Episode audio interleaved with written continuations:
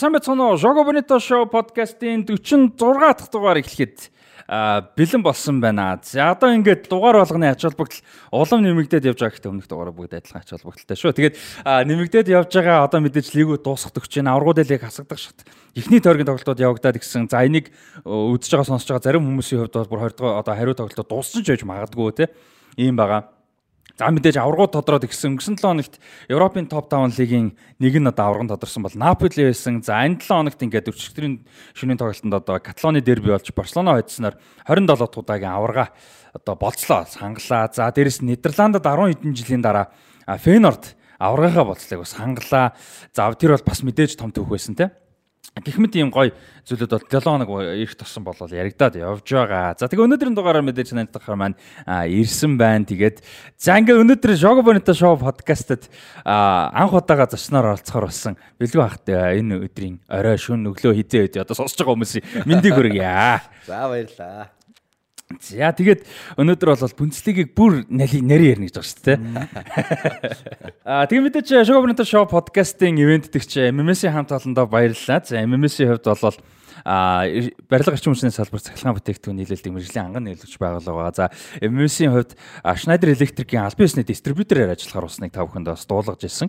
Дэлхийн номер 1 цахилгааны бүтээгдэхүүн үйлдвэрлэгч Германы Schneider гэх компани байгаа. За энэ компани одоо алдарт Decraft брендинг одоо нам хүчтэлийн бүтээгдэхүүнүүдийг худалдаалж эхэлсэн байгаа. За тэгэхээр та бүхэн энэ талаар мэдээлэл авмаар байвал 8810 7044 утсаар мэдээлэл авах боломжтой нэмээд Source-ыг MN вебсайт хуудаснаас эсвэл Facebook дээр Electric MMS гэсэн хаягаас мэдээлэл авах боломжтой байгаа. За энэ төр шинэ одоо энэ Decraft брендийн бүтээгдэхүүнүүд нь бол хүчний а болон бүх төрлийн автомат тослуурууд, дифференциал автомат, модулын одоо модуль гэдэг тийм модулын гал хамгаалагч за дээрэс нь цэник шавхагч зэрэг бүтээгдэхүүнүүд бас бэлэн ирсэн байгаа юм байна шүү. Электрик цэг MMS руу орохоор бас бүтээгдэхүүнүүд нь онцсон бас ингээ мэдээллүүд нь байж илээ тайлбартайгаа стандарттайгаа ингээ байж илээ шүү. Тэгээд MMS-ийн хамт олондоо баярлалаа. Jogo Bonito Show podcast-ийн бүтэн сизний ивент тэтгэгчээр ерөнхий ивент тэтгэгчээр ажиллаж байгаа. За тэгээ мэдээж Web Sport Launch-тай хэдүүлээ а бичлэг хийсээр байна 5 сараас эхлээд ивент тэтгэгчээр ажиллаж ирсэн байгаа. За өмнө нь бэлэг ах маань вебд ирж исэн тий? Ирж исэн. За нэг гой хэдүүлээ чинь гой нэг зураг мураг авлаа яалаа.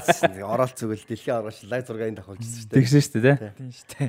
Тэр гоё байсан. За тэгээд бас бид эд чинь веб дээр яриад цаахан хоолоо идчихэд бичлэгэндээ ордог байгаа. Тэгээд хоолн таалагдсан. Таалагдлаа таалагдлаа. Шууд амар тулгаж асуудаг тийм. Хоол таалагдсан уу? Хөдөлмөг ярин гэснээр шууд хоол таалагдсан.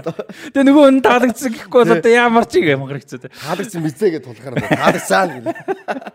За тэгээд таалагдсан биз дээ. Тэгтээ таалагдсан. Жигтэй жигдээс биз дээ. Нөгөө талаас мөр хүчний тэгтээ таалагдсан биз дээ. За таалагдсан. Дундаас уулзчихсан. За тэгээд Шогобонито шоу подкаст маань 46 дахь дугаар эхлэхэд бэлэн болж байна. 46 гэдэг тоотой холбоотой ямар нэг зүйл санаанд орж байна вэ? Спорт холбоотой, хөлбөмбөгтэй холбоотой. Одоо сүүлдээ хөлбөмбөгийн молтохгүй болох спорт холбоотой. 46 дээр Валентино Росси мос идэж 46 таа байлаа. Үгүй лээ.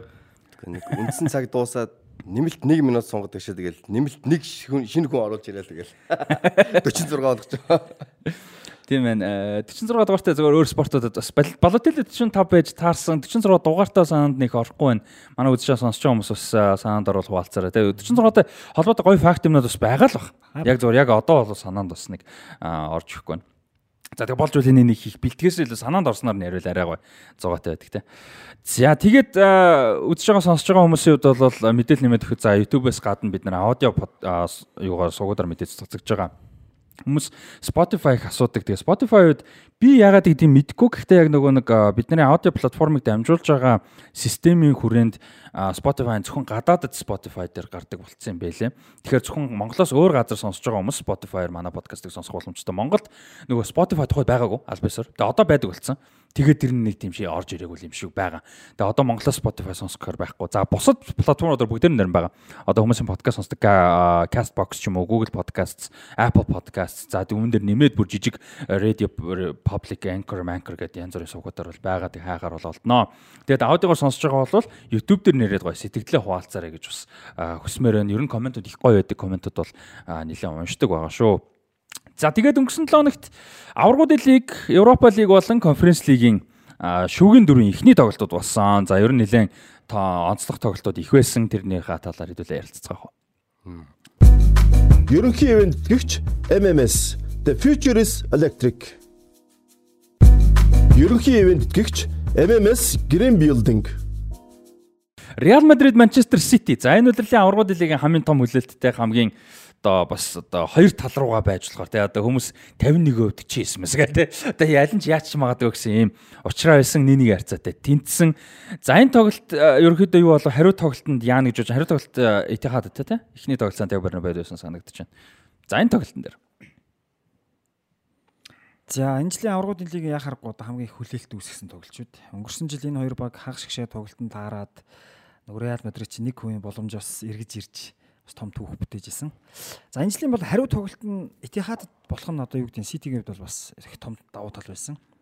За Сити бол Сантьяго Бернабеу цэнгэлт түрээлэнд хожигдохгүй төлөө за хожигдсон ч гэсэн одоо юу гэдэг нэг голоор хожигдох тийм даалгавартай очсон болов шүү дээ. Даалгавраа дагуулж биелүүлээд нэг нэг гэсэн үр дүнтэй бол ирсэн. Аа. За эхний үед бол Сити за нэлээд давуу тоглосон. За гэвч Реал Мадрид гол хийсэн. За Винисиус бол нэг аимшигтай цогцолтоор гол хийж одоо ер нь дэлхийн том од болсон шүү гэдгийг дахин дахин одоо баталсан. За 20 дугаар үед Реалыг довтлсныг ашиглаад Сити зөрүүж бас нэг аимшигтай гол хийж бол тэнцсэн. За энэ тоглолтод Эдуар Камавинга бол дөрөв хамгаалагчийн зүүн тоглоод яг зарим үед давгүй. Гэхдээ яг нөгөө үндсэн зүүн хөлтэй үндсэн хамгаалагч биш юм чи бас тулсан үед бас алдаа гаргадаг. Камавинга эвгүй байдлаар гол руу бөмбөгөө гэж алдаад яг л нэг жоохон туршлага дутуул хүний үйлдэл гараад тэр нь явсараагаад Bruyne гол орсон тийм De Bruyne юу яга гол хийгээ. De Bruyne а тэнд гүндөө гүндөө мундаг тогссон шүү. Тэнд яасан бэ гэхээр тэр бөмбөг явсараа нэг зүүн жигүүрээс гүндөө дэрдэн штэ.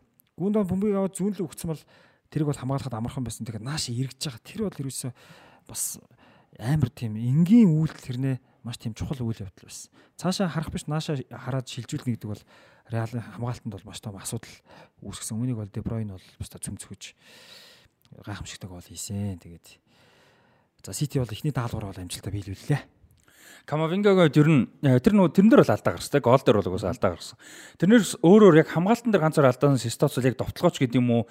Такл за тэгээ дээрэс нь талбай төв хэсгийн тоглолтууд их сайн байсан. Ер нь энэ тоглолтын бас хамгийн сайн тоглолчтой нэг байсан. Тэгэд мань хүн ер нь үндсэн байрал нь яалч төв гэдэг нь л амар мэддэгчлээ л л дээ. Өөр байрал тоглож байгаа хамгаалагчийн байралтай зүүн хамгаал. Тэгээд мань хүн тоглолтын дараа өөрөөс нь нөгөө яг энэ байралд сайн тоглосон шүү дээ. Саний тоглолтод.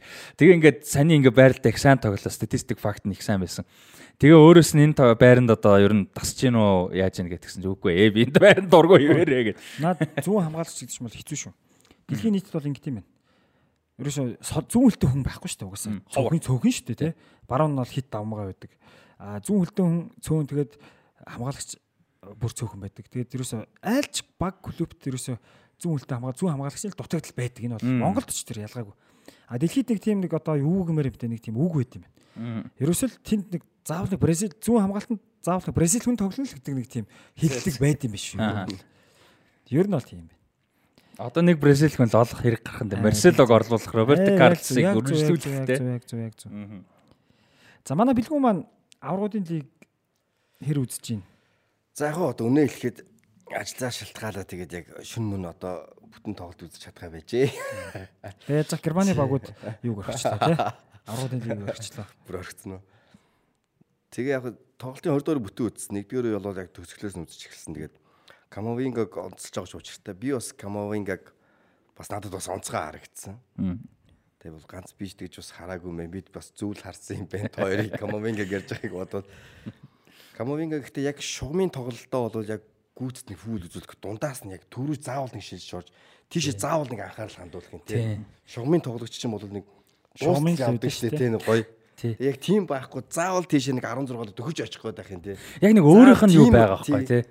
Инстинкт зэрэг гэдэг юм уу тэр шугамны тэр орчим тэр суул зайг жоохон суул зай гарч заавал тийшээ ингэ дайрж орчих гээд тэгээ тэнд нэг байрлалын цоорхоо гаргаад ч юм ганц хоёр тийм бол Камовингад харагдчихл байсан яг үндсэн байрал руугаа л тоглож гээд нөр рефлекс бас байна. Сурсныг сураар болж болохгүй тий. Хэвээ ялч үнэ тийм байна.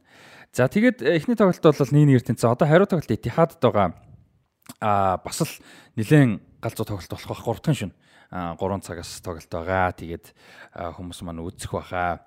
Гой тоглолт болно гэж бодож байна. За хариу тоглолтын дээр ямар нэг бодож байгаа зүйл юу вэ? Одоо сая эхний тоглолт Гүндон их сайн тоглолоо. За тэгээд 7 хоногийн дундуур болсон биш хамтлагийн өдөр өдөр сайн аврал Премьер лигийн тоглолтод Гүндон бүр үнэхээр мундаг тоглолоод супер баг хейтрик хий ингээл алдлаа тий. Тэрний өмнө ч бас нэг хетрик ингээ Тий бас л ингээ алдсан. Үнэхээр мундаг тоглосон. Тэгээд одоо хариу тоглолтын дээр Гүндон бол бүр бас их чухал үүрэг ролтой байх нь байна. А нэгдүгürt яг нэгэнт бас Бундслиг болж байгаа. Юу ер нь Гүндон яг Ситигийн нэг тийм дутуу үнэлэгддэг мундаг тоглогч байсан юм шиг санагдаж байгаа сүүлийн хэдэн жилийн. Тэгээ яг мэдээж Де Бруйныг бид нар ярьдаг, Агуэро мундаг байсныг ярьдаг, одоо Давид Силва ч юм уу те олон тоглогч мэдээж байгаа. А гэхдээ Гундон тэр дунд нь дандаа яг ингээ нөгөө чухал үед одоо юу гэдэг юм алдаа алдаагүй тоглолдог үр өрөөлөө маш сайн гүйцэтгэдэг тэгээд яг нэг эрчин яг ингэж нэг юм таардаг тоглогчтой яг нэг клач гэдэг шиг яг нэг хасагдах ч юм уу яг нэг аврагын төлөө нөгөө Сити чинь сүүлийн 10 тойрогтой асуудалгүй хожиж чаддаг гэдгийг чинь Өнгөрсөн жилдээ West Ham хийгээд нэг гүнд оны гүйж байгаа зураг байдаг Тий, тий, тий. Яг тийм үд хийдэг. За гол хийхгүй магад одоо саяны тэр нэг нэг хууралтыг ярьж штэ. Нэг чиглэл. Маш эргэдэг, тий. Тий, нэг хүн үйлдэл юм шиг боловч тэр чинь ямар том нөлөө үзүүлж байна. Тэр гүндөөний талаар бас товчхон нэмж ярил. Гүндган бол зүгээр ингэж магтдیں۔ тэр Германы мэрэгчлэнүүд. Аа талбай мэдрэмж үнэхээр өндөр. Тэ? Яг тэр болохгүй байгаа нэг зэг, яг тэр химнэл болохгүй байгаа тэр химнэлийг нөхөж орчдөг тэр суул зай тэр бол амар мэдрэмтгий ийм тамирчин гэж Гүндаганыг магтдаг. Тэгээ Илкай Гүндаганыг анх Нюрнберг ожихт нь нуурын шахын тухайд Юрген Клопт Боруссия Дортмундд байсан. Тэгээ нуурын шахныг Реал Мадридэд явцсны дараа Юрген Клопт ер нь тэгэл дан том том нэмрүүд л сонсогдоод ирсэн. Томчууд том тоглогчл баг авах бах тэр чин тэр жил 11 онд лигийн авраг болцсон байсан Дортмунд. Тэгсэн чинь Нюрнбергээс Юрген Илкай Гүндаган гэдэг нэг тоглогч ирсэн. Тэгээ тэгэж болоод чинь би бол анх Гүндаганыг харж ирсэн. Тэрнээс цааш тоглолтууд бол Гүндаган дандаа л бол ур чадвар бол дэвшижсэн, дээшижсэн, ахижсэн. Тэгээд Германы бүх мэрэгчлүүд бол Гүндаган бол талбайг бол бүхэлд нь мэдэрч чаддаг. Хөгжөөн дэмжигчтэй нь уур амьсгалтай нь тоглогчийн зан характер болж байгаа болохгүйтэй нь бүгдэнтэй нь мэдэрдэг тийм амар мэдрэмтгий тамирчин гэж бол магтдаг. Тэгэд нөгөө нэг тасалжуулагч ямар тасалжуулагчийн доор за дээрэс нь ямар одоо тактикийн хүрээнд ямар багийн эсрэг ямар хөө ач холбогдолтой тоглолтод оролцож чинь гэдгээс хамаарч хуурж чаддаг. Одоо юу гэдэг юм зарим нэг тоглогч бол зөвхөн үр өрөөл нь одоо юу гэдэг зөвхөн чадвараа гаргах та дуртай. Тий зөвхөн одоо юу гэдэг нэг хийдэг юм байгаа шүү дээ худал гэж байгаа. Зөвхөн тэрийгэ хийх дуртай байдаг юм тэрнээс нь одоо сая яг камавинга залуу тоглогч илүү жоохон тоглоом болгоод хэлж байгаа л та тий би энэ тоглох дургу яг жихнээсээ бол мэдээж. А гэхдээ л ерөнхийдөө тийм зохиол их байдаг шүү дээ тоглож а гүндон нэрсэ тийм шүү дээ. Яг ингээд яг тухайн нөхцөлд мань хүнээс юу гаргах хэрэгтэй байна багтаа үр өрөөлөнд нь мань хүнд юунд оролцох хэрэгтэй байна яг тэрэнд чаддаг. Заавал гол их шаардлагагүй. Шаардлагатай бол хийн те. Шаардлагагүй одоо одоо бол суучдаг ч юм уу те. Ингээ сэлгэн суухтаа чинь гүндон нэг асуудал гарч суудаа байхгүй те. Улирлын дундуур заримдаа сар 2 сар сэлгэн суух үе мэрсэр байдаг. Ховролт огт байдаг. Байсан ч нэг тийм асуудал болдоггүй. Тэгэл арж ирэл бүх үүрэг ролог үздэг гэдэг. Тэр талаас бас их одоо нөгөө юу гэдэг профешнализм гэдэг чинь тийм мэрэгжлийн хандаж чаддаг гэсэн мундаг те. Гүндон юу юу яасан штэ. Расти нөгөө үнэлэгдээгүйгээ те. Мань хүн яг зүгээр хитэн жилийн өмнө явцсан бол үнэлэгдэхгүйсэн байна. Одоо л яхахгүй үнэлэгдэж байгаа. Одоо нөгөө нэг хугацаач их байна. Тэгээ яхахгүй багтаач илүү илүү үүрэгтэй тий. Одоо бүр багийн ахлагчийн тууз хүртэл зүгээд. Гүндаач нэг 2 жилийн өмнө их мундаг тогссон шүү дээ. Нэг ситийн баг мэрэгэн бууч боллоо яа. Тэгсэн шүү дээ. Тэгсэн тэгсэн. Их олон тоглолт. Агуро нөгөө их гимтэйг үү? Олон тоглолтыг Агурогийн сүүлийн жил шүү дээ. Тэнд бол их олон тоглолтыг шийдсэн. Энэ үйлрэл бол сайн байна. Тэгээ Ситигийн хувьд нэг том давуу тал нь Реал Сити ярьж байгаа шүү дээ. Ер нь бол тий яг чухал үедээ Сити бол яг жигдэрчлээ. Ер нь бол одоо юу гэдэг чухал үед гол тоглогчд муу байх үе бас байдэн шүү дээ. Хэцүү. Тэгэхээр Сити бол Де Бройн ч гэсэн супер шүү дээ. Тэ? Хамгийн гоё үе дээр л орж ирлээ л гэж харж байна. За нөгөө талд Vinicius одоо нөгөө 21-с 22 үеэр гинт зорсон шүү дээ. Тэ ерөөсөө нэг улирал эхлээл тэр юу нөөцлөгдөд Анчлоти юу хилцсэн тэгээд ерөөсөө л цоорсон тий тэрнээс хойш одоо бүр зогсолтгүй бодногоо а тэгээд э, сая юун дээр бол үнэхээр мондогч гол хэлээ өөртөө ч ихтэй одоо сая түрүүн хийсэндээ эхлэхэд топ класс тоглогч шүү гэдэг өөрийгөө одоо баталж харууллаа. Тэгэнгүүт хариу тоглолтын хамгийн том анхааруулах зүйл бол мэдээж э, юу ах? Vinicius ах. А гэхдээ Vinicius дээр бас нэг сонирхолтой нь Kyle Walker их сайн тоглосон. Kyle Walker за одоо бүр хоосон тэр чигээр одоо кармалцсан хэн хайшаа ингэхдээ ер нь бол бас хүссний нь ерөнхийд нь хийлгээгүй. Бас яг нэг хүсснээр нь бол тоглол чадаагүй тийм За өөр хариу тоглолтын дээр хүлээж байгаа юм одоо өрсөлдөөнүүд дүүлүүд юу вэ энэ тоглолтын учрааны. Сая юу яасан шүү. Реал Мадрид хааландыг их мундаг барьж хамгаалсан шүү. За. За ялангуяа тэн дээр бол Антони Рүдигер бол үнэхээр супер гавьяа байгуулсан. Рүдигерийн одоо хаалантай яаж тулж байгаа тэр зүйлүүдийг бол нэг өөр өнцгөөс одоо сошиал руу яваад л штэ. Үнэхээр бол Реал бол үнэхээр мундаг хамгаалсан сая бол. Хааландыг бол хөдөлгөөг. За ёстой нэг ганц боломж ганц том боломж олцсон л тэр байсан да. Ёстой нэг Дебройн үнэхээр классаараа шийдсэн. Түүнээс Реал бол бас сансандаа хүрэх тунд өгсөн шүү сая. Тэгээд э, Рүдигер нөгөө нэг бас сэтгэл зүйр их тоглолт. Тэгээ өөрөө тэгээ нөгөө нэг яг хүмүүс зэ заримдаа тэрийг нь доо ялдаг ч юм уу бүр заримдаа доромжлуулахчдаг. Юм жоохон хөнгөн хандах дуртай тий. Эвгтэй ингээд тоглоом наргаа болгодог тий.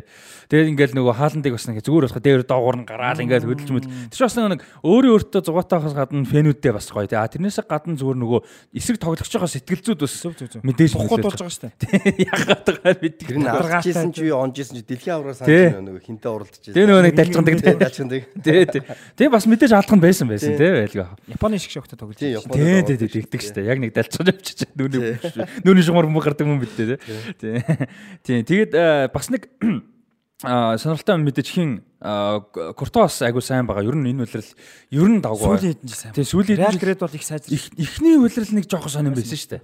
Тэгээд дараанаас ер нь их сайн байгаа. Тэгээд тийм болохоор хоёрдугаар хариу тоглолт бол нэлээд сонирхолтой болох. А тэгэд Грилиш бас их дажгүй сайн тоглосон харагдсан яг тоглолтыг үзэж байгаа. Яг нөгөө нэг хэдүүл бол удирлын тухай хугацаанд л Грилиш ярьж байгаа нь шууд гол гол оролцох нь баг мөртлөө ингээд тоглолтын темпийг солих юм уу шилжүүлэхтэй нэг хоёр тоглогчийг аргалаад ингээд өөр дөр анхаарал татах тэр их сайн байгаа. Тэрэн дээр бол гайгүй харагдан л Реал тэр тал дээр ч бас нэлээд анхаарал тавьсан шиг байгаа.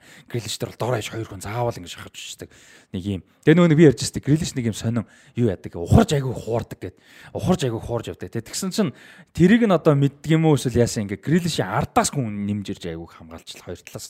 Дабл. Тийм, дабл тэгж их харагдчихлаа. Карвахал бас сайн хамгаалсан шүү. Тийм, Карвахал их сайн тогссон тийм. Ер нь их нэг тийм нөгөө нэг юу гэмдэ. Олон гол молтой биш ч гэсэн яг үцгэд яг л топ богоо тоглож байгаа юм. Энэ талбайн болон өнцөг хэсэг болгон төгсөлтөөнүүдтэй юм их гоё тоглолт болсон. Харин хин нэх харагдаагүй те. Валверде нэх сүртэй харагдаагүй. Валверде их гоё боломж алдсан дээ. Валверде ер нь дэлхийн арга шалралт тэмцээнээс хойш жоохон унтсан. Дэлхийн авраг дээр бол бүр байхгүй Байхгүйсэн. Дэлхийн арга өнгөрсөн үйлрэл алаад энэ үйлрэл ихэнд алж байгаа. Дэлхийн арга шалралт тэмцээн жоохон таархан тоглоод одоо бол ер нь жоохон тийм залуу тоглогч. За одоо ер нь энэ үйлрэл бол ингээл бараг дуусах байх. Тэгээ нэг 101 жоохон сэргэж амарж аваад л эхлэх бах та те. Гэтэ асуудалгүй. Хөө. За тэгээд Real Madrid City-ийн хувьд бол юм байна. Тэгээд э, маш гой тоглолт юу юу ч шигдэгдээгүй байгаа. Away goal гэдэг дүрэн байхаа болчихсон. Тэгэхээр одоо ёстой яач Драмч болж болно те. Тийм драмч болж болно. Ер нь нэг аргагүй л элит шат гэсэн шиг энэ шатан дээр ихэр жинхэнэ нэг хөл бөмбөг үздэг те. Заавал нэг гол биш ч гэсэн зүгээр талбай дээр 90 минут хөл бөмбөг ч бас гоё штэ гоё хөл бөмбөг үздэг те. Тэгээ би бол яг үний Ниног хэлэхэд 45 минут 2 дахь 45 минут бүтэн үзсэн. Яг л яг гоё тэр хөл бөмбөг л үзүүлж илээ. Гоё л байсан. Яг нэг топ класс бол юм те. За тэгээ нөгөө тоглолт нь бол мэдээж а AC болон Интер Милан Миланы дерби байсан. Дерби дела Мила Мадонина гэдэг баг. За тэгээд энэ дербигийн тоглолтод бол одоо яг альбан ёсоор бол AC Миланы талбай гэж явж байгаа нөгөө альбан ёсны бичиг цаас хэрэгтэй учраас Сан Сиро тий Сан Сирогоор явж байгаа. За Сан Сирод а, Интер Милан хоёр тэг харьцаатай болгож авсан. За энэ ингээд а, 80-ад оноос хойш 79-оос 80 оны улирлаас хойш анх удаага нэг улиралд 3 дараалж хаалга хуурай манж AC Миланыг хожиж байгаа тохиолдол юм байна. Бас тэгэхээр тийм амар бол бас түүх болол шүү Ер нь дээ. бол зүгээр яг бидрийг хүлэмж сонирхож ирсэн цагаас бол Милан Интер бол давмгаалдаг байсан шүү дээ. Тийм тийм. Интерийг мундаг үед ч Милан айлгадаг байсан. А одоо бол энэ үйлрэл бол Расти бид нар ч ярьж байна те. Ерөөсөө Интер нь бол Милан юм болохгүй байгаа гэдэг. Ерөөсөө бүр юм болгоогүй цаа. Хоёр тэг гэдэг бол ер нь бас их баярлахаар үрдэн шүү. Яг AC Милан яваа. Тэгсэн тэгсэн. Маш их дорсон те. Тий. 8 11 дээр. Тэгэл ерөөс түүнээс хойш бас бөмбөгцсөн шүү дээ. Бөмбөгцсөн шүү дээ. Нэгдүгээр үед бол нилээн бөмбөгцсөн. За одоо жишээ нь ингээд хаалга онсон юм бол Эдин э, Жако гэнэ. Интер Милан 5 удаа хаалга онсон цохилт гүйцэтгсэн байгаа байхгүй. Тэгэхэд AC Милан бүтэн тоглолтын хугацаанд ердөө нэг л удаа хаалга онсон цохилт гүйцэтгсэн. Ерөөсө бүтэн тоглолтын хугацаанд. Тэгээд нэгдүгээр үед бол нэмж зөндөө бөмбөгцсөн, олон боломжууд гаргасан. А хоёрдугаар үед бол яг зүгээр ер нь үр дүнгээ хадгалах маягаар бүр нэг сүртэй зүтгээгүй. Ерөнхийдөө тэгсгээд нэг тоглож байгаа дуусгацсан. Илүү санаачлагтай байсан те. Тийм тийм санаачлага бол илүү байсан, бөмбөг илүү эзэмшсэн, ерөөсөө л илүү тогссон. Их зүтгээгүй. Расти сая хэлсэн шүү нөгөө эзэн зочин тоглолтын дүрэн байхгүй шүү Тий. Энэ хоёр багч нөгөө Миланы хоёр багч нь 20 жилийн өмнө 2003 онд аврагын лиг хагас гişэд яг таарад. Тэгэхэд нөгөө AC Миланы талбай дээр тэг тэгэр тэнцээд одоо Интерийн талбай дээр нэг нэгээр тэнцээд хоёр тоглолтын нийлбэр нэг нэг боловч э, одоо home away голын дүрмээр AC-ийн цаашаа гарч исэн. Одоо Жюсеппе Мяцад зочилж тоглохтой хийсэн гэдэг дүрмээр. Тэгэхээр одоо ингээд бодоход одоо юу гэмэрч юм да. Хүн бүхэн л янз янз хэлэх байх. Зүгээр аврагуудын лигийн тэр дүрмийг өөрчилсөн илүү сонирхолтой болгосон те. Тэгвэл одоо юу гэдэг юм чинь тэгэл үр дүнгийн төлөө тоглож үр дүнгийн төлөө тоглож. Эхний тоглолтод зочиж тоглож байгаа гол хийчихнэ. Тэгээ хамгаалцдаг. Тэ. Эсвэл нэг юу гэдэг нь хожигдсан байсан ч гэсэн away goal хийсэн л бол ганц нэг хийгээл гүр хийчих боломжтой байсан бол одоо бол тийм байхгүй те. Яг хөө дээрээс нөгөө нэг юу л байна л да. Яг нөгөө зүүн Европын ч юм уу жоохон зайтай тэгээ жижиг багууд хасагдах шат руу шалгуулж жоохон хэцүү. Нөгөө нэг аялах зайн их болчтой. Тэрнээс өөрөөр үед болвол тэр нөгөө нэг хуучин цагт байсан тэр нөгөө асуудлууд нь баг болчихж байгаа байхгүй. Талбайн давуу тал сул талууд нь баг болчихж байгаа. Хоорондын аялах хугацаа нь баг болцсон. Тэгээ ингээд айгүй олон хуучин цагт байсан сул талууд нь баг болцсон учраас одоо буудлын модал амрах хугацаа амгацаа юу гэдэг чинь те бэлтгэл хангалт гээд тийм болохоор бас арай гайг болчихж байгаа. Яг хуу жоохон хол баг болж байгаа хэвчээ Тэ? Тэрэн дээр бол давуу тал яг гарах байхгүй ууг нь болоо. Аа гэхдээ энэ нөхцөлд бол одоо гайг үл байна л да. Том багууд гараад ирсэн байгаа байт. Их ихтэй ойрхон багууд гараад ирсэн байгаа байт. За тэгээд а хоёр тийг харьцаатай болгож авсан 35 настай Мхитариан 37 настай Эден Жеко хоёр гол оруулсан. Тэгээд аврагууд лигийн шүгэн дөрөвт хожсон тоглолтод 35-аас дээш настай хоёр тоглогч гол оруулсан. Мальдини. А хоёр гол Хоёр өөр тоглож авсан. Нэг тоглолтод хоёр өөр тийм. Бараг анхных гэсэн байх шүү. 35-аас дээш. Энд чинь аюулгүй бага юм бэл. Ер нь аваргууд лигийн нөгөө нэг хамгийн өндөр настай гол оруулсан рекорд ч ер нь л 37 8 байт юм билээ шүү дээ. Хамгийн дээд нь одоо нөгөө Тоти, Роналдо, Гигс те Хавер Занетти энэ төргээд Мальдини. Мальдини энэ төргээд тэд нар шиг бас байнга оруулахгүй. Яг хоо Роналдо мал арай гайг баг гэхтэл те. Тэнгүүт 35 та ялангуяа Жеко 37 та оруулж байгаа. Ер нь бас айгүй нилэн дээгүүр орж байгаа. Юу болж байгаа юм бэлээ стат. Хедрэнч тийм хөшин болсон юм Жеко хоёр чинь. Тийм бэл. Бас би ч одоо яг Жеко одоо 9 оны Волсбургийн бүнцлийг авав. Тийм шүү дээ. Граффити 10 жилийн дараа. Гэхдээ яг гоо би Жеког мэдээж 30 гарсан. Гэхдээ арай 37 гэж бас боддог шүү тий. Бас арай том сонсогдоод бас бас олон жил явсан байна тий. Хугацаа бол их явсан байлээ. Хидрэнийч би одоо 30 жоохон гарч байгаа гэсэн чинь 35 та болсон.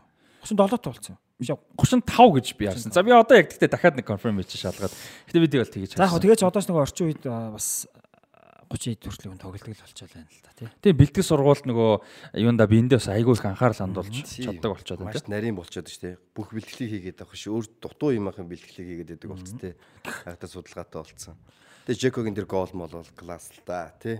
О Жеко ч булангаас шууд цохоод тийм шууд зүгээр твэгдээ ажиж. Өөр дөр нь хамгаалагч байхад тий тий байхад тэр зүгээр баг нүдэрээ ингэж дагуулж байгаа л хөлөө тавьчих. Ибрагийн л хийдэг гол баг орсон тий. Тий тий тий. Ибра жирүү энтрийн л хийдэг гол шүү дээ. Тий, тий. За ширүү гэснээс бас нэг аврагууд их товор харагддаг юм шүгэн дөрөвт ялангуяа тий. Одоо шүгэн дөрвийн хоёр том баг хоорондоо тоглож яхад хоёр багийнхан товтлогч нэг нь 36 таа ширүү нөгөө нь 37 таа Жеко байгаа бас ховор тий. За тэгэд э, нөгөө талд Миланы хувьд бол бас хин дутагж байгаа харагдсан. А хор төвч тал дээр Рафаэл Ляо нэлээд дутагж байгаа бас харагдсан. Ляо сэлгээнд байсан. Сэлгээнд жоохтой гимтэлтэй байсан.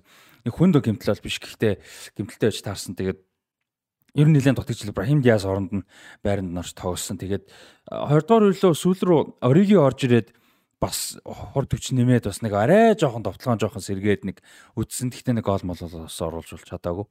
Тэгээд э, хариулт тоглолтын дээр хин Ляо Ирсүгөөг би одоо шалгаж болоо юмцсан зүгээр э, Ляо байхгүй бол ер нь хэцүү мэлээ. Тэгээд Тео Эрнандес ууг нь довтлоонд л их мундаг шүү дээ. Гэхдээ Ляо байгаа үед Тео Эрнандес тэр чийжлээ бүр айгу гоё юм байна зүүн зүгээрэр.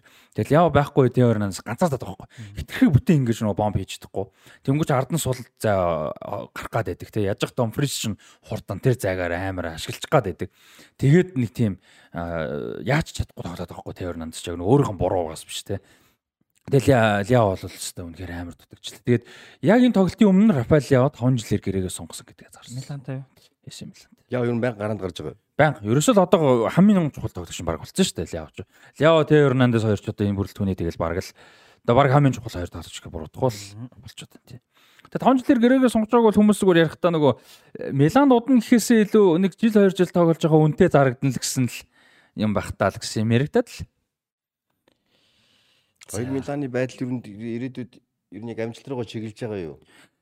Сая сая зөвхөн аврагуудын лигт 2 Милан гараад тэгэхэд яг би Италийн баг дэмждэггүй л дээ. Ер нь Италийн баг дургуйч байдаг. Гэхдээ аврагуудын лигт энэ шатнд гараад тэгэхэд ял өөр ирэхгүй баярлс тээ. 2003 онд чинь аврагуудын лиг хагас шишээ тэр Италийн 3 баг гарч ирээд л тээ. Хоёр нь финалдаад л. Гэтэ ер нь аврагуудын лиг Италийн баг гараад ирэхээр яагаад ч юм Италийн багт нэг л дургу байдаг байсан. Гэтэ одоо бол үнэхээр баярлсан. Хоёр баг. Хараагүй удсан байна, Хараагүй удсан. Гоё том нэрвчтэй те. Аврагуудын лигт бас том нэрэн сонсох гоё байдаг шүү дээ. Яг Миланы хувьд бол сая нөө төрүүлдэг улирлаасаа бол айгүй гоё ер нь бол хөгжөөд явж байгаа. Тэгээд жоон хөрөнгө оруулалт хэрэгтэй л бах та. Шинэ эзэд мэзэд нэг өөрчлөгдсөн санагдаад байна. Тэр чинь ямар багийн эзэд лээ. Милан ч нэг багтай бас нэг эзэд нэгтэй шүү. Европын бас нэг багтай марчаад байна. Тэгээд хөрөнгө оруулалт мал жоохон хийх бах. Тэгээд одоо нөгөө нэг бүрэлдэхүүн бол айгүй дайжгаас Маньян айгүй сайн юу байна те хаалгач байж байна. За Тео Эрнандес хин Ляо Энтер гээд гэрээгээ сонгоцсон. За тэгээд Тонали гэдэг чинь Брахим Диаз гээд ер нь бол бас яг үндсэн суур нь бол айгүй дайжгүй байхгүй. За Жиру Ибрахимович бол удахгүй. Гэхдээ тэр хоёрыг явандаа бас орлуулад нэг гоё часисэн товтлогч нэг часисэн дөвийн хамгаалагчтай болчиход бол ер нь дайжгүй баха. Ер нь гайгүй гоё залуу туршлагатай. Тэгээд эдгээр ч бас залуу мөртлөө сери А төрүүлсэн. За одоо ингээ аврагуудын лигийн шүгэн дөрөв хүртэл авчлаа тий.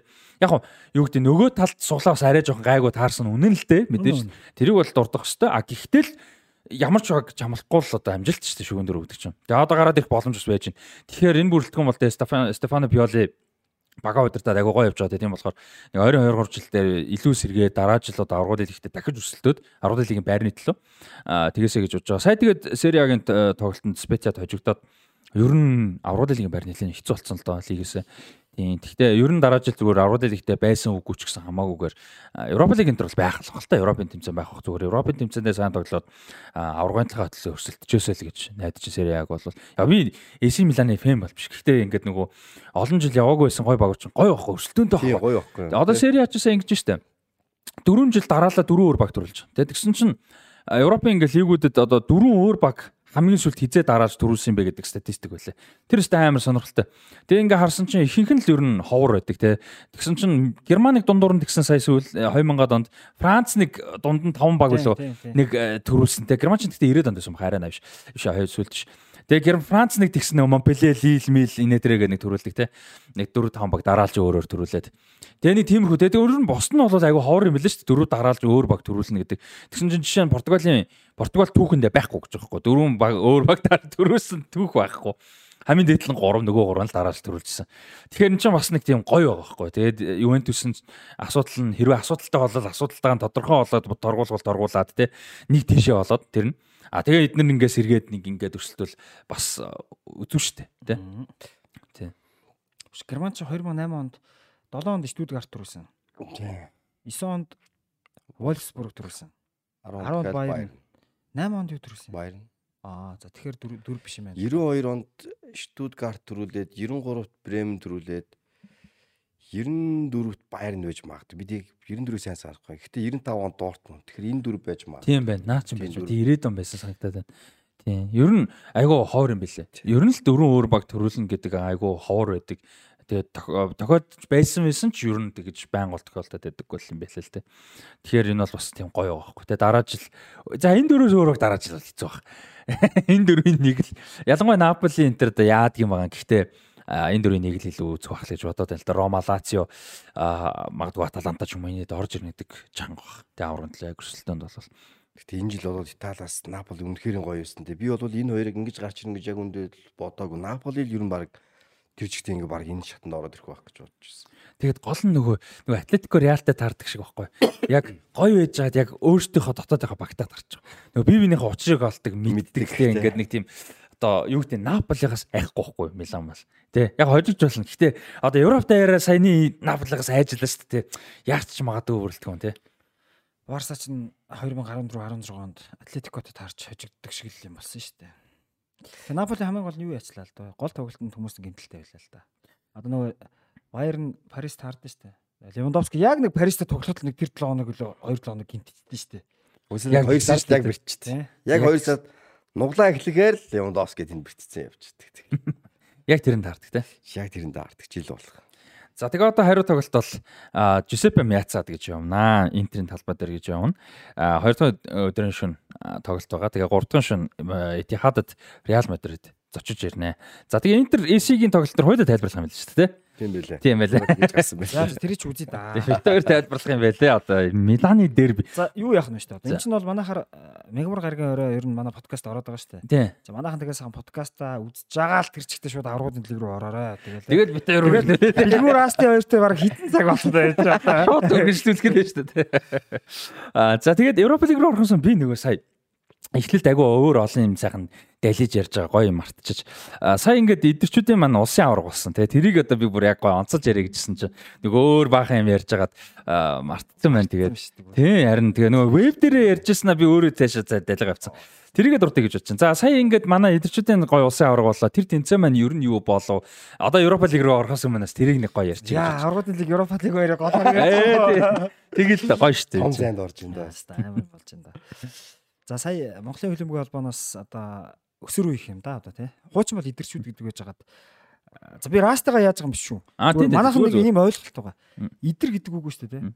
Монгол хэлний нөгөө товч тайлбар тойлгээд одоо ерөөсөө яг гол барих юм байхгүй. Дээр идэр гэдэг бол нэг тийм 40-од насны хүнийг хэлж байгаа юм. Идэр залуу. Аа за за за. Яг гоо тэр бол э, манайхан нөгөө яриас сурцсан тий. Идэрчүүд хэрэг.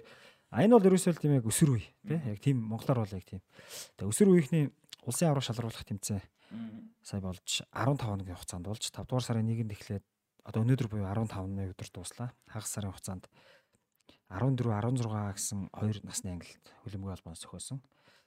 За тэгээ энд манай баг бас амжилттай орж өнөөдөр финалийн тоглолтууд болж манай 14 насны баг улсын авраг шалралт тэмцээнээс алтан медаль хүртсэн. Яа, үү за баяр үргээ. За Яа, TMU клубын 16 насныхан авраг. 16 14 алт 16 14 Яа, 14 алт 16 авраг болсон байна. Тэгээ энд бас нэг зүйлийг бас онцолж хэлэх хэрэгтэй. Мэдээж амжилт үзүүлэхэд олон хүний хичээл зүтгэл маш олон зүйл бол байдаг. За манай Wave-ийн хамт олноос өчтөр манай энэ хоёр насны багийг хүлээж авч одоо улсын авраг шалралт тэмцээнд нь амжилт хүсч амттай сайхан хоолоор дайлж одоо манай Wave-ийн одоо снукер одоо дартс PlayStation ширээний хөлбөмбөг мини гольф за караконд хүртэл оруулж ингээ хүүхдүүд ингээ хөгжиж тэгээ олон өдөр дараалж ингээ тоглож байгаа нэлээ ачаалцсан байгаа хүүхдүүдийг сэргээсэн шүү тэгээд манай хүүхдүүд бол Wave маш их таалагдсан тэгээд Wave-д бол хамт олондоо талархаж байгаа шүү За Вестпортланд жаандаланда баярлаа. Бас баг хоёр багт нь хоёуланд баяр үргээ тий. за баярлалаа Үнэхээр мундаг амжилт. Яасан гоё медаль харъя. За. За манай үзэж байгаа хүмүүс таагдах нэг. За энэ ч өстой гоё медаль шүү. За хөгүүдийн 14 хүртэл насны улсын арга шалралт тэмцээн 2023 он гэсэн юм. Алтан медаль байна. Жинтэй, жинтэй медаль. гоё медаль Гоё. Мөнгөн медаль нарыг. Бас гоё медаль шүү. Хүмүүс жоохон мөнгөн медалийг дутуунах гэдэг шүү. За, гоё медаль байна. За баяр үргээ. за баярлалаа энийг бол бас онцлж дурдъя гэж бодож байла. Тэгээд аа миний буруу уучлаарай. Манж тэр нь хит их алтан медаль авч байна. Дасгалжуулагч. За, тэрийг бол тоолоогүй зүгээр яг Тоогоо алцаа л гэж. өсвөр өсвөр үеийнхний улсын авраг шалралт тэмцээний долоот халтан медаль юм байна За за за. Долоот халтан медаль гэж шүү. Юу танаа багийн нэрмжт болгоч мөн юм тийм Аа гүү гүү юу гэж тань. Маш олон маш олон сайн баг бол байгаа шүү. Тийм. Маш олон шилдэг багууд байгаа. Зүг зүг яг ингээ мундаг тасалжуулж яг хомбол байх хэрэгтэй. За Европа лиг ирэх ба. За тэгээд Европа лиг гой лигүүд дуусаад авраг усын авраг мавраг дуусаадсан ч бас гоё цаг үе таарч тээ. За Европа лиг дээр шүгийн дөрөвт А Ювентус Севиа Рома Ливеркузен таарсан. За Ло- Рома Ливеркузны тоглолт юу болоо энэчээ тайлбар явсан. Тайр чин тэр тоглолтыг тайлбарсан. Тэгсэн бид хоёр яг хоёрын хоёр тоглолтыг зэрэг зэрэг. яг тэрийг үзэж амжаагүй. Яг нөгөө тэмцээн гэж явж байгаа. Тэгэхээр би бол яг юу болсныг одоо сонсмоор. За. өнгөтөрөө хараа. Тэр өнгөтэй. За Рома Ливеркузен юу болов? Рома Ливеркузен зүгээр яг таарлаа гэхэд л хоёр хүн л юусэн онцгорсон. Морино Алонсо тийм дасгалжуулагч байсан, тоглогч нь байсан. Мориногийн нөгөө алдартай үг нь ч одоо бүх юмар ишлэл болоод ганц ирээд. Наад хэлчих. Бэлгүүний гоё юм бичсэнээс шүү дээ. Өнгөрсөн л оног те. Наадах ч бас одоо юу гэдэг манай бэлгүүнтэй одоо Facebook найзууд бол мэдээж мэдж байгаа. Гэхдээ найз биш олон үзэгч байгаа шүү дээ. Одоо Морино бол Алонсог үнэлж их гоё хэлжсэн. Тэрийг эхлээд хэлээд цаашаа ингээ явчихвал гоё шүү дээ. За би хэлье. Тэгээ ингэсэн. А ер нь Мориног Алонзо тоглогч байх үед Мориногоос ер нь таны тоглогчдоос ирээдүйд хамгийн сайн дасгалжуулагч болох хүнийг та нэрлээч гэсэн Морино эргэлзээгүй Чави Алонзо гэж нэрлэжсэн байл. А дараа нь зодог тайсныхын дараа юм байна. Тэгээ Морино бол яагаад гэж асуухад Морино бол а Ливерпулд Бенецийн удирдлаганд, Реалд Миний удирдлаганд, Анчелотогийн удирдлаганд, Пепи удирдлаганд Тэ. Байерн ПП удирдлаганд. Байерн ПП удирдлаганд тоглож ирсэн. Дэлхийн өнөө цагийн бүх шилдэг дасгалжуулагчдын энэ дөрвөн дасгалжуулагчийн гол хүн дандаа Алонзо байсан. Дөрвөл дөрвөлийн ийм байх боломж байхгүй. Тэгэхээр энэ хүн бол ямар нэгэн онцгой зүйл байна. Энэ хүн бол талбайг бүхэлд нь харж чаддаг гол мэдрэмж. Тэгэхээр бол бүр хөндлөнгөөс дасгалжуулагчийн тэр эндэр дээрээс харах юм бол бүр илүү тод харагдах ба. Тэгэхээр энэ бол ирээдүйд хамгийн мундаг дасгалжуулагч нь Алонзо болно гэж бол Морино нэгэн цагт бас хэлж байсан. Тэгээ яалчгүй энэ жил Алонсо өөргөө энэ одоо батлан харуулсан. Ливеркузен 10 сарын 1-нд авахд 17 дугаар байранд Бундслигт явжсэн. Шууд хасагдах байр. 18 багаас 17-д. 18 багаас 17-д явжсэн. Портод хожигдсон, Лайпцигт хожигдсон ч байлоо.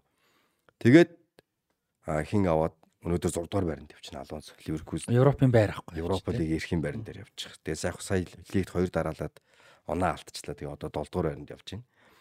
За ингээд 14 тоглолтод хожигдоогүй явж байгаад Кёлдонд хожигдоод Тэгээд энэ Ромотой хийсэн тоглолтыг хийсэн.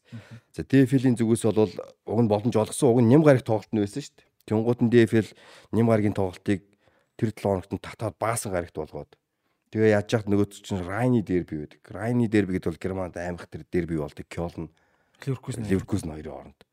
Тэгсэн чинь нөгөө Кёлныхын чинь босоод бид тэр ажил төрлөө зохицуулсан байхад юу донгоцгоогоод байгаа. Тэгээ баасан гарагт тэр нөгөө ажлын өдөр авчаад ажлын өдөр авчаад цагийн тавьчихсан бидний ажлаа тараа тийш чи явж чадахгүй гэдэг уурлаа бөө юм бол. Тэг ямар ч байсан тоглолт болдгоороо болсон. Тэгээ тэр тоглолтод бас оноо алдсан. Тэгээ баасан гарах болсон уу те? Баасан гарагт нь яг болсон. А өнгөрсөн 7 хоногийн баасан гараг. Баасангаас бям гарагт шилжиж шилжиж шүнсэн. Тэгээ тоглолт эхэлсэн зөв тоглолтын дээр бол аргагүй хоёр тасалжуулагчийн тактик өрсөлдөөн болсон.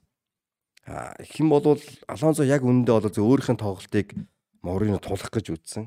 Гэтэ Морино тэдний тоглолтыг айхтар судалсан. Морино ч угсаа тактик юм шүү дээ. Айхтар хүн шүү дээ. Тэгээ Морино бол зүгээр хиний Алонсогийн баруун зүгрийг л очиж барьж. Тэр энэ үлрэлийн туш хүндгээр онцгой байсан. Жерми Фримпонг дээр давхар хамгаалт хийчих тий. Фримпонг. Айлч бүс тоглооны бүсэд ч тэр арын бүсэд дундын бүсэд Фримпонг хаач бөмбөг юусоо зүгээр авахулахгүйсэн. Фримпонг дээр бөмбөг чиглэхэд бүр заавал даблдж байсан. Ингээд Фримпонг тоглолтоос гаргасан. Дараа нь зүүн зүгрээр явах гэж үзсэн Мичел Бекер тэр бас яг энэ аргыг хэрэгэлсэн. Ингээд төвөр явах гэсэн юусоо явж чадаагүй. Гэтэ энэ жил бол Ливеркузен зүгээр хохиролтой зүйл нь яг Патрик Шик байхгүй байгаа. Аа яг. Патрик Шикээс болж Алонзо ер нь энэ тоглолтод химагийг бол их өөр болгож байгаа. Сайн хамгаалтаа сөрөг довтлохоо гэж бол маш хурдтай сөрөг довтлох. Төгс Флоран Вирц энэ Муса Диаби, Амина Адли, Логик. Хологикийг ашигласан. Тийм сөрөг довтлооны тактик ус. Энэ жижигхэн гурав шүү дээ. Давхрын тоглолт байхгүй болчих. Тэгээ жигүүрийн тоглолт байхгүй болохоор тэгээ Алонсогийн тоглолт бол ерөөс тэр чигтээ нураад энэ тоглолтын турш ерөөс юу ч үзүүлж чадаагүй. Гэхдээ Флорен Вирц зөвөр олцсон ганц тэр боломжийг эхний үед гол болгоцсон бол энэ тоглолтын дүр зураг л цааш хариж өөр болж болох байсан. Вирц яг тэр боломжийг бол алдсан. Тэгээд эцэст нь одоо хиний Бове гэж залуу тамирч Ромагийн тэр одоо хоёр дуурайд гарч ирээд нэг гол оруулсан. Тэгээд Ливеркузен тэр тоглолтын турш хамгаалтанд гаргасан хоёрхан алдааны нэг нь тэгээ гол болцсон. Тэг ер нь энэ шатанд ийм алдаа гаргаж болохгүй ма Алонсо энийг тоглогчтой тайлбарж ойлгуулж хэлээ гэдгийг Морино мессеж болоод өгсөн. Сая аль талбайд нуусан? Италид Олимпикод болсон. Аа бас тэгээ очиод бол Морино бол тэнцэж мэтгэл юм байна те. Тийм очиод. Одоо ч Б ярианаад юм байна шүү. Одоо Б ярианаад. Б ярианыг уур амьсгал яах вэ? Олимпико бол амар шүү дээ. Тэр тоглолт хэлэхэд бол үнэхэрийн сүртэй. Жинхэнэ ойр Италийн хөлбөмбөг үзээгүй байсан. Тэгээ тэнд бол уур амьсгал нэг хууч нэр Италийн багууд ийм байдаг шүү дээ гэж нэр сэргэлт мэдэрсэн шүү. Тоглолтынд. За хариу тоглолтод ямар одоо үр дүн ер нь таам гэх. Хариу тоглолт энэс муу бүрэлдэхүүн Алонсо бэлтэн. Тэг яг энэ тоглолтын дээр төвийн амгалагч Косоног алдсан. Улирал дуустал одоо байхгүй. Гараа төвийн хагас дээр тоглодог Роберт Андрих бас байхгүй бол улирал дуустал байхгүй бол хоёр гол тоглогч хүртсэн. Одоо сая тэгээд өнгөрчсөнд бол өнгөрсөн амралтын өдөр Ливеркузен тоглосон тоглолтод бас арай ядчил тэнцлээ. Тийм шүү дээ. Тэгэхээр одоо хамаагүй сул талтай болж тэ. Одоо ерөөсөө давуу байдлын Флорен Вирцтэй л харна. Вирцийн хамтран зүтгэгч хэн байх вэ гэдэг л байна. Тэгээ нөгөө Фримбонк одоо яаж суллахыг Алонзо одоо бодож байгаа багт. Энэ хоёрыг л суллах хэрэгтэй болж байна. А хоёулаа энэ хоёр бол хоёулаа Европын байр яг лигээс авахд бас эргэлзээтэй байгаа шүү дээ. Тийм бас бас бас ам Рома бол сая хэсэг дөрөв рүүч бүр шахажсэн. Одоо бүр 7 8 руу бас нэг унчих гад тэ нэг эвгүй байгаа. Тэгэхээр энэ хоёрын хувьд бол одоо Европын байрын болцол хангах бол Европа лигээр л илүү одоо юу гэдэг боломжтой. Европа лигээс авал бүр аврагуудын лиг үү? Тийм, бүр аврагуудын лиг рүү ч болох боломжтой. За хариу тоглолт бол одоо тэгэхээр Ромад л илүү давуу талтай гэж үзэж байна. Ромагийн бүрэлдэхүүнд ямар нэг сул тал гимтэл бэртэл заа Тами Абрахам одоо форум гэдэг ч юм уу тийм зүйл байгаа юу? Абрахам хайрын эндстэй өөртөө ихтэй тоглолтыг үзүүлсэн. Абрахам яг өөрийнх нь тоглолтыг үзүүлэх гэж хичээсэн. Мэдээж яг Абрахам дээр хамгаалагчдаар бол нүдлүүлсэн л байсан л да. Гэтэ Абрахам бол их сайн тоглолтыг үзүүлсэн шүү. Гол бол Абрахамын нөлөө байсан. Тэр алсын дамжуултыг Абрахам довтлогоо голоор угаасаа явахгүйсэн алсаас ирсэн араас өгсөн ганц дамжуултыг Абрахам багт ашигтай байдал дээр сул зайн дээр үлдээгээд тэр сул зайн дээр боовоо орж ирээд тэгээд гүйцээгээ тэр гол байгаа. Абрахам бол ганц нэг зөв шийдвэр гаргахад тэр нь бол ашигтайгаар төгссөн шүү. За тэгээд юун дээр Рома Леркусэн дээр нэмэгцэл байгаа. Гэхдээ би ч гэсэн огт үзег юм чинь. За аль нь гарвал гоё байна тэгвэл. Олон жил мэддэг багуудын хувьд мэдээж те. Аа, ер нь бол хоёлаа л том багштай. Хоёлаа л Тийм гоё шүү баг. дээ. Тий. Гэхдээ би яг финалд Мориногийн баг гарвал зөв юм байж магадгүй гэж боддог шүү. Аа. Тэгээ Морини ч тэгээд ер нь хасагдах шүү дээ тэмцээн амар шүү дээ тий. Үр дүнг юм штэ. Факт юм ухааны хүн штэ гэдэг шиг л. Янз штэ бас. Тэгэд нөгөө нэг өнгөрсөн тоглолт хэдүүлээ ярьжсэн. Хэрвээ энэ тэмцээн төрүүлэх юм бол одоо Европын хоёр тэмцээнд хоёр удаа дарааж төрүүлсэн бараг анхны болох байлгүй тий. Тийм байхгүй баха бараг тэгж дараалж төрүүлсэн. Яг байдаг ч зөвхөн л байгаа.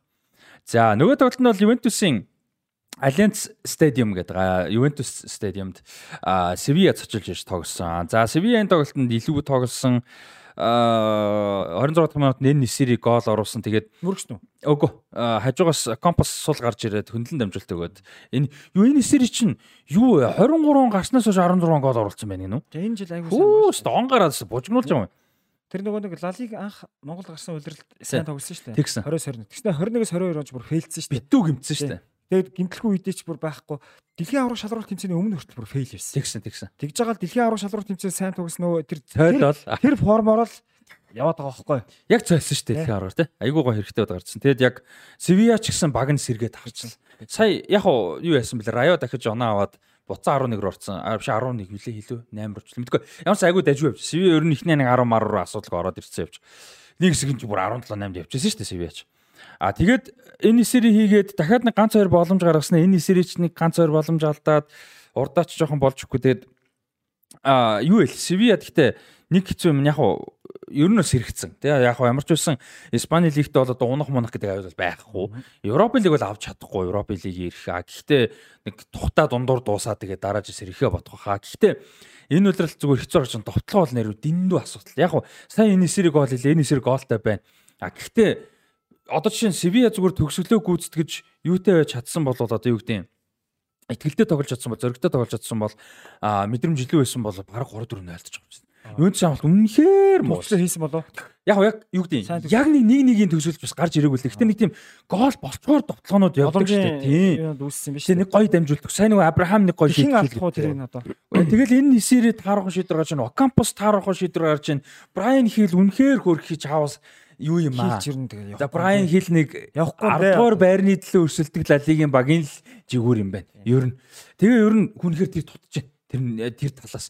Тэгээ яг гоо гол бол гайгүй байгаа хгүй? Фернандо ч туршлагатай удаан ч гэсэн. Ракетич туршлагатай. Шон Жордан яг ойр жоохон гимтэлтэй байна. Гэтэ Жордан байгаа байсан шүү дээ. Тэнгүү төвийн хагас чинь ингээд хурдан биш мөртлөө тоглолтоо барьчдаг байхгүй. Нэг тийм итгэлтэй тий. Тэгээ ардаа ч гэсэн дайжгүй яах вэ? Одоо тэр хин их айгуу гоё шүү дээ. Одоо энэ а, Францын Стаде Ренес үнэ Нантас үнэ зээлэр авсан нөхөр байгаа. Луг Баде гэдэг. Францын залуучууд жишээ тоглож байгаа өндөр юм төвийн амлагч. Энэ айгуу сайн тоглож байгаа. Тэгээд нөгөө Байерн Мюнхний академик төгссөн тэгээ одоо энэ Севиа тоглож байгаа хин Тангийн Нянзу гэдэг нөхөр. Тэр чинь бас их яг залуугаа дөнгөж 18 өстэй. Тэгээд байн гусна гараад гарахгүй. Гэхдээ тоглож үү дэсэн. Тэгэхээр ч бас хамгаалалт болохгүй юм бол байхгүй байхгүй. Тэгээд Буунуу ч сайн байгаа. Буунууг сайн нэг хэсэг жоохон формгүй Димитрович дажгүй тоглолцсон. Тэр ингээ хамгаалалт болоод байгаа. Тэгээ хоёр жигүүч нь солигдчихдаг шүү дээ. Ер нь бас сэлгээд дайжгүй. Тэгэхээр довтлогоо хамгийн том асуудал. Тэгээ сая ингээд довтлогоогоо ерөөсө дуусгаж чадахгүй ингээд нэг дайжгүйвтер явж байгаа л ерөөсө дуусгаа. Одоо э, Ювентус бол хамгаалц тоог юм л. Ювентус тийм байна уу тий? За яг за Челсиний бол яг туршлагатай заяа. Гэхдээ э, Бонуч ус хамгаалагч байхгүй. Ганцхан Бонуч. Бонуч бол үзэж гинүү. За Бонуч л үзэж. Тэнд ерөөсө 5 хүн хамгаалж байна. 2 3 төвийн амлагч 2 win backтэй. Александро зүүн талынх нь одоо 3 төвийн амлагч ахна. Баруун талынх нь Бразил байгаа шүү дээ. Оо хин Данило. Данило 22 үндсэн байрлал нь жигүүр байна шүү. Тэр хоёр. Тэгснэ win back дээр нь бол яхав нөгөө хин хоёр Костич тэгээ баруун дээр нь гарлаа. Тийж гарч байгаа.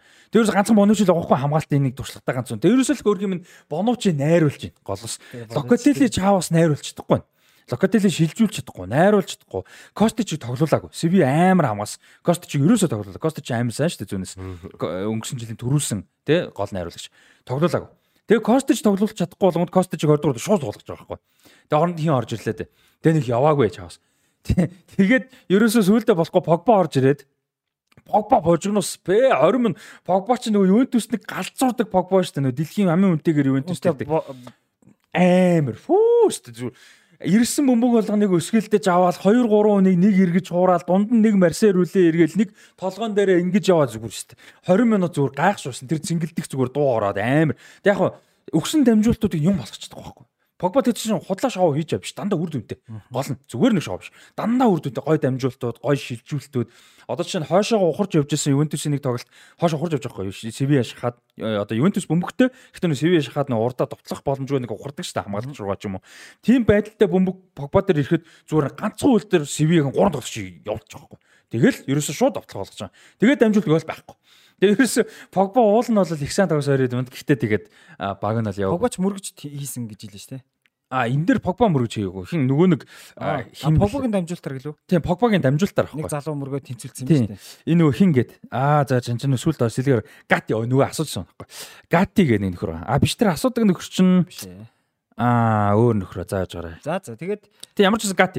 Энэ Фабио Гати гэдэг нэг нөхөр. Энэ нөхөр чинь сэлгээр орж ирсэн. Тэгээ эсвэл болонгийн цохилт хин хийлээ, Димари хин хийлээ. Нэг нь хийгээд Данило мөргөөд, Данилого мөргснэг Погба мөргөөд, тэгээ Погбагийн мөргснэг нь тэр Гати нэг нөхөр хийж байгаа. гурван толгой Гуравт нэг болонгийн цохилт нэг торгуулийн талбай дотор гурван толгой яваад тэгээ мөргөж. Вау. Севиагийн хамгаалт тэрэн дээр бол нэлээд алдсан. Яалтчгүй. Тэгээ амар тэнэг байхгүй. 7 минут сонгож байгаа шүү дээ. Ер нь нэлээд бужигнаатай бас хоорондоо муудалцж юм гараад. Тим бэжсэн чинь бүр айгуу сайн хамгаалж хамгаалж хамгаалж хамгаалж хамгаалж эрдээр нэмэх долоо дээр тэгэж алдаж байгаа. Тэгэд айлын талбай дээрээс хожилтой боцгойсон юм дээр яг би нэг Севиляг дэмжиж байгаа биш. Гэтэ зочиж тоглож байгаа баг тэгэж алдна гэдэг бол амар хайран бохгүй. Ямар ч жог байсан гэсэн. Тэ. Тэгээ одоо ямар ч нэг нэг аа дараа нь одоо Рамон Санчес Писхон тоглоно. Тэгээд яг энэ хоёр нэг тийм хоорондоо нэг амар түүх мөхтэй сүртэй биш. Яг аврагын лигээр хоорондоо сүлдээ нэг тоглосон байсан. Аа тэрнээс ер нь бол гайгүй. За баг түүх гэвэл яг энэ тэмцээнтэй нь холбол за баг энэ тэмцээнд хамгийн олон төрүүлсэн хоёр баг байгаа шүү. Аа Ювентус 3, Севиа 6.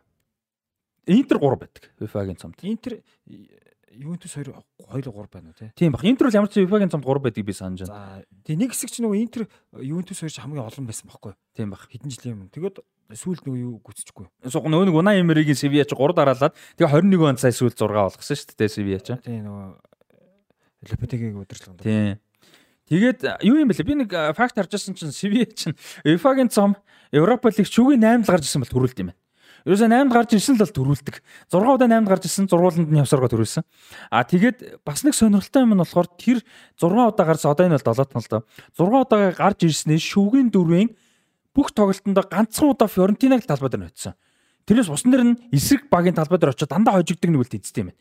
Ерөөсөө шүүгийн Талбай дээр бол дандаа л хождог гэсэн үг юм байна. Тэгээд дараа нь авчираа талбай дээр очдог. Эсвэл талбай дээр эхэлж очиод дараа нь очиод тэнцээ юм очигчдаг. Тэгэл финал гарчдаг юм байна. Тэнийг тийм сонирхолтой юм байна. Тэгэл угаасаа Севилягийн лиг л гэдэг үстэй. Тийм шүү дээ. Севи. Гэхдээ яа сонь дээ. Одоо энэ үлэр Севи бол яг үнэндээ муухай шүү дээ. Яг одоо бол формтой байна те. Яг хуу энэ эсрэг гайгүй гол оруулж чинь төвийн ясан жоо уучраа олж чинь хамгаалт. Гэхдээ яг үнэндээ бол энэ үлэр дэндүү муу зүгээр баг үлдэж байгаа нь их юм болж байгаа байхгүй юу? Үлэр их аюу яж байгаа ураас тийм баг шүү. Одоо энэ чинь улирлын төгсгөл байхгүй. Хамгийн гол нь одоо юу Тэ сэтгэл зүй. одоо тэр ямар ч муу одоо одоо шинаараа за тэр за одоо энэ өрөөнд байгаа одоо нэг 5 хүн байна шүү дээ тий. Зөв би 5-ыг нэг амар сайн багийн 5 одоо нэг футсал гэж бодё тий 5 9 5. Тэдрийг болиулаа бидрийг тоглууллаа. Бид нар улирлынхын зүг фейлдэн за яг сив. Тэгээ үнэхээр эцсийн араанда бид нар тоглож сурах байхгүй яг үнэндээ юм жигдэрн тий. Одоо сивэд нэг давуу тал байгаа нөхөр лалиг нэг хамаагүй. Зүгээр тэрийгээ сайн хаяал ингээл явахд бас яг талаас нарахаар бас айгүй тийм юу шүү. Тийм анхаарланд бас боломжтой. Тэгээ бас нөгөө нэг унтсан багч доороос ингэж гарч ирж байгаа багч айгүй урамтай байд шүү. Сэр байж байгаад унах биш те. Нэгэнт бүр хамгийн мууга үдцсэн багч нь бас чангар чангарч гарч иж байгаа шүү. Тэг сэтгэл зүй хувь те том давуу талтай. Дээрэс нь бас нөгөө юу гэдэг нь том хэмжээнд тасалжуулж байгаагүй ч гэсэн олон жилийн нөгөө нэг туршлагатай тасалжуулагч яриад бас өөр те. Самбоолын халагдсан биз. Халагдсан нөгөө Хосо Люис Менделибар байгаа шүү дээ. Ай агуу мэндэл Испани одоо Ла Лигийн дундчууд доогуур багуудын бол домог штэ. Тийм, доотлын 10-ын бол домог аахгүй нэг хүн чинь. Тэнгөт яг хад энэ хэмжээнд үзээгүй ч гэсэн нөгөө нэг унж явсан сэтгэл зүй тааруу ч юм уу унахгүй төлөө өрсөлдөг сэтгэл зүй юмыг маш сайн мэддэг учраас бас яг удирдах чадж ийн л да. Тэр нь бас даваад бол болж байна. Тийм, тэгэд юуны хувьд бол нэг иймэрхүү а Ювентус Севиа гэв. Тэгээ Ювентус хариу тоглолтын дээр бол Севиагийн талбай дээр зочлон би бол баг Севиа гараад ирэх байх гэж боддог. Сивэ боломжтой яг л Ювентус асар хайнга байгаа шүү дээ. Энэ үйлрэл бол бүр асар хайнга байгаа. Тэгэхээр ер нь Сивиа Сивиш тэгээд Роман Санс Писманд бол эвгүй шүү дээ. Эвгүй эвгүй талбай дээр сайн шүү дээ. Эвгүй баг шүү дээ. Уур амьсгал тэгээд өөртөө сайн тоглодог. Тэгээд яг нь Ювентусээс ганц хоёр гоё юм байл та энэ Фабио Гати гэж хамгаалагч бас их давгуу тоглогч байна лээ. Сэлгээр орж ирээд давгуу тоглосон. А Влахович хоёр том боломж алдсан ихний үед. А Тэгт яг алдсан гэхэд одоо юу гэмдэ тэрийг нэг тийм хааланд мааланд Мбаппе шиг хүмүүс хийх байх л та бүр Влагович сайн те. Гэхдээ нэг тийм яаж ч хийждэг хүмүүс шүү. Бүр нэг суперуд үйд шүү дээ. Нэг сонин сонин юм хийдэг те. Ибрахимович тэр нэг дэгдэг.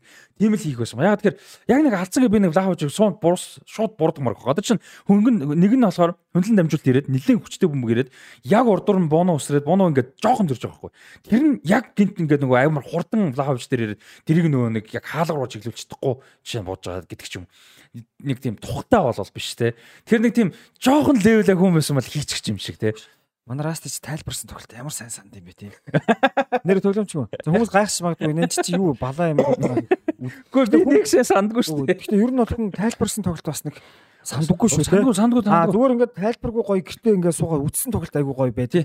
Тайлбарсан тоглолт яг мэдээж үзэж байгаа ч яг нэг бага байдаг тий. Хич бүр амар санаж шүү. Гэхдээ би амар санаж ч Бисев Лаховчиг тоглоомч Бисев Лаховчиг мартсан бачаа би энэ ингээд нөгөө график гаргаж тоглолтын стат. Тэгээ харчаа өө нэрв Лаховч алдсан шүү дээ гэж тэгж байгаа. Түүнээс мартчихсан. Тайлбарсан тоглолт үнэхээр юм санах. 2 минутын өмнө ярьсан юм марчдээ шүү. Нөгөө нэг юм ингээ ярьж идэв шүү. Нэг юм за энэ нэг юмны тухай ярьж дээ. Тэгж байгаа гинт тавтагаа болгоотаа тавталгаа ярьсан нөгөөдгөө буцаж ярих гэсэн юм байна. Тийм болоо. Тийм болоо.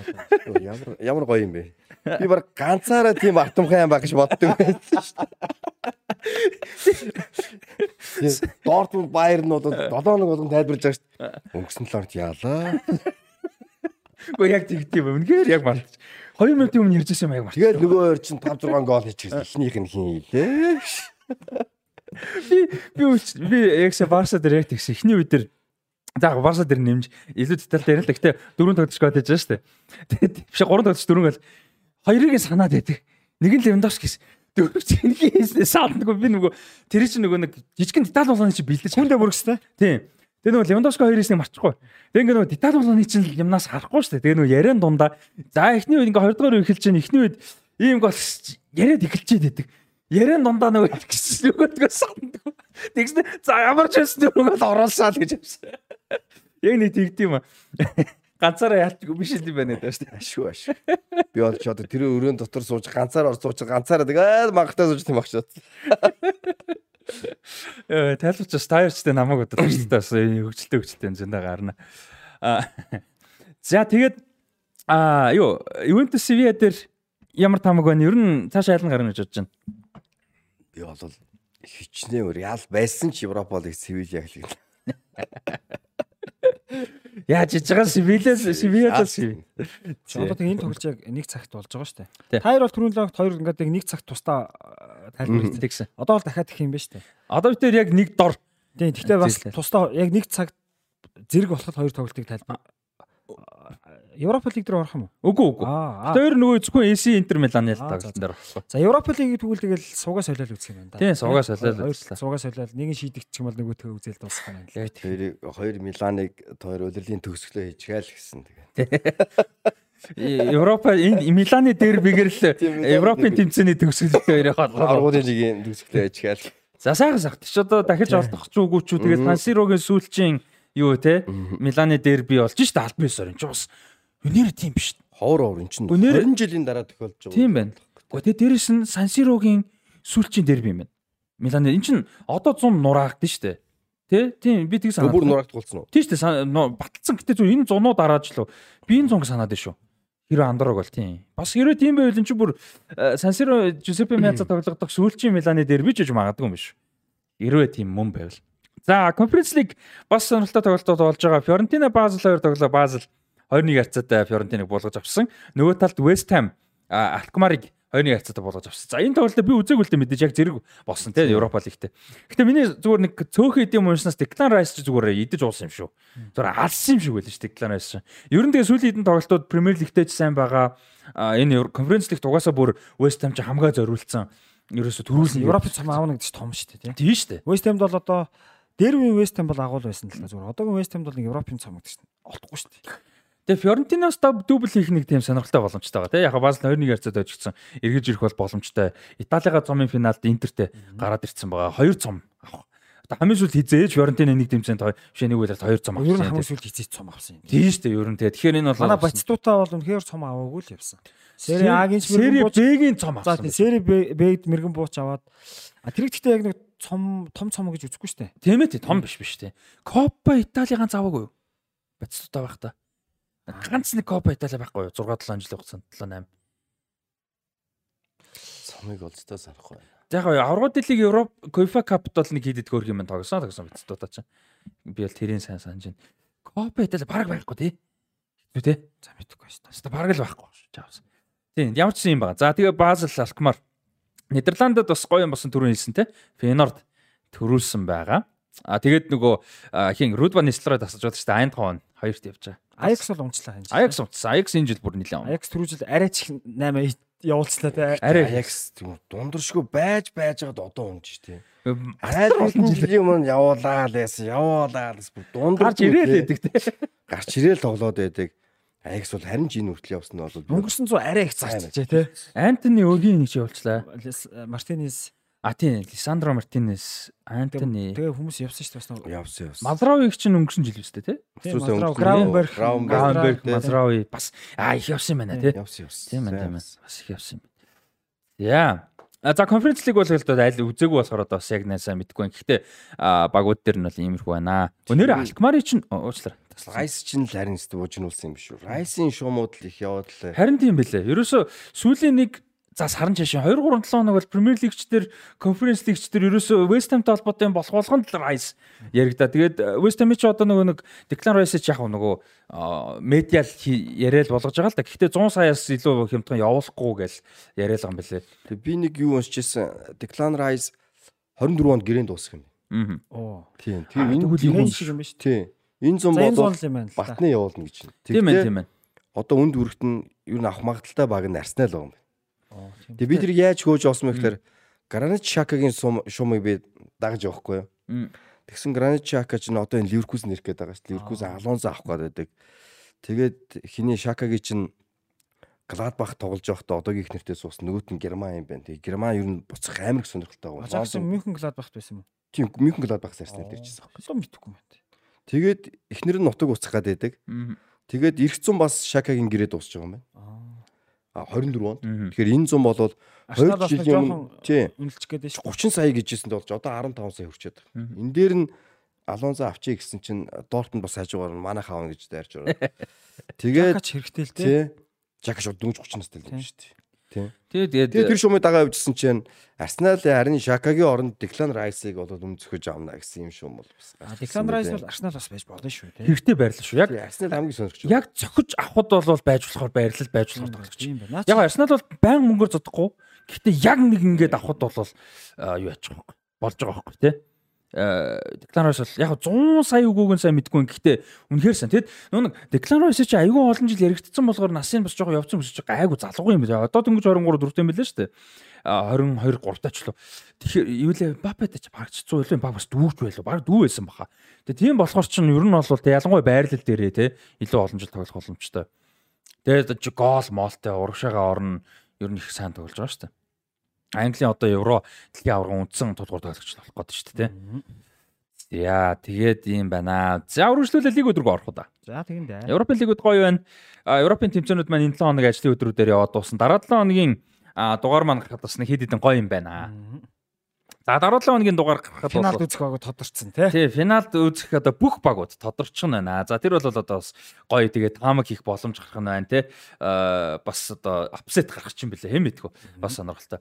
А дээрэс нь дараа 7 хоногийн дугаар аа, яг гардаг 7 хоног Шого Бонито шоу подкастын маань яг 1 жилийн ой одоо яг их төгөх нь байна. Яг анх бол 2022 оны 5 сарын 25-нд анхны дугаар цацагдсан байдаг юм байлээ. За тэр дугаараар бол бидэд 21-с 22 оны улирал за дээрэс нь аврагуудын лигийн одоо финалийн превью болгож бол ярилцчихсэн. За тэгээ тэрнийхэн дараагийн дугаараар финалынхаа талаар ярилцаж Реал Мадридын төрөөсөн финал те а бол талаар ярилцчихсэн байдаг. Тэгэхээр дараа 7 хоног тэрний дараагийн хоёр бол одоо яг л нэг жилийн ойн хоёр талд нь гарах юм дугаар болох юм байлээ шүү.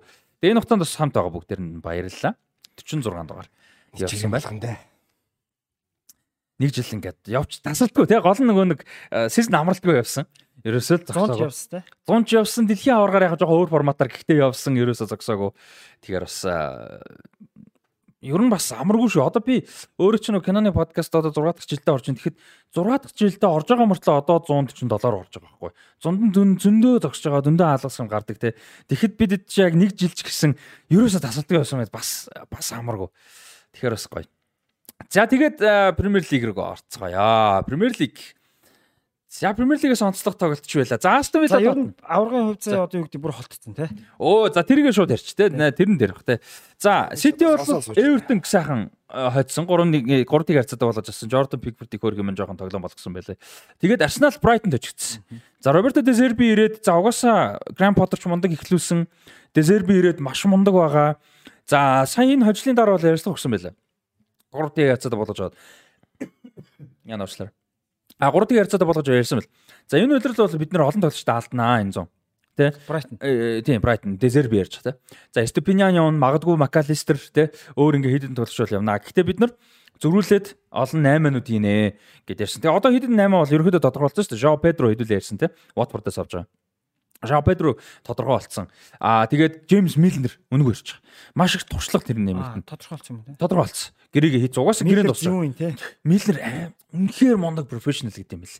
100 нөгөө бэлтгэл суглаа шүү дээ. Нөгөө клоп ч нөгөө э, ухаал яадаг юмны үхэл мүхэл ч нөгөө амар хүнд бэлтгэл хийлэгдэв юм байна. Дөнгөж цуглангууд. Зуных нь нөгөө сайхан идэж удсан шоу удсан юм гаргана гэдэгтэй. Унт нь явуулт юм байна л да. Тэрэн дээр жил болгон клопыг ирснээс хойш ер нь Миллер ирснээс хойш жил болгон Миллер ялдаг гэж байгаа юм. Ирээд бүгд адилхан ламраад ингээд явж байгаа шүү дээ. Миллер дандаа ялдаг. Нөгөө хэд нь салж хамгийн сайн салаах малаа хүртэл дийлдэг. Ерөөсөө Миллер л бодоод хамгийн мундаг бэлтгэл төсвөрдөг бүх юм хамгийн мундаг гэж байгаа юм. Тэгээ амар лидер. Тэгснэ ингээд нөгөө нэг тийм юу биш. Одоо хөгшин ч юм хандлагатай биш. Амар тоглоом тоглоом хийдэг те нөгөө залуучуудтайгаа айгүй ойртод нь байж чаддаг. Нөгөө нэг амьдрал дээр чинь тэгж байна 35 6 таа хүн 21 2 таа идэж бас нэг холбогдож чадахгүй ч юм уу те нэг юм Үеийн ялгаа Одоо нөгөө Paris Saint-Germain дээр ярьсан шүү дээ. Mbappe хаашиг Hakimi чинь нэг байгаад байдаг. Messi Ramos энэ чинь нэг өөр байгаад байдаг гэдэг. Тэр шиг тийм биш гэж байхгүй Милнер. Нөгөө итэг амар юм найз нөхөд болдог те. А тэр жоохон хөгшин хандлагын явж явж Хендерсон юм шиг байгаа. Юу нөө багийн ч ахлагч тэгээ өөрөө ч нэг жоохон нэг тиймэрхүү хандлагатай тэгээд нөгөө залуучууд амар тоглоом дооё идэг. Тэгээ Хендерсон амар их тагнаж магнуулдаг. Тийм гэж. Милнер нь явж явж илүү залуу сэтгэлгээтэй гэдэг байгаа байхгүй. Тийм тэгээ тоглоомч э, Милнер бол гоё та тэгээ дээрэс нь Брайтон л явахурсан. Тэгээд нэг гой 8 оо хин байла. Айгуу гой 8 тодорхой болгоцсон байсан юм аа. Оо би сая ярих гэж амар олон юм дэлээж байгаа юм байна. Ямар ч Жоо Педро хин хоёр Милнер хоёроо тэгээ дахиад нэг 8 тодорхой болгоцсон байлээ. Ер нь бол э, айгуу гой 8-нууд Брайтон хийж байгаа. Тэгээд энэ жил Митомог бол явуулахгүй бах зүгээр хин энтер явуулах те. Степиниан Макалистер энтер бол явуулах. За тэгээ энэ тоглолтын үр дүнд бол мэдээж Арсенал хожигдж байгаа. А Тотнам хийж байгаа Арсенал сүүлийн 21 боломжит онооноос 9 оноо авсан. 12 оноо алдсан. Сүүлийн 21 онооноос боломжит. Тэгээ одоо 36 тоглолтоос 81 оноотой 2 дугаар оронд Манчестер Сити 35 тоглолтоос 85 оноотой 4 онооны урт. А Брайтонд нэг тоглолт дутуу яваалаа нөгөө хойшлогдсон тоглолт нь одоогийн байдлаар. За юм болж байна. Тэгээ ер нь жоохон шийдэгчүү дээ. Тэглээ. Одоо Сити ч баг нэг хожигдл авч байгаа юм шүү. Тийм бах те. 36 гэдэг ихэр чинь Брайтонтой үлдсэн тоглолтонд хожвол болчих юм ба шүү дээ те. 7 онооны зураг. Сая ч нөө юу? Арсенал бол уг нь а, их илүү ихэлсэн шүү дээ. Тэгээд өөртөө их олон боломж алдсан. Тэгээд тэгэл яг тоглолт иргэцэн. Мгм. А Сити бол Эвертоныг бол үзэхгүй л байсан л да. Хаалт ч бас гол хийсэн юм. Тэгээ хаалт тийс. 52 дахь гол нь. Тэгээд Премьер Лиг нэг үлрэлийн нөгөө нэг одоо бүр 42 тойрогтой тоглолт юу гэж ахиулсан байсан тэрийг дахиад нэмсэн. Одоо тэгээ all time те. All time all time. Премьер лиг all time шүү. Яг Английн 1-р дивизионы all time шүү. Английн 1-р дивизион гэхээр чинь бас арай жоохон замбраагүй юм бол. бас байд юм бэлээ. Английн 1-р дивизион ч одоо бүр тэр өнгөрсөн зууны их юм их байгаа шүү дээ. Тэр замбраагүй байгаа шүү дээ. Тийм. Тэгэхээр зөвхөн Премьер лиг л гэж явж байгаа тийм. А энэ мань хүн энэ маягаараа сүүлийн нэг дөрвөн тоглолтод гурван тоглолт байгаа. Гур- Гурван хедрийг баг all time болчих юм шүү. Одоо хэдэн гол байгаа Премьер лиг. Сая ингээ 36 тань орчих юм яа. Тийм 34 байх хэвээр тийм. Би тийг санаж байна. За тэгээд Брайтон бол энэ үйлрэл гоё байна. Э, Дезерби мундаг байна. Арсенал. Гэтэ ийм баг. Яг нэг хүмүүс хэдүүлээ яриад байгаа л да. Э, ер нь бол ингээд э, боломжоо алдж байгаа юм шиг боловч маш гоё суур тавигдаж байна. Тэгээ ялангуяа Saniter Declan Rice гэдэг бол маш гоё одоо мэд- мэдээч шашимд одоо шуум тий. Таамаг сонсогдож байна. Тэгээ хэрвээ Declan Rice шиг тийм олон жилийн ирээдүйтэй авьяастай Declan бол үнэхээр авьяастай тоглож ийм тоглож ирчих юм бол энэ бүрэлдэхүүн улам л гоё хөгжих бах тий. Арсеналыг одоо ингэж байгаа байхгүй яг нэг нэг үлэхэд нэг 2 3 жилийн өмнө Арсенал руу тийм ирээдүйтэй том амбицтай баг явахгүй шүү дээ. Тийм шүү дээ. Тэгээ одоо Арсенал их докторгүй байсан. Аврагуудын лиг ирэх байхгүй. Одоо түнгөт аврагуудын лиг ирэх авчлаа. За ингээ клуб бол ирээдүй гэрэлтэй байна тий. Тэгэхээр одоо яг Райс ч гэдэг юм уу тийм хүмүүс бол бас Яг цуглах газар те. явж болж байгаа. Ирэх жил авруудын лиг дүрсэлт нь. Мгм. Аврагын төлөө жүслэн гэж үзэн шүү дээ. Одоо энэ жил өрсөлдсөн баг чинь. За ста тэгээ Райса чи ирчүүл бид нар баг авраг гадаа шүү тий. Тэгэхэд бас л хүн юм бодно шүү дээ. Тэгээ дээрэс нь хэдүүлээ нөгөө төвийн хагас дээр одоо яг парти хийн энэ шака энэ дээр нэмэр болох юм хэрэгтэй шака явчих юм бол ялангуяа. Тэнгүүд дээрэс нь лидер. Declan Rice чинь залуу мөртлөө айгууд мундаг лидер. Тийм тэгээ тийм болохоор бас энэ одоо залуу лидерүүдтэй бүрэлдэхүүн бүр олон гоё лидерүүдтэй болоод бас нэг юм гоё болох байх гэж бодоод байна л да. За West Ham бол явуулах юм байна. Арга байхгүй юм. West Ham тэгээд яг гэрээнд дуусч байгаа бол бүр тэр тусмаа юм байна те сунгана Тэр Райс өөрөө бүр сунхахгүй гэсэн юм байлээ шүү дээ. За гэрээ гэснээс Aston Villa унаа ямрыг угаасаа мундаг байгаа тий хэдүүлээ ярьсан. Aston Villa бол яг хөө сайн нэг 2 өжигдсэн. Гэхдээ одоо ингээд 8-д явж байна тий хангалттай сайн байгаа. За Tottenham-ыг хожоод Tottenham-ын дээр гараад ирсэн. За Tottenham 2-1 харьцаатай болгож авсан. За энэ дээрээс За би наа тоглолтыг ч үзээгүй. Гэхдээ Тоттенхэмийн хувьд бол э, аврагын лигийн ирэх угаасаа ш- авах магадлал их багассан байсан. Тэгээд албан ёсоор аврагын лиг ирэхгүй үлдсэн байлээ. тэгээд э, Альбин ёсоор Юлиан Нагelsmanтай ярилцчихсэн зүйл нь байхгүй болсон. Аа бас байхгүй. Альбин ёсоор байхгүй. За тэрнэр бол а, Nagelsmann бол ингэсэн юм байна. Гол хүсэж байгаа зүйл нь спортын захирал нь юм бэ? Томилооч ээ. Спортын захирлаа томилчгоо. Тэгээд Паратачигийн орондоо паратижиг орон тийм. Тэгээд спортын захиралтай чи ярилцаа. Ямар төлөвлөгөөтэй байх юм бэ? зөвөн ярьж. За, тийм хүмүүс, тий. Тэхийн бол би ярилцаа гэсэн юм. А тэгээд юу спортын захирал ерөөсөө томилоогүй байгаа. Одоо хүртэл томилоогүй байгаа. Тэгээд э, болвол яг тийм зарчмын шаардлага байгаа байхгүй. Зарчим байгаа хөөхгүй тий. тий. Яг тэр үнтэй тавьч дараа нь зүгээр тэр хүнийг сонсоод зөвшөөрөөд дараа нь юм л болоод яг тэр хүнээс нэх байхгүй. За та намайг ажилд авахтаа ингэсэн. Одоо тэрийгээ биелүүл. Та намайг хот бэлтгэлийн төв ингэн гэсэн тамирчтай ийм гэрэг хилцэл хийн гэсэн ийм юм нөхцөл боломж амласан. Одоо тэрийгээ бий. Энд чи амар зүг байхгүй. Тэгэхээр Тоттенхэм ч бүр нэг ийм байгаад байгаа юм шүү дээ. Тотнам маш асуудал ихтэй байна. За тэгээд нэг том асуудал мэдээж гейний асуудал байна. За одоо ингэж байгаа. За одоо ингэ шинжилэлт хэрэгтэй Тотнам тий аврагын төлөө өрсөлдөн топ баг гэж өөрсдөө бодож байгаа. За фэнүүдэд яах гаагүй шүү. Муу юм ярих гаагүй шүү. Зүгээр ер нь тий мэдээж зорилго нь амбицсан тэр. А за тэнгууд ингээ почтины явчлаа. Нагасмныг алдчихлаа. За ингээд асуучууд шүү. Спортын зэрэглэг байна. Кейн 30 хүрэх гээд байдаг. Тий мөнгө гад гэдэг. явах гад байдаг. За гэрэн тус гад байдаг. Одоо 24 тус. За Кейнийг яах юм бэ гэдэг асуулт. За 100 саяар үнэлээд байна. За Даниэл Ливигийн болон Тоттенхэмийн зүгээс Harry Kane шиг дом домогт тоглогчийг энэ 130 яг 30 гэдэг нас бол одоо цагт бас гайгүй шүү дээ. Тэгээ ялангуяа Кейн одоо ямар хурд хүчиндээ гол нь биш те. Тэгэхээр Кейнийг 100 саяар зарна гэж зүтгэх нь бол одоо байж болохоор. А гэхдээ бусад багууд 24 онд гэрээнд дуусж байгаа 30 хүрч байгаа товтлогчийг 100 саяар хийн авах. Хамгийн гол. Авна шүү дээ. Манчестер Юнайтед авна шүү дээ. Антони авж байгаа багч авна шүү дээ. Яг үндэ. Кейн бол Кейн бол Английн шгшөөгийн ахлагч хүн шүү дээ. Үгүй ээ. Яг би Кейнийг буруутгааг байхгүй. Би Кейнийг ерөөсөө моо гэж ерөөс хэлж байгаа зөв нэгсэн хэлж байгаа албан тэр байхгүй. 30 үрж байгаа. Үгүй. Жилийн дараа гэрээнд дуусж байгаа хүнийг 100 саяар авах уу харин. Авна авна авна. Аав гэж юу? Одоо яг раста ийм болчиход байгаа байхгүй. За 100 сая их мөнгө те. Одоо юу гэдэг жилийн дараа баг өнгөө авчих тийм боломж. Үнэхээр тэр клуб гэхдээ нэг жилийн хугацаанд их юм шийдэх. Мөнгнөөс их юм шийдэх байхгүй.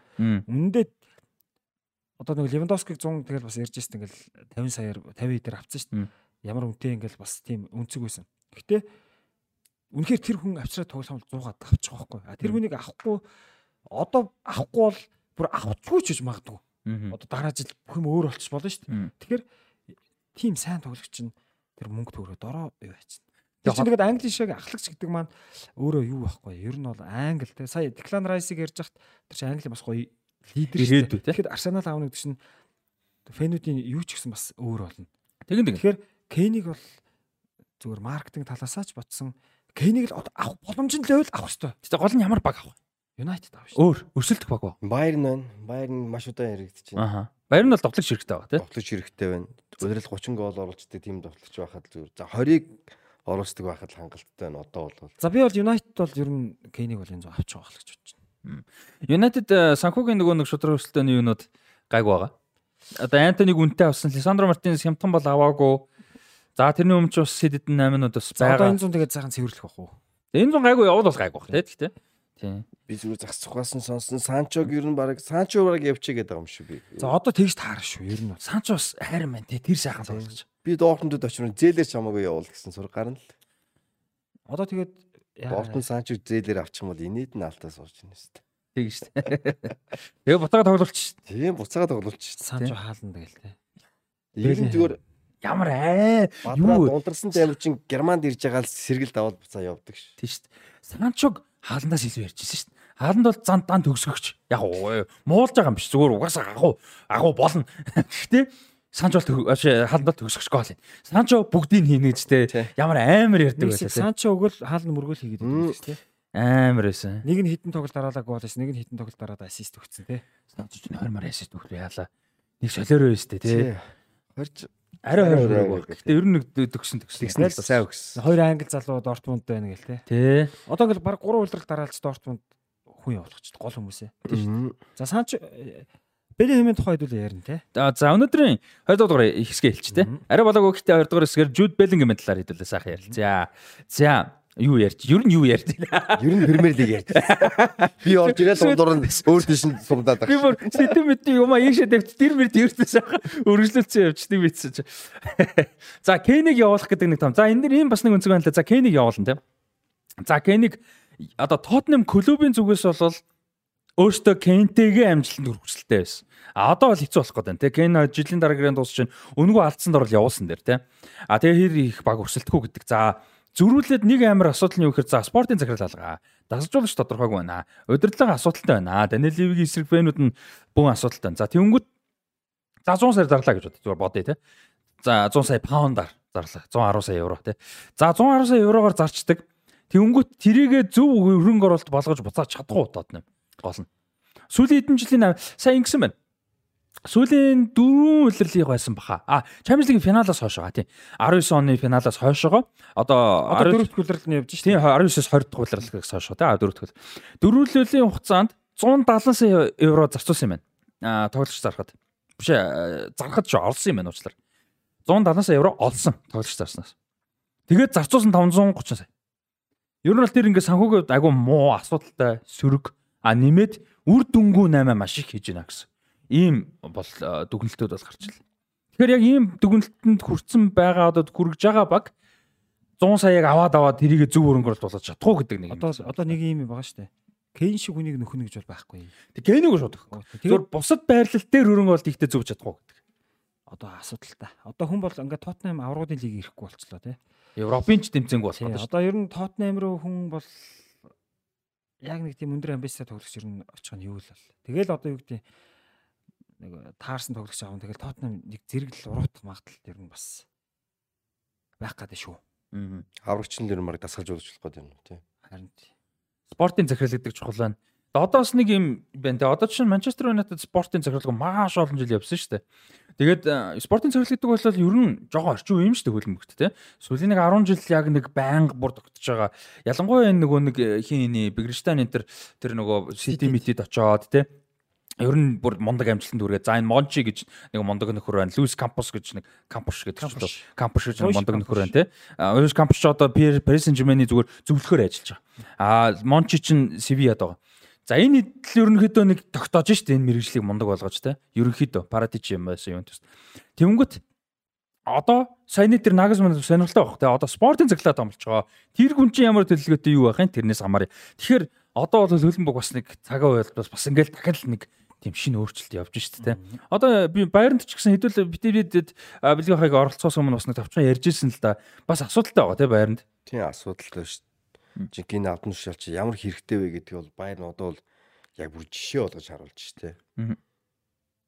Салихамидзич ч одоо яг спортын захирлын гэж явж байгаа Тийм тий. яг спорт. Канси юун тий. Канцион. Тэгээ энэ хоёрын шийдвэрүүд бүр нүдөө олохгүй байгаа шийдвэрүүд хэлчих. Заримдаа сая хэсэг бүрст үнэхээр өрөвдсөн тэр хоёр чинь л. Тэргээр чинь инээж хөөрсөн л амтд байдаг байсан бүр. Бүр нэг нэг загнуулсаар угаад бүр нэг хулхин бууцны хүүхдүүд байдаг. ш. Тэрэн шиг нэг хоёр юм тэнд сууж явах юм өөр. Тэг яаж байгаа эфир найруулсан байн харуулах юм тий. Яг нэг зэрэгцээ суудсан тэр хоёрыг л байж байгаа харуулж Зүр бүтэмжгүй хоёр хүн. Гол автахад тэр хоёрыг харуулдаг. Гол оруулсан хүнд баярлалаа celebration явж чад нөгөө хоёрыг л харуулад байдаг тийм бүр тавуулдаг тий. Майнс майнс дээр би бүр амар өрөвдсөн хөөх тэр хоёрыг. Каачиг толгоогоо шаацсан гэх юм ээ. Хөлөө саяхан. Тэгээ майнс шийдэ 3 гол оруулсан тий. 3 дахь дээр нь бүр салихам жиж гараа алгуулц кан ганцаараа л гэж байгаа. Тэр хайн за за ярахаар. Харин За тэгээд за Ньюкасл Лидстэй тэнцээд ямарсан ингээд юу яаж байгаа юм. Ньюкасл ч хоёр тоглолт дараалал оноо алдаад Манчестер Юнайтед сая болохоор Өвбрэмтний хожиж байгаа шүү дээ. Тэнгүүд энэ хоёр чинь оноо тэнцүү яваад байгаа юм ба шүү дээ. 100 хоёлаа 66 66 тай. А тэгсэн чинь Ливерпул чинь юу байгаа? А, с- форм нэлээд сайн ер нь нэлээд сайн форм таа. Тэгээ одоо энэ төргийн тоглолтонд бол оролцоог байгаа Лестертэй өнөө шин А бидний бичлэг хийж байгаа өдрийн шөнө нэгтийн шөнө Лестерийн талбайд бол Лестер угаасаа маш муу байгаа шүү дээ. Тэгэхээр хэрвээ Лестерийг хожчих юм бол хэрвээ хожиж шүү. Хэрвээ хожвол а Ньюкасл Манчестер Юнайтед хоёроос нэг тоглолтоор илүү нэг тоглоом нэг онооны ард ирэх юм байна. Нэг тоглолтоор илүү гэхдээ нэг онооны ард. За тэгэхээр бас аврал лигийн ирэх аавна гэсэн үг биш ч гэсэн бас сайн шахаж гин гэсэн үг бас болж байна те. Тийм ийм байна. Ливерпулийг оноо юу яаж чадна гэж бодож байна. За ер нь Ньюкасл Юнайтед хоёр хэр оноо алдна гэж бодож байна. Аа тэгээд Ливерпул үлдсэн тоглолтуудад оноо алдах уу? За Ливерпул бол үлдсэн тоглолтуудаас оноо алдахгүй явчих магадлал өндрөө. А гэхдээ нөгөө хоёр нь тэгэл яаж игэл аргууд лиг ирэх авч л таарах байх л да. За тэгсэн чинь энэ хувь заяаг чинь одоо шийдэх баг нь Челси юм байна. А, Челси гэдэг. Тий, эвтэйг ши эвтэйг шилжиж штэ. Нөгөө топ баг руу. Челси сая юу яасан? Nottingham Forest-тэй тэнцсэн тий. Нэр бол үүдсэн үү? Ямар нэг аа за үзег болоод. А тэнгүүд Челси чинь тэнцээд м, 11 руу буцаа ончиж байгаа юм байна. Аа нэг хэсэг нэг 10 руу хальт нэг гэж үтсэн тэгээ 10 руу. Аа тэгээд Челси 10 тагаа тэнгүүтээ. Челси ч одоо Ньюкаслтай Манчестер Юнайтедтай Сититэй байлоо. Тийм юм. Сититэй лав байгаа. Би тэг би тэг санаж шүү. Бараг зүг баха. Тэгээ нөгөө нэг бүгдээрийнх нь хувь заяаг шийднэ гэж Челси шийднэ гэд нэг тийм явцсан. Энэ Челси бол одоо э, найдлага бол асар бага байна. Үнэхээр хэцүү тий. За тэгээд Челсид одоо нэг сайхан ганц эрг мэдээ гэх юм бол саяны 7 хоногт Марицио Почетино энэ зун багийг удирдах нь бол одоо албан эснээ болсон. Бүр яг official official болсон. За Франк Лампард ярьслаа өгсөн байсан. За би бол Челсид айртай тий. А бага одоо юу гэдэг юм хамгаа зориулах гэж ирсэн. Төр хугацааны тасалчууд ишсэн. А гэхдээ үлдсэн хугацаанд би бол дахиж хизээч одоо юм орлон үр гүйцэтгэгчээр бол дахиж ажилламаар Одоо тэрийг байна. бол хэцүү гэдгийг ойлголоо дээ наадам чинь. Нь нэрэнд чалт дээрсэн тий. Тэгээд дахиж ууж ажиллахгүй гэдгийг бол хэлсэн бэл. А тэгээ Почтино бол юу яах юм бэ? А одоо энэ үлрэлт дуустал бол энэ бүрэлдэхүүнээр явна. Одоо энэ нөгөө нэг тасалчууд шнэ бүрэлдэхүүн тий. За тэгээд дуусаа бүгд бүгдээр ингэ байхгүй явуулна. А тэгээ Почтино өөрийнхөө бүх арын алтныхныг бүтэн авчрах юм. Тэгээ Почтино чи ингэсэн юм байна. Бас энд бид нар нөгөө нэг бас байн гардаггүй юм. Бас сонин шүү дээ. Одоо топ тасалжуулагч нар бол яг хуу баян хүмүүс те ингээ ажилтгуулээгээ байж те. Тэнгүүч нөө тусгууд нь яадаг вэ гэдэг нэг юм бас байгаа шүү дээ. Тэд нар чинь арын албанаа туслах чинь зүгээр нь хүн ангаа авчдаг биш. Яг нэг хүнтэйгээ л ажилдаг боо арын албаныхаа ихэнхтэй байждаг. Тэнгүүд топ тасалжуулагч ажилгүйгоо тэр хэд ажилгүй байждаг. Тэгээд яадаг тэр ахлахаал дагаа явж идэг хүмүүс шүү тий ихэнх нөхцөл. Яг цөөхн нь бол урдж явдаг. Гэтэ ихэнхтэй яг тийм тий. Аа чинь бараг 10 гаруй хүний бүрлэг. Одоо үед бол нөгөө нэг дата анализ анализ гэх бүр нэмэгдээ тэрнээс ч олон байдаг болсон. Тэгээ зарим нь ингэдэм байна. Бас нэг сонирхолтой юм. Яг бүр стори болохоор их биш их биш. Зарим топ тасалжуулагч ажилгүй байгаа үед өөртөө цалинжуулт юм. Түгээ тэгээ баг хэмжээнд. Их биш ч гэсэн баг хэмжээнд нөгөө ажилгүй байгаа гэдэг утгаар Тийм. Одоо нэг тийм нөгөө цалингийн доод хэмжээ гэдэг шиг ингээд цалинжуулаа явж идэг. А тэгээд нөгөө шинэ ажилд орж ирэхээр клубын цалинжуулдаг. Тэгэл одоо тэр чинь юу л ахгүй да. Бас эн чинь яг зарт бизнес шүү дээ. Одоо юу гэдэг тэр хүн энэ хүнд хэрэгтэй тийм үү? А тэр хүн өөр газар очиж гэрээ зурчвал дараа нь би нэг өөр газар очиж авъя гэхээр чинь зурч болохоор хэцүү те. Тэгэхээр хэрэгтэй болохоор тэр хүмүүсээ бас ингээд цалинжуулаад байна шүү дээ. Тэгдэг юм байна. Тэгээ Почтино юу яасан гэдэг. Сая нөгөө нэг юу ялаа штэ. Хэд хэдэн багууд тасалжуулагч асуудал боллоо. Челси, Тоттенхэм одоо өөр юу ичлээ те. Яг одоо санахгүй. Гэхдээ Нагelsmann жишээ нь халагдал те. Тэгсэн чинь намраас хойш Почтино тэгсэн гинэ. Нэг нөхдөдтэйг нэг цугласан юм байна. Өнгөрсөн зунаас хойш за- ажиллаг байгаа шүү дээ. Тэгээ ажиллаг ба. Тэгээд цуглааг байж намар нэг цугласан. Нэг цугласнаа за бүгд дээр уцаа бэлэн байлгаа шүү хэдүүлээ. Ер нь Ажил гарна. Ер нь уцаа бэлэн байлгаа шүү л гэсэн юм байна. Тэгээд сая нөгөө одоо ингээд албасны болоод бүх бүрэлдэхүүнээ юу яаж байгаа. Тэгээ би нэг ганц юмс нэг ганц хоёрх нь өөр баг руу явсан байсан юм байна. Нэг хаалгачийн дасалжууд шүү юу гэчвтэй нэг ганц. Тэгээ тэрийг тийг авч байгаа гэчихэл мөнгөний төлөөд туслаа, байгаа. тий? Гэрийг нь туслаад өөрөө мөнгөний төлөөд туслаа авчирч байгаа гэж лээ. Одоо тэгээ ер нь тав дасалжуулагч угаасаа баг бүрэлдэхүүнд ачаал бүгд өгдөг манай хэд бол мэддэг байсан баг.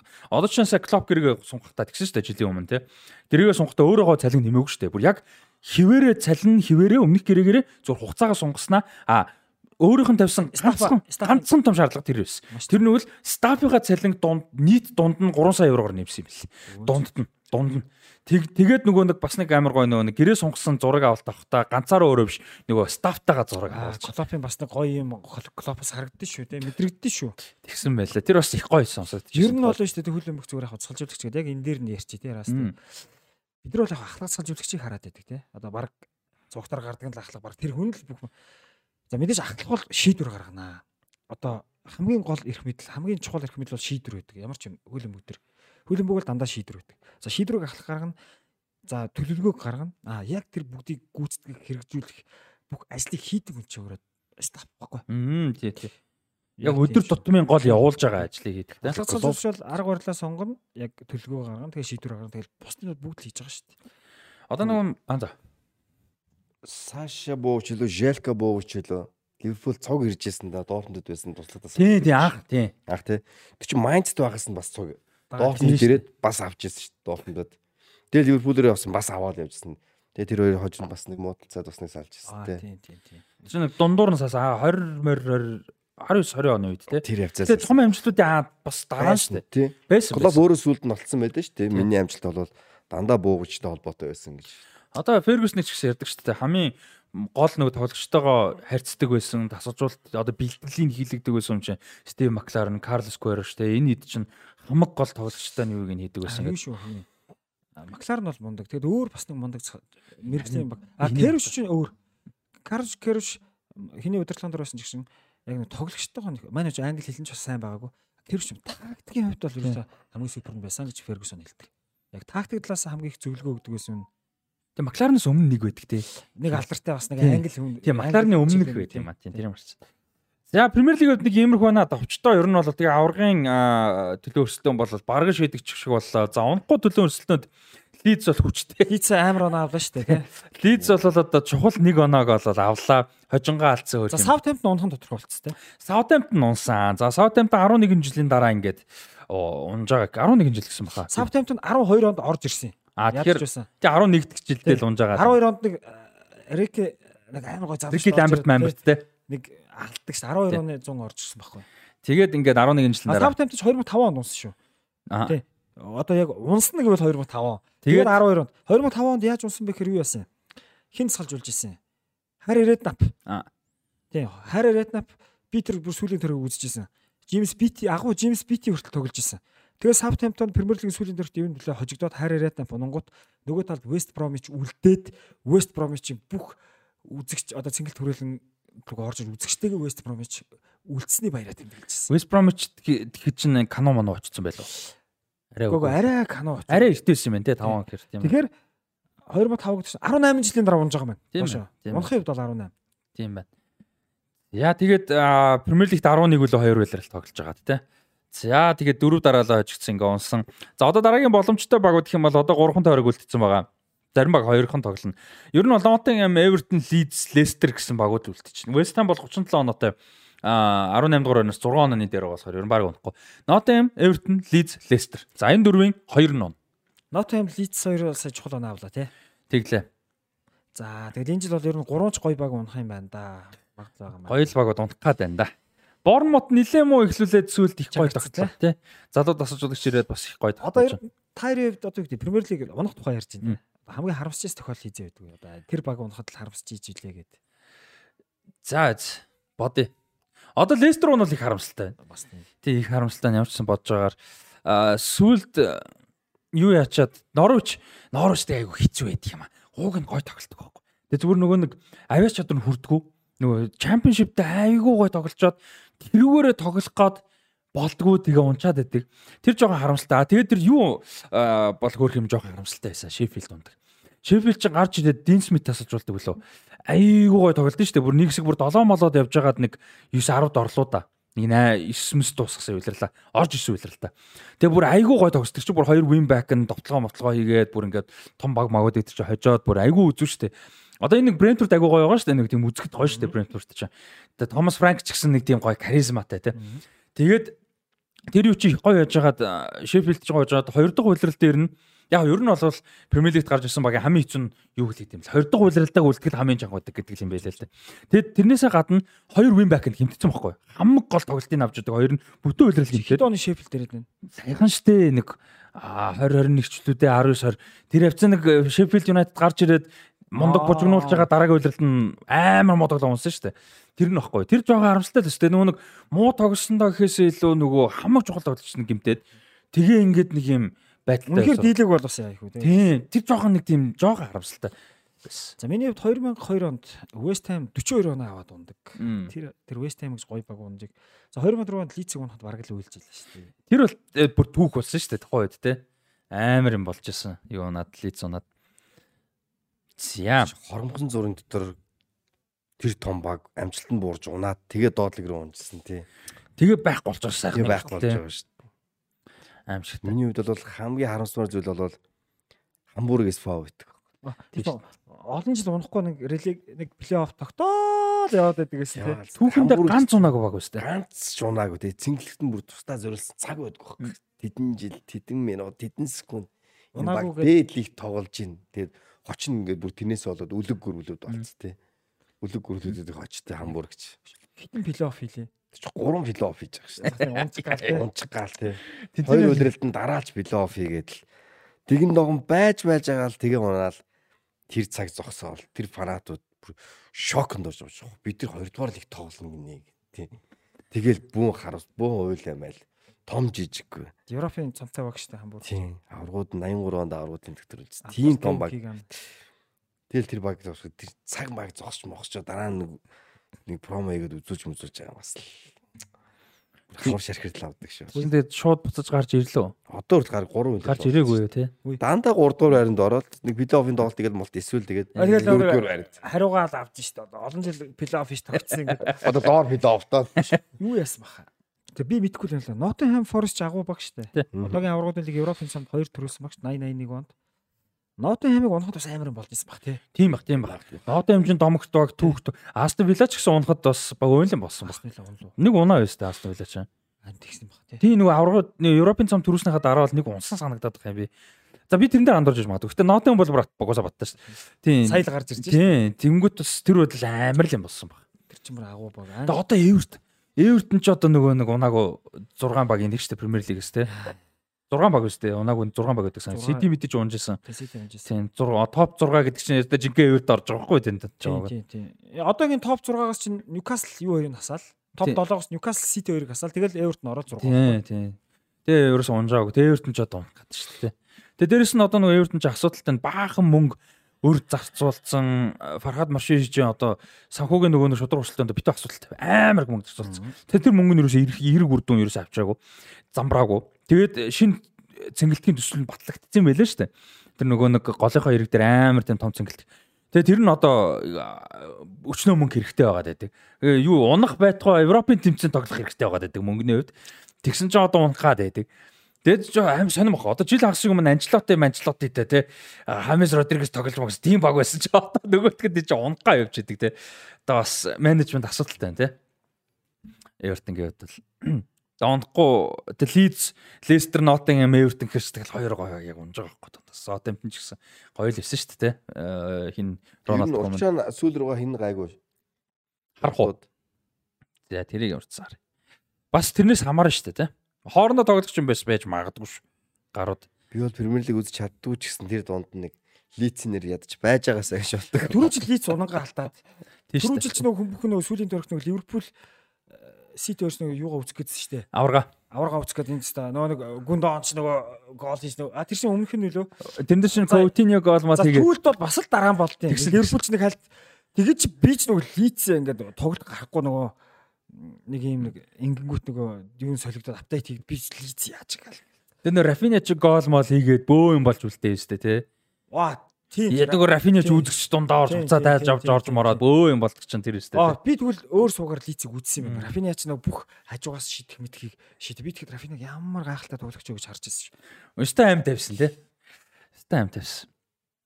За Нотем биш үү? За Нотемыг харч. За Нотем бол 34 оноотой байна. 18 дугаар байрнаас 3 онооны дээр. За Нотем талбай дээр Арсенал. За дараа нь Кристал Паласын талбай дээр гисэн хоёрхан тоглолт үлдсэн юм. Ерөөсө 36 тоглолцсон байна. За нөгөөдг нь ард нь Эвертон 32 оноотой байгаа. 17 дугаар явж байгаа. За Эвертонгийн хувьд болохоор Мм хажуу аа за Wolverhampton-гийн талбай дээр тэгснээс сүүлчийн тоглолтод талбай дээр Bournemouth-тай. Эвертонгийн хувьд. За Leeds за Leeds United болохоор а West Ham-ын талбай дээр очичоод улирлын сүлд талбай дээрээ Tottenham-ыг авч үлдээ. За энэ тоглолтын дээр л одоо шийдэгдэх магадлал бас өндөр юм байна. За Leicester City болохоор а гурван тоглолттой байгаа. Нэг нь өнөөшн Ливерпул. За нөгөөх нь Ньюкаслын талбай дээр тэгээд хамгийн сүүлчийн тоглолтод талбай дээр West Ham. Ер нь Leicester хамгийн баг хүнд тоглолттой юм байна да. Эндээс ингээ харах. Бүр 3 ч тоглолттой байна тий. Тийм 3 яг ууг нь нэг олноо нэлээд авах боломжтой. Гэхдээ Ливерпул, Ньюкасл, West Ham гэхээр бас. Нөгөө чи бүр алдсаж байгаа байгууд шүү дээ. Тийм нөгөөд нь бол Palace-тай тоглоно, Wolverhampton-тай тоглоно, Bournemouth-тай тоглоно гээ ядаж юу гэдэг арай ойр. Тэгээ бас нэг нөгөөд нь яаж яхад 50 бохгүй. Дундаа ингээд нэг унахгүй тодорхой, дээшээ явахгүй тодорхой бас нэг сэтгэл зүйн үед нэг сул тал авах магадaltaй тий. Тэгэхэд Leicester бол хөрх юм хэцүү юм. За Leicester унуул. За муу ёрлоо.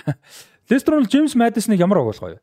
Мад Аа уг нь бол Tottenham гэж хэлсэн шүү дээ. Одоо тэгээд Tottenham биш л болох гол юм л да тий.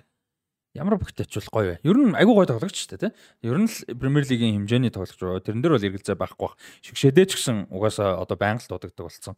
Тэгэхээр одоо Madison шиг юм классик 10 номер маягийн тоглогчудаа ямар бүгд ачвал. За би Tottenham-аас өөр баг орж ирдэг ба. За Newcastle авах юм болов уу? Newcastle бас биш юм байна. Ньюкасл ч даравтай тоглодоггүй тий. Харин тий. Ньюкасл гэснээс а, Ньюкасл Рафиняг ав- аавна гэсэн юм нэлээ. Одоо нэг Усмана Дембеле чи эргээд ирсэн. Тэгээд а, Мессиг авах гэж утгаад байгаа. Барса ч. Усман Дембеле гэсэн өнөөдөр төрсөн өдөр нь болж байгаа юм шүү дээ. А тийм үү? Дембелег юу? 26 урж байгаа. Оо яа 26 урцсан уу? За Дембеледэ баярын мэнд төргий. За баяр үргээ. Тэгэхгүй шүү. гим бити гимтэрэ гэдэг. Тийм Дембеле эргээд ирсэн гимтлээс тэгээд угаасаа сайн байгаа. Аа тэгээд Мессиг авчрах гээд байгаа. Тэнгүүч Рафиня зайг болох гээд баруун дээр. Тэгээд Рафиня ч ер нь жоохон Барсаас нөгөө нэг юу суллах хэрэгтэй байгаа. Тийм цалингас суллах хэрэгтэй байна. Орлогч хэрэгтэй байна. Рафиня ч залууч байна. Олон жилийн шиг Үнэ бар- барьдаг дээрээ байна. Үнэ барьдаг дээрээ байна. 60 саяар аваад одоо бараг 60 70-аар ч зарж болохоор шүү дээ. Илүүч. Тэгээ Ньюкасл бол мөнгөтэй байгаа. А тэгээ яг хэрэгтэй үнэ бол авъя гэсэн байдалтай байна.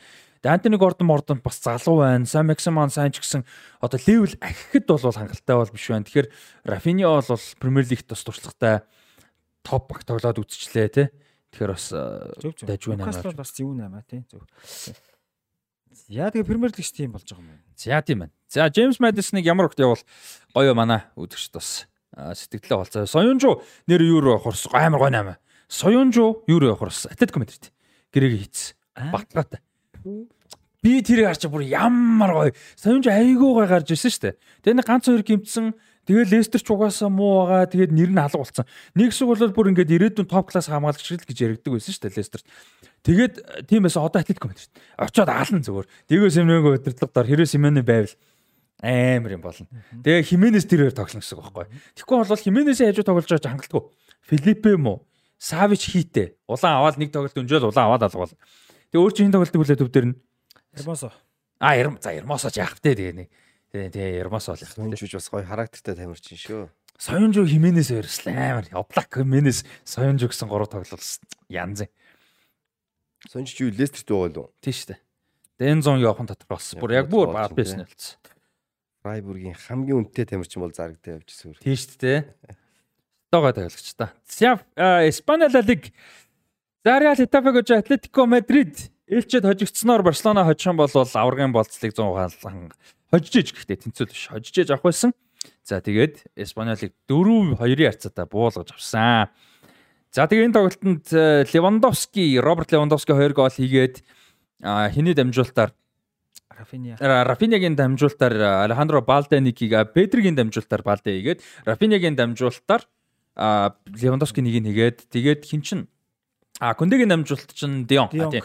Дион дамжуултын нөгөөд Жо Күндэ гоолыг оруулсан. За тэгээд Испаньол одоо Каталаны дерби том өрсөлдөгчдийнхаа талбай дээр болцол хангаж баяраа тэмдэглэсэн. За энэ бол бас ач холбогдол өндөр байсан. Юу гэхээр за нэгдүгürt Барселона Испаниолын талбай дээр одоо хожлын аваргын болцлоо хангана гэдэг бол бас их тийм одоо Барсагийн фэнүүдийн хувьд бол юм сэтгэлд нэм сайхан зүйл те. Багтаа. Тийм багтаа те. За Испаниолын хувьд яг эсэргээр те. За нэгдүгürt доромжлол болно. Барса талбай дээр нэр чи авраган гэж. За нөгөө том асуудал нь энд хожигдох ёсгүй байсан. Заавал оноох хэрэгтэй байсан. А Испаниол 19 тавьж байгаа. Маш муу явж байгаа. Дээр нь Хитапе 3 онооны дээр. Дахиад унахын дээр наад болсон. Одоо унах гэдэг. Түүхэндээ эн чин 80 дахь хулалтаа лиг тоглож байгаа. Түүхэндээ 5 удаа секунда тогсон юм байна. 60 70 онд 1 2 удаа, 90 онд 1 2 удаа, сая сүүлд 1 удаа. Тэгээ эн чин бас түүхэндээ бас мундаг те. Ерөөсө унсан л шууд орж ирдэг. Ийм түүхэндээ 5 удаа унаад 5 удаа шууд орж. 20 онд унаад 20-с 21 он тоглоод орж ирсэн шүү дээ. Тийм төрүүлээд. За энэ удаа бол унах бол магадлал маш өндөр болсон. Тэгээд тэр унах баталгааг нь бол одоо Барселона гол өрсөлдөгчд нь авчираад тавьчихж байгаа нэг иймэрхүү л одоо юм болчихж байгаа юм байлээ. Тэгээд Испаниолын фэнүүд бол их тааруу уур амьсгал их тааруу байсан. Хоёрдугаар үед ялангуяа. Тэгээд голын баяраа тэмдэглээ Барселонагийнхан төрүүлээд тоглолт дуусаа бүгдээрээ ингээд талбайн тойрогт арын албаныхантай хамт баяр тэмдэглэжсэн чинь цэнгэлтгийн юунууд Испаниолын фэн бүгд талбараа дайрж орж ирээд Испаниолын Барсагийн нөгөө арын албаныхан тоглогчд руу дайрах гэж үзээд тэгээ бүгдээрээ нөгөө хувцаалахаар яаралтай орж цагдаа нар тэгээ нөгөө нэг хамаалагч гэж яддаг штэ. Тэд нар ингэж тойрч зогсч одоо үлдээж нэг юм болсон. Тэгээд 2 3 нөхөр тэнцээ баг яванда тэр хэрэг мэрэг цагдаа зэрэглэх болох уу? Хүн амьтлуу нөгөө юм юм шидэж хүшилжтэй хараад. Тэгээ тэр нөхрийг тэр найруулагч нь бүр тасралтгүй харуулгаад. Нүүр ам нь улааж малаач нэг нөхөр. Тэгээ Араухо ийм байна. За хин чин Сержо Бускетс 18 жилийн дараа юуг орхиж байгаа маань. Оо өнгөрсөн оны том мэдэн шүү дээ наа чин. Тий. 18 жилийн дараа Барселона клуб орхиж байгаа маань. А за энэ хугацаанд бол ингээ 32 дахь цомоо авахар болж байгаа энэ хугацаанд. Урчин ба хангалаа тий. Тий хангалцаа. А тэгээ энэний хоёрыг нь өөрийн биеэр одоо яг багийн ахлагчаар өргөж. Энэ жил. Тэгээ энэ жил хоёрыг нь өргөж. За 23 Том өргөөл явах нь дээ. супер цомыг өргөсөн. За тэгээ одоо Ла Лигийг 4 жилийн дараа Ла Лиг авчирч. За сонирхолтой факт гэх юм бол Барселона клуб 21-р зуунд анх удаага Лионел Мессигүүгээр төрүүлж байгаа. 21-р зуунд ч юу ах вэ? 21-р зуун мөн. Тийм тийм тийм. 21-р зуунд Лионел Месси бүрэлдэхүүндээ байхгүйгээр гэсэн үг. Тэр үл арай зов. Яг тэр 4-5 онд 21-р зуунд Байсан гэж үздэг шүү дээ. Тий. Сэлгэнд байсан. Гол хийсэн шүү дээ. Нэг гол. Гол хийсэн 9 тоглолтод оролцсон. Эсвэл нь зээ сэлгээгээр орсон алт аврагын алтан медальт юм бэл. Тэгэхээр тэрэнд бол оролцсон гэж байна. Тэгээд 5-6-нд бол үндсэн бүрэлдэхүүний бүр ингээд илүү тогтмол тоглолдог болцсон байсан. Тэгэхээр ер нь бол яг одоо яг тийм бүрэлдэхүүнд нь Мессигүүгээр анх удаага төрүүлж. За Шавигийн хувьд мэрэгжлийн карьертаа дасалжуулагчийн карьертаа 9 дэх цом нь болж байгаа. Альсад багт бол 7 цом өргөцсөн байсан. За сая супер цом авсан. Тэгээ ингээд Лалиг болж. Хамгийн сүүлд бол 14-өөс 15 оны үеэр Шави Лалигийн цомог тоглогчийн хувьар өргөсөн. За Бускетс ингэ яаж. За тэгээд тэгсэн чинь ингэж байгаа маань. За Бускетс л яг тодорхой болсон. За Сауди Арабо Интер Майами юу гэж яригадаад байлаа. За тэнгүүт Жорди Алба явах магадлал өндөр хэдүүл ярьсан тий. Алонсо байгаа Балде мундаг байна. Тэнгүүт Жорди Алба явчих юм бол багийн үндсэн анхлагч үлдэх хүн Сержио Роберто юм байна л да. Яг одоо туршлагын хуваар тий. Одоо одоо ч 3 дахь анхлагч. Тийм уламжлал ууш ахлагчтай. Яг зүгээр 90 дараалалаараа явах юм бол одоо Пуйол явлаа, дараа Шави үлдсэн, Иньеста явлаа, Месси үлдсэн. Месси Гарас Бускетс. Бускетс тэгээ пик тэгээ те. Тийм тэгээ пике яг пикэнд дон энэ үйлрлийн дондор задаг тайлч. Ер нь яг ингээл яг юугаараа л явж байгаа юм л та. Одоо тэгээ Буск Сержи Роберт үлдэнэхээр жоохон болохгүй юм биш. Зүгээр яг зарчмын хувьд бол яг 90-ийн хувьд бол үлдэн. Гэхдээ л сул байна те. Тэгэд яг сая тоглолт дууснаас 30 минутын дараа зүгээр шуум гараад игсэн байсан. Роналд Араухог үндсэн багийн ахлагч болгож магадгүй гэдэг юм бас яригдчихэж байгаа юм байна шүү те. Штег нь биш үү те. Тэр штег нь болол уул нь дөрвөн ахлагч нэг штэ. Тэгээ зүгээр Араухог болгож магадгүй гэдэг юм яригдаал байгаа юм байна л да. Тэгээ нөө нэг яг хоо магадгүй а гэхдээ үндсэн ахлагч болохгүй байсан ч Роберто Терштеген гэж явсан ч гэсэн дөрвийн үндсэн нэг дөрвөн ахлагч зарладаг штэ. Тэрний нэгээр бол Араухо орох нь бол тодорхой гэдэг ч л. За Барса юу яахгүй хаа. Штег нэг давуулахгүй байх гэж байна. Барсаар яал хоёр бол тэхгүй шүү. Давуулна гэж бол арай байхгүй бах та. Үнэхээр тийм давуулах хүнийг бол дөрөв рүү оруулахгүй шүү. Нэр шүү. Тийм баг. Тэгэд ер нь бол Роберто Терштег нь хоёр л баг. Нэг хоёр тий. Тийм. Тэгээд Арухо бол ер нь айгүй мундаг лидер. Сая тэгжил нөгөө тоглолт тусаад нөгөө фэнүүд чи дайраад бөө юм болохгүй.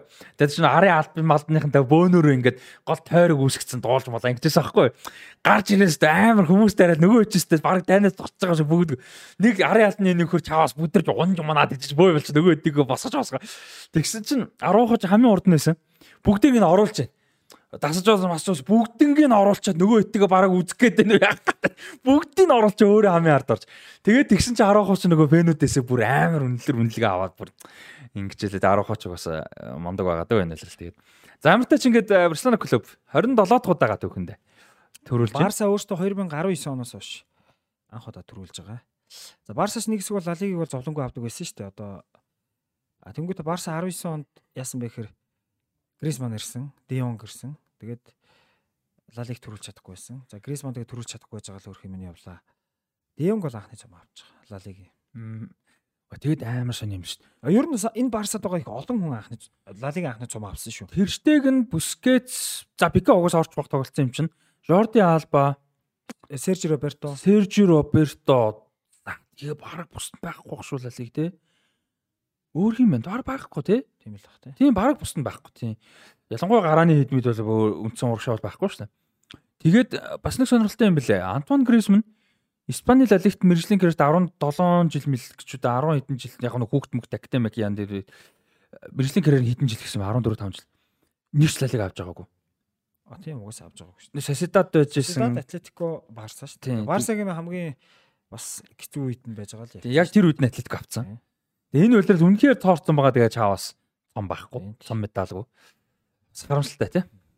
А за өөр чинь ямар стат юмуд байлаа да энэтэй холбоотой. За Реал бол сая Хетафыг хоцсон байлаа. Гэхдээ Реал бол ихэнх гол тоглож амарсан байл. Хоёрдугаар бүлтэн гаргасан гэс тий. Тэгээ нөгөө Азар тэргүүтээ нэгтэй сайхан тоглож. Азар бас харамсалтай. Яамаар юм бэ? Азар чи 24 онд болов гэрэн. Тийм л байгаа бах тий. Тийм бах тий. 24. 24 юм. Азарын 19 онд аваад 5 баггүй 5 жил баггүй. Тэг хөөргө одоо дуусаад тэгээд яамаар юм бэ ч одоо тэгээд энэ зам явах уу? Тэг яг тэг нутгал утсан шүү дээ. Нутгал утсах бах тий. Асар ер нь ингээд Франц ч юм уу. Манай Францд очих уу? Яа би бол ингэж зүгээр одоо топ хэмжээнд бол дууссан гэрэн угаас. Зүгээр ингэж нөгөө нэг юм сэтгэл санаа тааруу дуусгаснаас муухай дууссан тийм зодог тайлахгүйгээр зүгээр лийлмэл ч юм уу те очдөг ч юм ингээ Францта ч юм уу ингээд очоод өндөр топ хэмжээнд биш дундаж хэмжээнд айгүй гоё нэг үйлрэл тоглоод нэг хоёр үйлрэл тоглоод зодог тайл ядаж сэтгэлд нь за бид нар тэгтээ юу яагаад шүү. Эдийн насаар залуу шүү дээ. 32 настай те. Одоо маний тоглоно хөлөмөхтэй айртай юм чинь топ төвшөнд биш ч гэсэн Тийм яг би гол нь хэлж байгаа нь топ бол туссаа гэж байхгүй. Түүнээс ч тоглох байхаа зодог тайлнаа. Зөв нүг зодог тайлах яагаад эргэцэн гэхээр нөгөө чадварт нь хэлж байгаа биш гэмтэл нөхгүй. Гол нь гэмтэл хүртэл асуудал хитрхи их байна те. Тэр нь бас асуудалтай. За ингээд Испани лиг дууссан. За мэдээж Реал Мадрид тоглолт бол байгаа. Нэг цом Испани эзааны цомд бол төрүүлж гисэн байгаа. Аврал лигийн хариу тоглолт. Мэргэн бууч юм байна. Мэргэн бууч Левандовски. За ингээд сая 2 голыг хийгээд 21 дэх гол оруулж. За бүх тэмцээний өрөөнд 31 дэх гол нь. А сүүлчийн 12 үлрэлт бүх тэмцээний өрөөнд 30-аас дэш гол. Биш 25-аас дэш гол оруулсан байлээ. Тийм. Тэгээ бүх тэмцээний өрөөнд тийм тэнгуүтэй лигийн өрөөнд сүүлийн 9 билүү 10 дахь улиралдаа 10 20 20-оос дэш гол оруулж байгаа юм байлаа. Ер нь бол нэг 10-аас 12 улирал бол үнэхээр мундаг байгаа юм бэлээ. Левандовски цаа чи Германд мэрэгэн бурсын лист алаан болж байна шүү дээ. Нэг тэгж байгаа тий. Левандовски байхгүй. Фулкруг энэ төр нэгт яваад одоо юу болж байна? Фулкруг нэгт явж. Дөрөв тоглолт үндсэн чинь нэгт л явж. Тийм үү? 16 гол шүү дээ. Гэтэл Левандовски 16 гол чинь 12 сар гитээ явж идэг байсан шүү. Хааланд Левандовски өрч сайн 2 3 үйлрэл божигноллоо шүү дээ. За шууд ингээ бүнцлэг рүү орчих юм. За тэгээ тэгээ. Тэгээ. Ла лиг дээр чинь дурдах юм юу бол хараа тий. За за за тэгээ. За бүнцлэг рүү орчих. За бүнцлэгийг сайхан яри. За бүнцлэг сонио чи юу бол чинь зүгээр шууд энчнээс эхэллээ. За яста юмгүй байна. Яг лиг болоод бүр одоо хизээч Баерны 10 жил ноёрхолд ч ийм өрсөлдөөн бол байгаагүй юусэн. Үнэхээр супер ойрын хэдэн жилийн 2002 онд нэг ийм өрсөлдөөнтэй явж ирсэн. Ливеркузен Дортмунд хоёр нэг нэг онооны 4 онооны 3 онооны нэг л зөрүүтэй ингээ явж ирсэн нэг тэр үйлрлийн төгсөлд ердөө нэг оны дөрөвдөө Дортмунд төрүүлжсэн. Яг л түүнээс хойш одоо ингээ 21 жилийн дараа ийм сонирхолтой өрсөлдөөн шиг Германд гарч ирж байна. Тэгээ Дортмунд сүүлийн үед ч ингэж Баернтай ингэж ин тэнцүү бол яг үндэ асалцдаг. Яг үндэ бүр хожлын тоогоор бол лигт нэгт байгаа шүү дээ. 21-ийн ялалт байгуулсан. Мм. Баер нь бол хожлороо нэг хожил бас дутуу байгаа. Тэгээ яг хөө зүгээр энэ үлрэлт дэндүү хайнг дуулсан улирлын төрш чанартай байх хэвээр нэг тийм аврагын зангаргууд мэдээж харуулж чадаагүй те. Түүнийхэн горыг одоо ингээм амсан явж байгаа шүү. Дими Тий, алдсан. Дими оноо зөндөө алдсан. Штутгартын эсрэг улирлын ихэн дээр 86 дахь минутаас хойш 3 гол алдаж Бремен Тий, Вердер те. Тий. Тиймэрхүү яалагдлуу сая дээр боохмын эсрэг гэсэн Гэтэ боохомд бол бас тэр шүүгчийн маргаан орцсон нэг юм бас асуудал бас герман сая үүссэн. Нэг юм болоод байна. үг үг гэж хэлвэл юу вэ? Тий, Тий, Адеми дээр. Штег нь бүр тоглолтын дараа сошиалар за энэ бол 11 метрийн тургацд өөх алдаа байжээ. Миний буруу гэж хэлсэн одоо. Тэр тиймэрхүү сонирхолтой сонирхолт ийм өрнөлтөө юм их гоё ярих юмтай хараад одоо бас нэг үзэж харах ярих юмтай нэг тийм гоё үлрэл германд болоод жишээ болж байна. Тэгээ одоо үлрэлийн үлд чинь хоёр тойрогоос бүх зүйл шалтгаалж болчиход байна. Мм. А тэгээ энэ хоёр тойрогоос Боруссия Дортмунд бол Аугсбургтэй тоглоно. Талбай дээр нь. Нь. талбай дээрээ Майнц. Майнцтай. За. Майнц нь жоохон таарахын байгаа. Мгм. А Аугсбургийн талбай дээр очин Дортмунд бол бас их айцтай. Мгм. Зочлон тоглолт Дортмунд энэ жил маш муу хийж байгаа.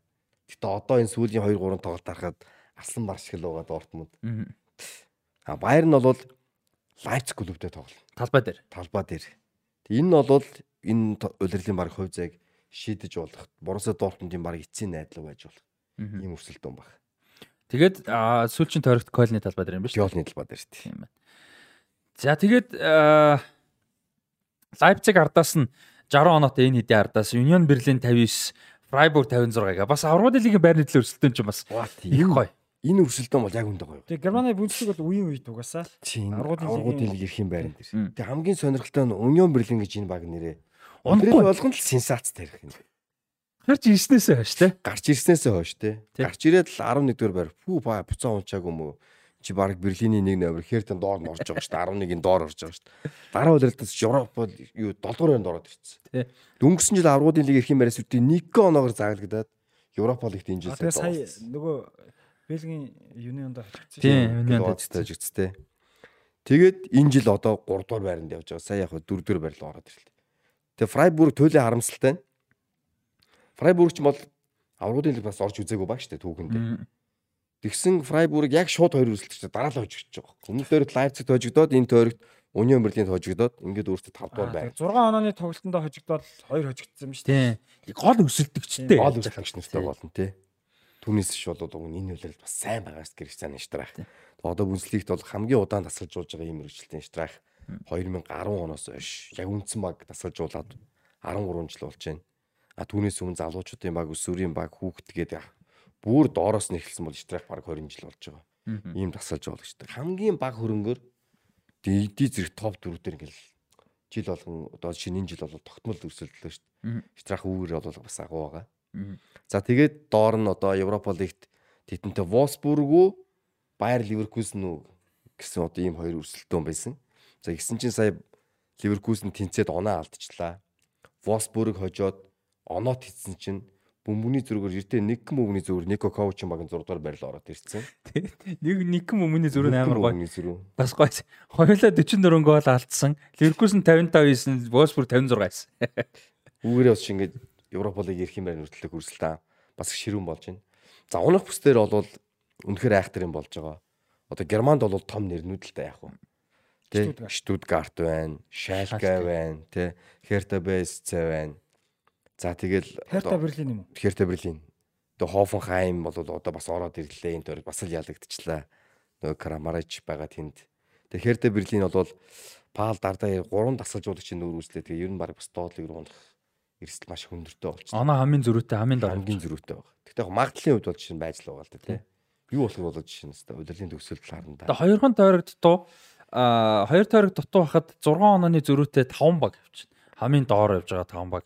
Hoffenheim, Bochum, Schalke, Stuttgart, Hertha Berlin 5 онооны зөрүү 7 онооны зөрүүтэй. Тийм.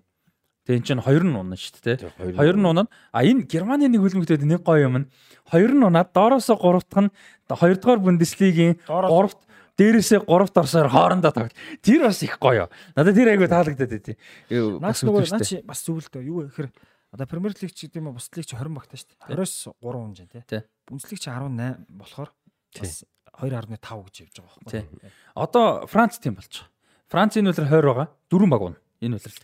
Доороос хоёрхан баг гарч ирнэ. А тэгэл 18 болчих. жоох. 18 болчих тий. Франц 18 болж юм уу? 10 болчих. Тий. Энэ үлрэлт дөрвөн баг байна шүү дээ. Одоо Франц дээр чи тэр доор чи бүр амар болж дөрөв баг унах гад. За тэгвэл Парис наач хэрэг зөөлөж болсон. байгаа юм байна тий. А тэгтээ энэ дөрвөн журмал чинь юу яач нилийн эртнээс гаргаж байгаа. Тийм баг. Тэ 2 3 жилийн өмнөөс яг зарлаад явж байгаа л да.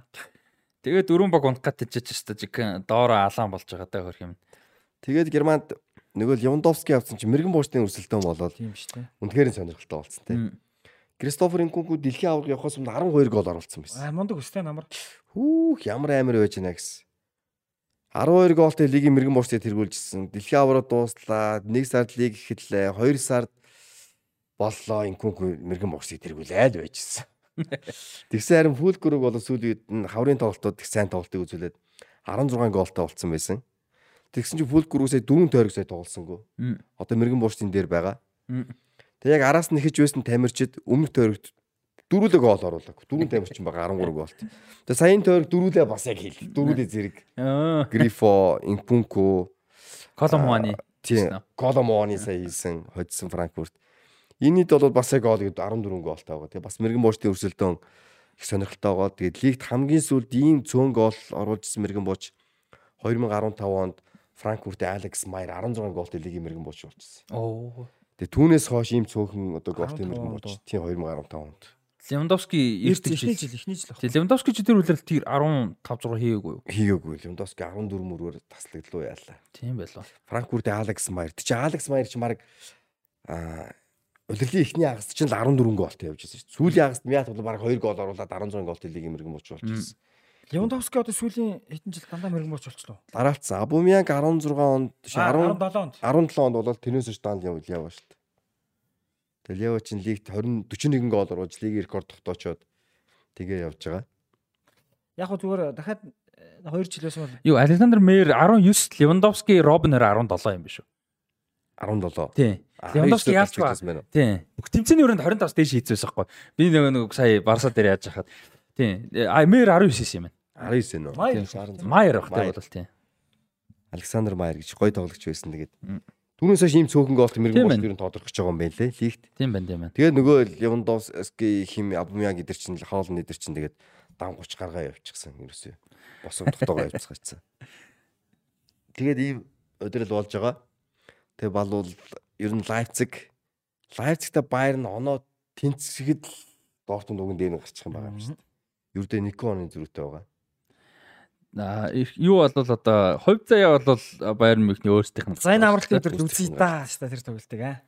Тэгээ Баер Мюнхентэй удирлын төгсгөлд цагийн сарны ч 3 сард Бундслигийн аврагын үзэг шийдэж явж идэг байлаа шүү дээ. Гэл өнөөдөр өөрсдөө бүр ам насаа аврах гад нэр хүндээ аврах гад Бундслигийн аврагын төлөө ингээд өдид өрсөлдөө явж байна. Ер нь бол яг хөө зүгээр Баер нь илүү хямрсан гэхээсээ илүү зүгээр удирдлагын хямрал гэдэг юм бол жишээ нь Германд болж байна. Юм нэг бол Германд ингэж нэрлэж байгаа. Түүнээс баг бол нэг хямарчаад байгаа юм бол байхгүй. Тэдний буруу шийдвэр, үл ойлголцол, агарал, хагарал зүгээр удирдлагын төвшөндөө шүү дээ. Ийм зүйлүүд болж байна. Буруу 8 Мгм. тий. Бодлогогүй төрүүлж ам нээснийхаа төлөө энэ жил Баерн хохироо явж байгаа байхгүй юу? Түүнийхээ төлөө хоолндыг сонирхсныхаа төлөө Илто зарсныхаа төлөө Роберт Левандовски гомдоогоод явуулж байгаа. Эцэст нь энэ жил 9 номерын тоглогч өнөөдөр ийм байдалтай ингээд аврагуудын лигээс ч ирт мултраал Европа лигээс ч юунаас Германы цомын тэмцээнээс ч ирт мултраал ингээд явж. Тэгээ энэ бол удирдлага ямар чухал вэ гэдгийг бол Германд харуулсан юм үйл явдал жишээ. Байерн Мюнхен үлгэр жишээ болоод явж байгаа гэдэг бол туйлын сонирхолтой болж байгаа. За өнгөрсөн үйлрэл бол Эрлинг Холланд санал одоо холбогдсон юм байна шүү дээ. Тэр нь Левандовски гомдооцсон юм байна. Тэгээд Левандовскигийн одоо Баер нь өөрөө Левандовски ч тэгээд нөгөө Баернаас зүтгэсраагаад явсан шүү дээ. Тэгсэн бүр ямар Шалтгаан бол тэр юм байна, тийм үү? Шалтгаан нь бол ерөөсөө тэр байсан. Намайг ийм баг Левандовски өнгөрсөн жил сайн Амар байсан, байсан, амар байсан. Супер байсан. Угсаал амар шүү. Тэ. Тэгэхээр тийм үед Левандовскиг ий тоглож явах үед Салихамичич тэнд Эрлинг хоолндыг судлаад, үнийн судлаад, ингээ ил тод зарлаад ингээд бүр явж Уг нь мөн Салихамажи чинь буруучлал дээр нэг Баерн ч тэгэл дотоодоос түүдэг л тий. Тийм. Тийм ингэж яаж яаж Левандовски гомдоод явуулж исэн. За одоо удирдлага дээр за нэгэнт одоо сайхан бүнслэгийг ярих дээр нэмээ те. Баярны удирдлага дээр ер нь юу вэ? Би тэр бол товчхон зүгээр өмнөх дугаар дээр нэг хальт ярьсан. Салахамидч Үлэн Онесын энэ хоорондоо ямар икан гэдэг. Тэрнэр нэг гоо сайхан дэлгэрүүлээд ер нь баярны удирдлага юу болж байгаа, ямар системтэй байгаа, юу өндөс суурь нь болчов, цаашаа яавал зүгээр вэ гэх нэг сайхан. За бас тэр нэг хайнер гэж яг яадаг хүн юм. Энийг гоё нийлүүлээд. Яг хуу зүр энэ муудсан зөрчил шалтгаан бол өнгөрсөн жил эхэлсэн байна гэж би ойлгосон зүгээр. Хин Оливер Кам бол мэдээж Баер нь ямар байх хэвээр үргэлж мэддэг тий Баер нь бол дандаа дээд түвшинд байх хэвээр гэдгийг мэддэг хүн. Дандаа тим хязгаарч юу н тавьдаг тий тэгээд ер нь бол өнгөрсөн жил Юлиан Нагсман зөв буруу сэлгэнээсээ болоод хэд хэдэн тоглолтод оноо алдсан юм байна. Сэлгээ ерөөсө буруу хийгээдсэн Тэгээд Юлиан Нагсманы зарим нэг энэ шийдвэрүүд тамирчтай ч гэсэн ер нь таалагдаагүй юм байна. Хувц солих өрөөний уур амьсгал жоох эвгүй болсон юм байна. Тэгсэн аврагуудын лиг дээр Валерал дээр Баер нь Хасагдсан шүү дээ. хасагддаг. Тэ? Тэг чин сүүлд нь хин гол хийгээд чин тэнцүүлээд жишээ нь Валерал цаашаа гараа авчиж байгаа байхгүй юу? Тэгээ тэрэн дээр бол сэлгээ буруу хийснээс болоод тэнд одоо цоорхоо үсээд жишээ нь Валерал гол оруулж байгаа. Аа химлээ Валералын энэ жил Атлетико руу шилждэг чинь. За тэгээд тэр шийдвэр ерөнхийдөө Оливер Кан таалагдаагүй. Ер нь Юлан Нагсман хувц солих өрөөний хяналтаа ер нь алдчихээн. Ер нь бол баг өөр хүн баг олох хэрэгтэй мэй гэж. Ер нь бодохын үед бол өнгөрсөн жил ботцсон байсан юм байна. Гэхдээ нөгөө шийдвэр гаргалт те.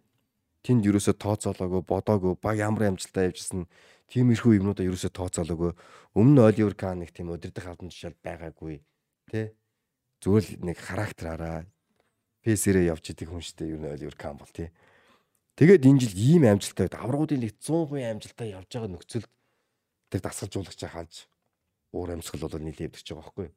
Яг зөв шийдвэр гаргасан нөхцөл бол баг нь хожигдсны дараа Юлиан Агс нь өөрөө цанаар гулах гээд амралтанд өөрөө гараа яваад өгсөн юм байна. Энэ бол Оливер Кан нь баг дүрсэтэл уурлуулсан гэж салхи хамчиж барих.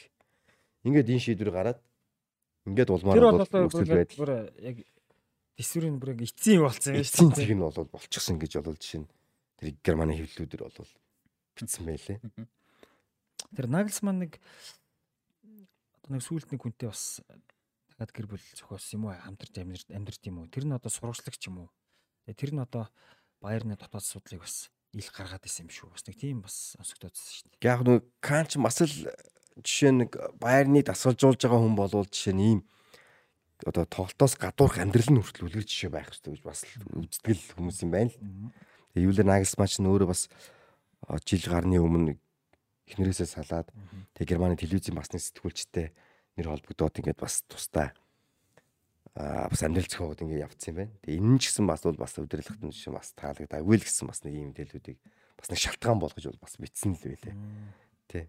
А Тэгээ нэг болохгүй болоод ирэхээр мэдээлэл нь гардаг байсан гэдэг тэр бол ноцтой шүү дээ. За хүний Тийм. амьдрал ямар ч яж болно. Ямар ч болно. А гэхдээ тэр мэдээлэл бол гарч болохгүй шүү дээ. Одоо тэр дотоод мэдээлэл э, одоо юу гэдэг нь тийм нэг э, тийм холбоогоор гарна гэдэг. Тийм Тэр яг тэр нь яг баттай харин тий баттай юу. Бацтай үгүй би бол яг үнэхээр хэлж. Аа. Тэр хевлүүд бол тэгээ шуугаал юм лээ. Шар хевлүүд. Мм. Аа жишээ нь Германд бүгд л шар хевлэл их юм явдаг л да. Зүгээр хамгийн зүгээр баттай их сурвалж тэдний мэдээлэл итгэж болох жишээ нь бол аа тэгээ билд кикер зэрэг бол байдаг да. Тэд нар хүртэл тэгэл бичсэн л байлээ. А тэгвэл бас тэд нар чинь бас бичгтэй те. Энэ нь бол бас нэгэн хүчин зүйл шалтгаалсан жилүү бас нэг үгээр нэг дончтой тэгэл нар чинь бас биччихсэн л байлээ. Тэг яг нэг хатуу тийм бол бас нэг байхгүй юм байна. Практ бол байхгүй юм байна. Зүгээр байрны босгон дээр байрны л нэг тийм цагийн л асуудал байгаа байхгүй. Тэрэн дээр бас нэг юм сонсчихсан би нөгөө нэг э, герман хөлбөмбөгийг бичдэг нөгөө сэтгүүлч сонсчихсан чинь ингээд нөгөө юм нь болохоо л гэж өөлх юм нэх болчихдээ шүү дээ. Тэгсэн чинь Агelsман яг юун дээр хүртэл одоо фэнүүд нь шүмжилж байсан гэсэн чинь том жип ундаг гэж хүртэл шүмжилж байсан гэж байгаа. Тэр нөгөө нэг тэгдэг юм байна л да. Герман ч нөгөө нэг яг Америкт ч юм уу баруун Европ шиг бас нэг тим биш те нөгөө машин унаа тэр нэг одоо чинь Англи Премьер Лигт одод нэг сүртэй машин унаал явж нэг тоодгүй шүү дээ. Обамян Феррари унаа явж л байдаг те. Тэгээд байдаг л юм те. Од тэд нар чи ингээ супер од хүмүүс болцоод. Тэгсэн чи Германд бол хөлөөлт өөр гэж байгаа. Тэгсэн чи ингээ нэг том жиптэй л юм байна л да. Тэрийг хүртэл Америк шүүмжилсэн гээд Германы зүгээр энгийн хүмүүс нь хүртэл чинь Герман том жип юус хардггүй байхгүй. Би хоёр ч удаа бас нэг боломжтой ойдтойгоо хоёр удаа явж исэн Германд. Би бол чинь Берлин жип бол олж харахад ер нь ховорхон олж харж ирсэн. Германч ч өөрөөсөө нэг тийм эко хэрэглээтэй хүмүүс те бензин баг хэрэгэлдэг жижиг тэгээ амжиргаанд нь хүрэлцсэн тэгээд тийм л жижиг Тэгээ хотууд нь машин байх шаардлага бага. баг Тэ нөгөө нийтийн юу сайтай. сайн хөгжсөн, Тэ, тий. Нийтийн дээр. жип мөфиг бол зөвхөн л харна өөр хотуудад баг бол жип бол олж харахгүй тэгээ тийм сэтгхүүтэй хүмүүс тэр юу л наагасан жип унаа яваад харч болоод бас Харин тэр нь бас гоё. шүүмжлэх өөсгий бол бас гараад ирж байгаа байхгүй те Тэгсэн л байл та. Тоглогч нь бол жишээ нь бүгд клубээс тавьж гисэн аudi л унж байгаа шүү дээ Тийм шүү дээ нөгөө команд команд л өөр машин унж нэг тий одоо аудиг өөрчлөлтөгч машиныг унж явж байгаа банд- бандуулсан байлээ шүү дээ. Бас гэтээ нэг юу бас ядаргаатай юм шиг байгаа маа тийм топ класс яг зөвхөн байрны жишэлтэй бүхэл усынхлах энэ топ клубүүдийн нэг шаардлага мардлага юм бас ядаргаатай л юм шиг байна. байх гадуурх амьдрал нь Тийм бас нэг хэцүү, тий. Одоо чинь тэгдэм байлээ шүү дээ. Ингээд Nike-ийн клубийнх тэгээ өөрөө Nike-ийн спонсортой зүгээр нэг зүгээр ингээ хувцас аддаас өмсөө явчих болохгүй тий. Зүгээр тэрэндээ яаж хүн чинь нэг байнга тэрэнд анхаалал бол гэртээ байгаа нэг юм углаа гарчдаг тэр нь айг бол болохгүй болж таардаг тий. Тэгэл нөгөө нэг одоо чинь United-ийн тоглогч нэг Chevrolet-ийн өрсөлдөгч юу гэлээ нэг унцан Америкт явж таарсан нөгөө түрээсийн машин Америкт дун аялж байхдаа тэгсэж тэр нь бас яадаг идэг торгосон моргосон. Бас нэг э, нэг тиймэрхүү нэг ядаргаатай бас байдаг юм шиг ба. өчнөө бид нарт чинь Тий.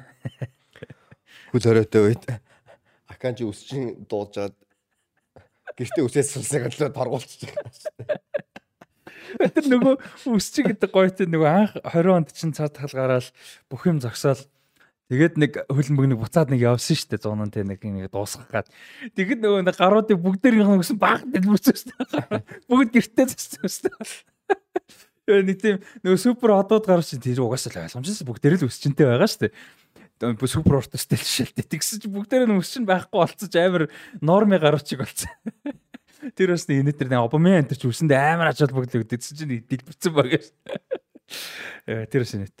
За Германд А Байер Мюнхен ингээ удирдлагын асуудал бол байгаа маань. За одоо яавал зүгээр ер нь а дээрээс нь тэр Хайнер гэж хэм блэ? Хайнер Ямар Хайнер лээ? Herbert. Herbert Хайнер. Herbert Heiner. Үгүй адидасан захирал байсан. Аа. Тэгээ ер нь яг хөө зөв а клуб Германд бүх клубүүд зүгээр жишээ нь хувь хүний эзэмшил чийдэж байдгүй. Клубын одоо эзэмшил бол байдаг. 50 дээр нэмэх нэг. 50 дээр 51% те байх ёстой гэж үздэг. Тэгэхээр Herbert Heiner бол яг хөө зүгээр удирдах зөвлөлийн л тэргүүлэгч дарга те одоо жишээ нь 5 сарын 22-ны өдөр удирдах хяналтын зөвлөл гэж том зөвлөл байдаг. Баяранд энэ зөвлөл хуралдах чинь. Тэгээ энэний дараагаар бол Herbert Heiner мэдээж урлаа тэргүүл ахлын ажил нь бүх шийдвэрүүд Herbert Heiner-аар бол дамжиж гарна. Herbert Heiner Баяр нь бол ганцхан хөлбөмбөгийн клуб биш байхгүй юу? Тэр чинь дотроо сакс, хүвэлбол бүх бүх төрлийн спортууд байгаа шүү дээ. Тий. Энэ бүгдийг багцлсан яг удирдах зөвлөлийн дарга нь Herbert Heiner. Яг эцсийн шийдвэр томилгоо Байгуулгын дарга, тий. Байгуулгын дарга байхгүй бүр тий. Тэгээ одоо чинь хяналтын зөвлөл хуралдах чинь ганцхан одоо нэг тийм бүр ерөнхийлөгч ингээ шууд шийдвэр гаргачихгүй байгаа даа шүү дээ тий. Herbert Heiner чи юу надад таалагдахгүй чамайг ажлаас хаалаа гэж шууд тийм баг. Абра биш шүү дээ. Абрам шүү дээ. Энд чинь одоо ингээ хяналтын зөвлөл хуралдаад энэ хоёр хүний ажлыг дүгнэх гэж байна. Тэгээ дүгнээд хуралдаад тэрэн шийдвэр гараад ажлынхын үр дүн ямар ямар шийдвэрүүд гаргасан. Хоёрын шийдвэр дараа ямар үр дүнтэй болсон тий. За ингээд сайн энэ үр дүнтэй болсон юм үгүй юм уу? Одоо шинэ чи Мацрууг яах гэж ивэл 100 авчирсан. Граунберхийг яах гэж авчирсан. Тийм байна. Тэ. Тэгээ бинж тэр хоёрыг авчирч ирсэн бол паварыг яах гэж тооцоолж ирсэн. Гэтэл павар чи энэ үлрэл 5-2-д бүр аминд орлоо хоёр. Тэ. Гэтэл одоо Байер нь павар дээр гэрээг сунгах гад яриад явчихна. Ингээд сунгах гэсэн бол Мацруу энийг яах гэж авчирсан та нар юм. Станисичийг яах гэж ирсэн. Масрав тоглохгүй ч сая л нэг тоглосон. Сая л одоо жишээ нь ингээд зүүн зүгрийн асуудлаас болоод Мацруу тоглож байгаа байхгүй юу? Төвийн хамгаалтын асуудал, Пумикар болоо павар төвийн хамгаалтын тэн шийдэл. Аяксаас ч баахан авцсан биз дээ. Сая Тийм шүү дээ. нөгөө Тэгсэн. хэнийг авцсан шүү дээ. Гравенберг, нөгөө Блиндийг авцсан сая. Тий дэг Блиндийг авчих үнэгүй юм уу? авцсан. Оо, Тийм үү? Тий. Блинд тоглосон юм уу зайлвал? Бидний тоглох ганц тоглолтны сэлгэнээс гарч ирсэн өөр тоглоог. За тэгээ одоо 5 Тэгээд нэг юм их одоо 22-нд энэ хоёр хүний одоо ирээдүй бол шийдэх. Тэдний хурал бол амар л амар тоо. Амар хурал. тий. Тэгээ манай хоёрыг нь пялах юм биш үү баг. Хүн олдохгүй байгаа гстераас тий. Гал байгаа. Одоо бас тийм асуудал байна тий. Одоо нөгөө нэг юуных чинь Барин ч дотроосоо дандаа нөгөө нэг туршлагатай хүмүүсээ гаргадаг штэ. Тэгсэн чинь одоо нөгөө нэг Салихамидзич Кано ирж орлого хүн байхгүй юм шүү. Яг мэдээж одоо тэгээд жишээ нь Швани Ламам гэл хүмүүс жишээ ганц хоёрын шуумнууд явж л байна л л. Одоо Швайны чинь медиар салбар орсон. Ана Иванович тэр чинь нөгөө медиа. Америкт байгаа шүү. Тийм Америкт нөгөө медиа бизнес бизнес. Лам чинь 26 оны еврогийн захирал юм байна шүү дээ. Тэгсэн чинь ийм байдал болсон 4 байна. оны евро. 24 уучлаарай тий 24. Аа оо юу ярих ийм л батсан. Дам. Дам Швайнштайгер. Спортын Гүн рүүгээ 2 минут руу орно шүү. спортын захирал евро. Спортын нь бид спортын захирлыг зүгээр л нэг цодог тайлсан мундаг домог усан таймерчтай тавьдаг нэг тийм бэлэг тэмдгийн албан тушаал гэж боддог гэсэн тий. Гэтэл энэ жил бол энэ хоёр хүн тийм биш юм аа гэдгийг бол үнэхээр харууллаа тий. Чадвар хөрөхгүй нэ. Дортмунд өнгөрсөн жил бас тэгсэн шүү дээ. Одоо Лайпциг тасалж болж байгаа Марко Розе Дортмунд тасалжуулсан. Гэрээ дуусах болоогүйс бас хяналтын зүйл хуралдсан. Үр дүнгийн хурал хийгээд тэгээ Марко Розегийн гаргасан буруу шийдвэрүүд дээр аналист хийгээд бүр тусдаа аналист авчирч байгаа шүү дээ. Тоо аналист хүртэл авчираад. За ингэж ингэж одоо ийм алдаа алдаа гаргасан. Ийм шилгээ хийсэн чинь энэ буруу болсон мэс. Бүгдийг тоочоод ингээ Марко Розетэй за ингэж хамтарч ажиллахад хэцүү байна да Марко Розе ийм шийдвэр гаргаад их юм бол чиний клубын ирээдүйн зорилгод юу нийцэхгүй юм шиг шүү. Яах вэ чи? Ажлаа өөрөө өгөх юм уу? Эсвэл яах? Халах юм уу? Тэ? Бид тэр халах юм уу? Ингээ Марко Розе олж Төлбөр төлнө шүү төлбөр дээ. дээ. Болж үл өөрөөр нь Розе өөрөө өөрөө оноо өргөтөөг явсан шүү Ер нь бол хүн бол өөрөө өгвөл бас цэвэр шүү дээ. Одоо ер тийм нь өөртөө цэвэртэй. чи өөрөө өргөлөө өгөрөөл гэдэг шүү дээ. Ер нь дарга бол тий. дээ. Тэгээ ийм хяналтын зүйл байжсан бас тэр гэрээнд нусагддаг байхаа. Тэгээ энэ бол дүн шинжилгээний чиний амжилт үнэхээр өрөхгүй болов те. Нагас манайх чинь хурал авсан бол тэнцэх байхгүй? Аврагуудын лиг 8 тоглоод 8 одсон юм чинь. Бүсгийн аврагын шанс нь байж байгаа. Тийм тий. асуудалгүй явж байсан шүү дээ. Тэгэхээр Тэгээд тэгээд ядж хад одоо хүртэл цалин аваад явж байгаа. цалингаа аваад явж байгаа шүү. Юу нь ясан юм дээр би бол жишээ нь тэр Тоттенхэм дээр бас тэгж хардж байгаа. Тоттенхэм одоо Байернд ажлыг багахад л тэндээс баг цалин өгье гэсэн баг гэж бодоод. Яг Тоттенхэм ч нөгөө нэг яригдсан гэрээ зунаас л та. Тий яг зураас л та. За түүхлийн ирээдүй ямар вэ? Түүхлийг олоо бол хаач өмөрч байгаа. Аа мөрж байгаа тий. Хёнес ч өмөрч байгаа. Герман эвлүүч өмөрч байгаа юм. Гэтэ бол Томас Тюхлийн одоогийн гаргаж байгаа шийдвэрүүд дээр бол бас сая тэр Майнцтай хожигдод бас л айхтар шүмжилсэн л байлээ. Гэхдээ Тюхэл болохгүй байгаасаа биш, удирлаг болохгүй байгаа гэдэгт нь тодорхой болцсон тий. Тэгэхээр Тюхлийн баг бол эргэжил бүрдэнэ. Энэ зам бүрдэх хэвээр. Тюхлээс эргэжил амжилт нэх хэвээр. Үр дүн нэх хэвээр гэсэн юм байдалтай. Гэтэ яг Тюхэл одоо мэдээж хамгийн ихэнд зүрийн тоглогчл авч таарна. Энэ хүн юм байх вэ гэдэг Тюхлийг бол баг Осимхэн Англиас юм уу? Тэ? өөр юм байна. Консоло Рамш. Росоо хэл гэж бодоод. Jonathan David энэ төр арай бодлоо те. Яг цэвэр. Давидын нэр бас мөн бас яригдж л байлээ. Язах гэхдээ цэвэр яг. Моныга авчих юм шүү. Коломоны нэр бол тэ? хамгийн их яригдж байгаа. Би бэлэн бүнцлэг те. Тийм бэлэн үнслэг. Маркус Тирам гэхээр арай жигүүр болчиход байна те. Яг Турам энэ жил ингээл үн үзүр дээр тоглосон л доо. Сайн ч тоглосон юм нь бол өөр бэртэл авцсан. Тийм. Одоо л тоглож чадахгүй байна. Гэхдээ Байерн илүү бас л чанарлаг юм хүсээд. Мөнгийг бол жишээ нь Оливер Кан харамгүй гаргана. Үнэхээр супер тоглогч авна гэжсэн. Өвөл бол жишээ нь Хари Кен гэл Оливер Кан яриа явжсан. Одоо зүгээр сүүлж сүүлж баг яриа өгч байлаа дөө манай. Одоо тэгээд урт хугацааны ирээдүгөө бодгоо шууд амжилтаа бодгоо гэдэг юм байна л да. Одоо Кейнийг авна гэвэл урт хугацааны амжилт биш шүү дээ. Одоо гэх. Тийм. Аа, Осимен энтер Коломоны энтергүүл арай нэг өөр юм болох гэдэг те.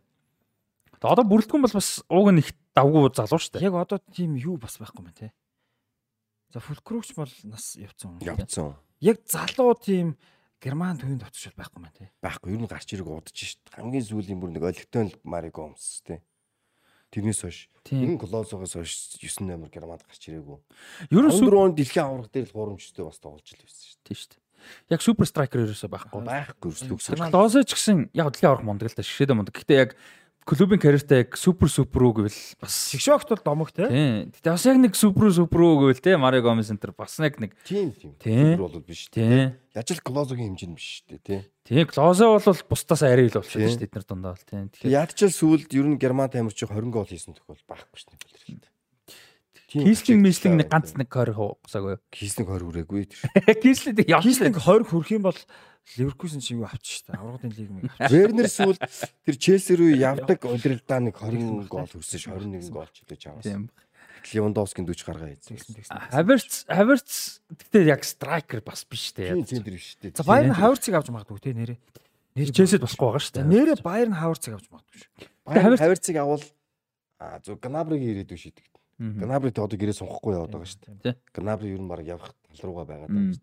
Хэрэг Гнабригийн орлогчоор бол Хаверц байж болох. Тэг Гнабриг оронд олж болж байгаа. тий. Тий. Яг страйкер гэхээсээ илүү тий. Гэтэл ирэх чинь шаардлагатай ирэх чинь Европын авраг болох гээд байдаг. Тий. Европын авраг Германд болох гээд байдаг. Нөгөө алдагдсан нэр хүндийг нутагтаа сэргээчмээр байдаг. Гэтэл энд Гнабрын огт хэрэггүй юм биш. Айхтар хэрэгтэй юм баггүй. Тэгэхэд Герман тоглогч Германы аль нэг топ багт топ тоглолтыг үзүүлээд нь байж байгаа дээ. Гэтэл Герма- Гнабрыг одоо хайш нь явуултай байл. Одоо чинь ийм асуудууд үүсээд байна. Одоо лам түрүүн нөгөө захирал болсон гэж хэлсэн тий. Чи одоо Германд бүр тийм зохион байгуулах бүр ингээд шигшээ бага баг аврах тийм одоо хороо жишээ нь байгуулагчаад байна.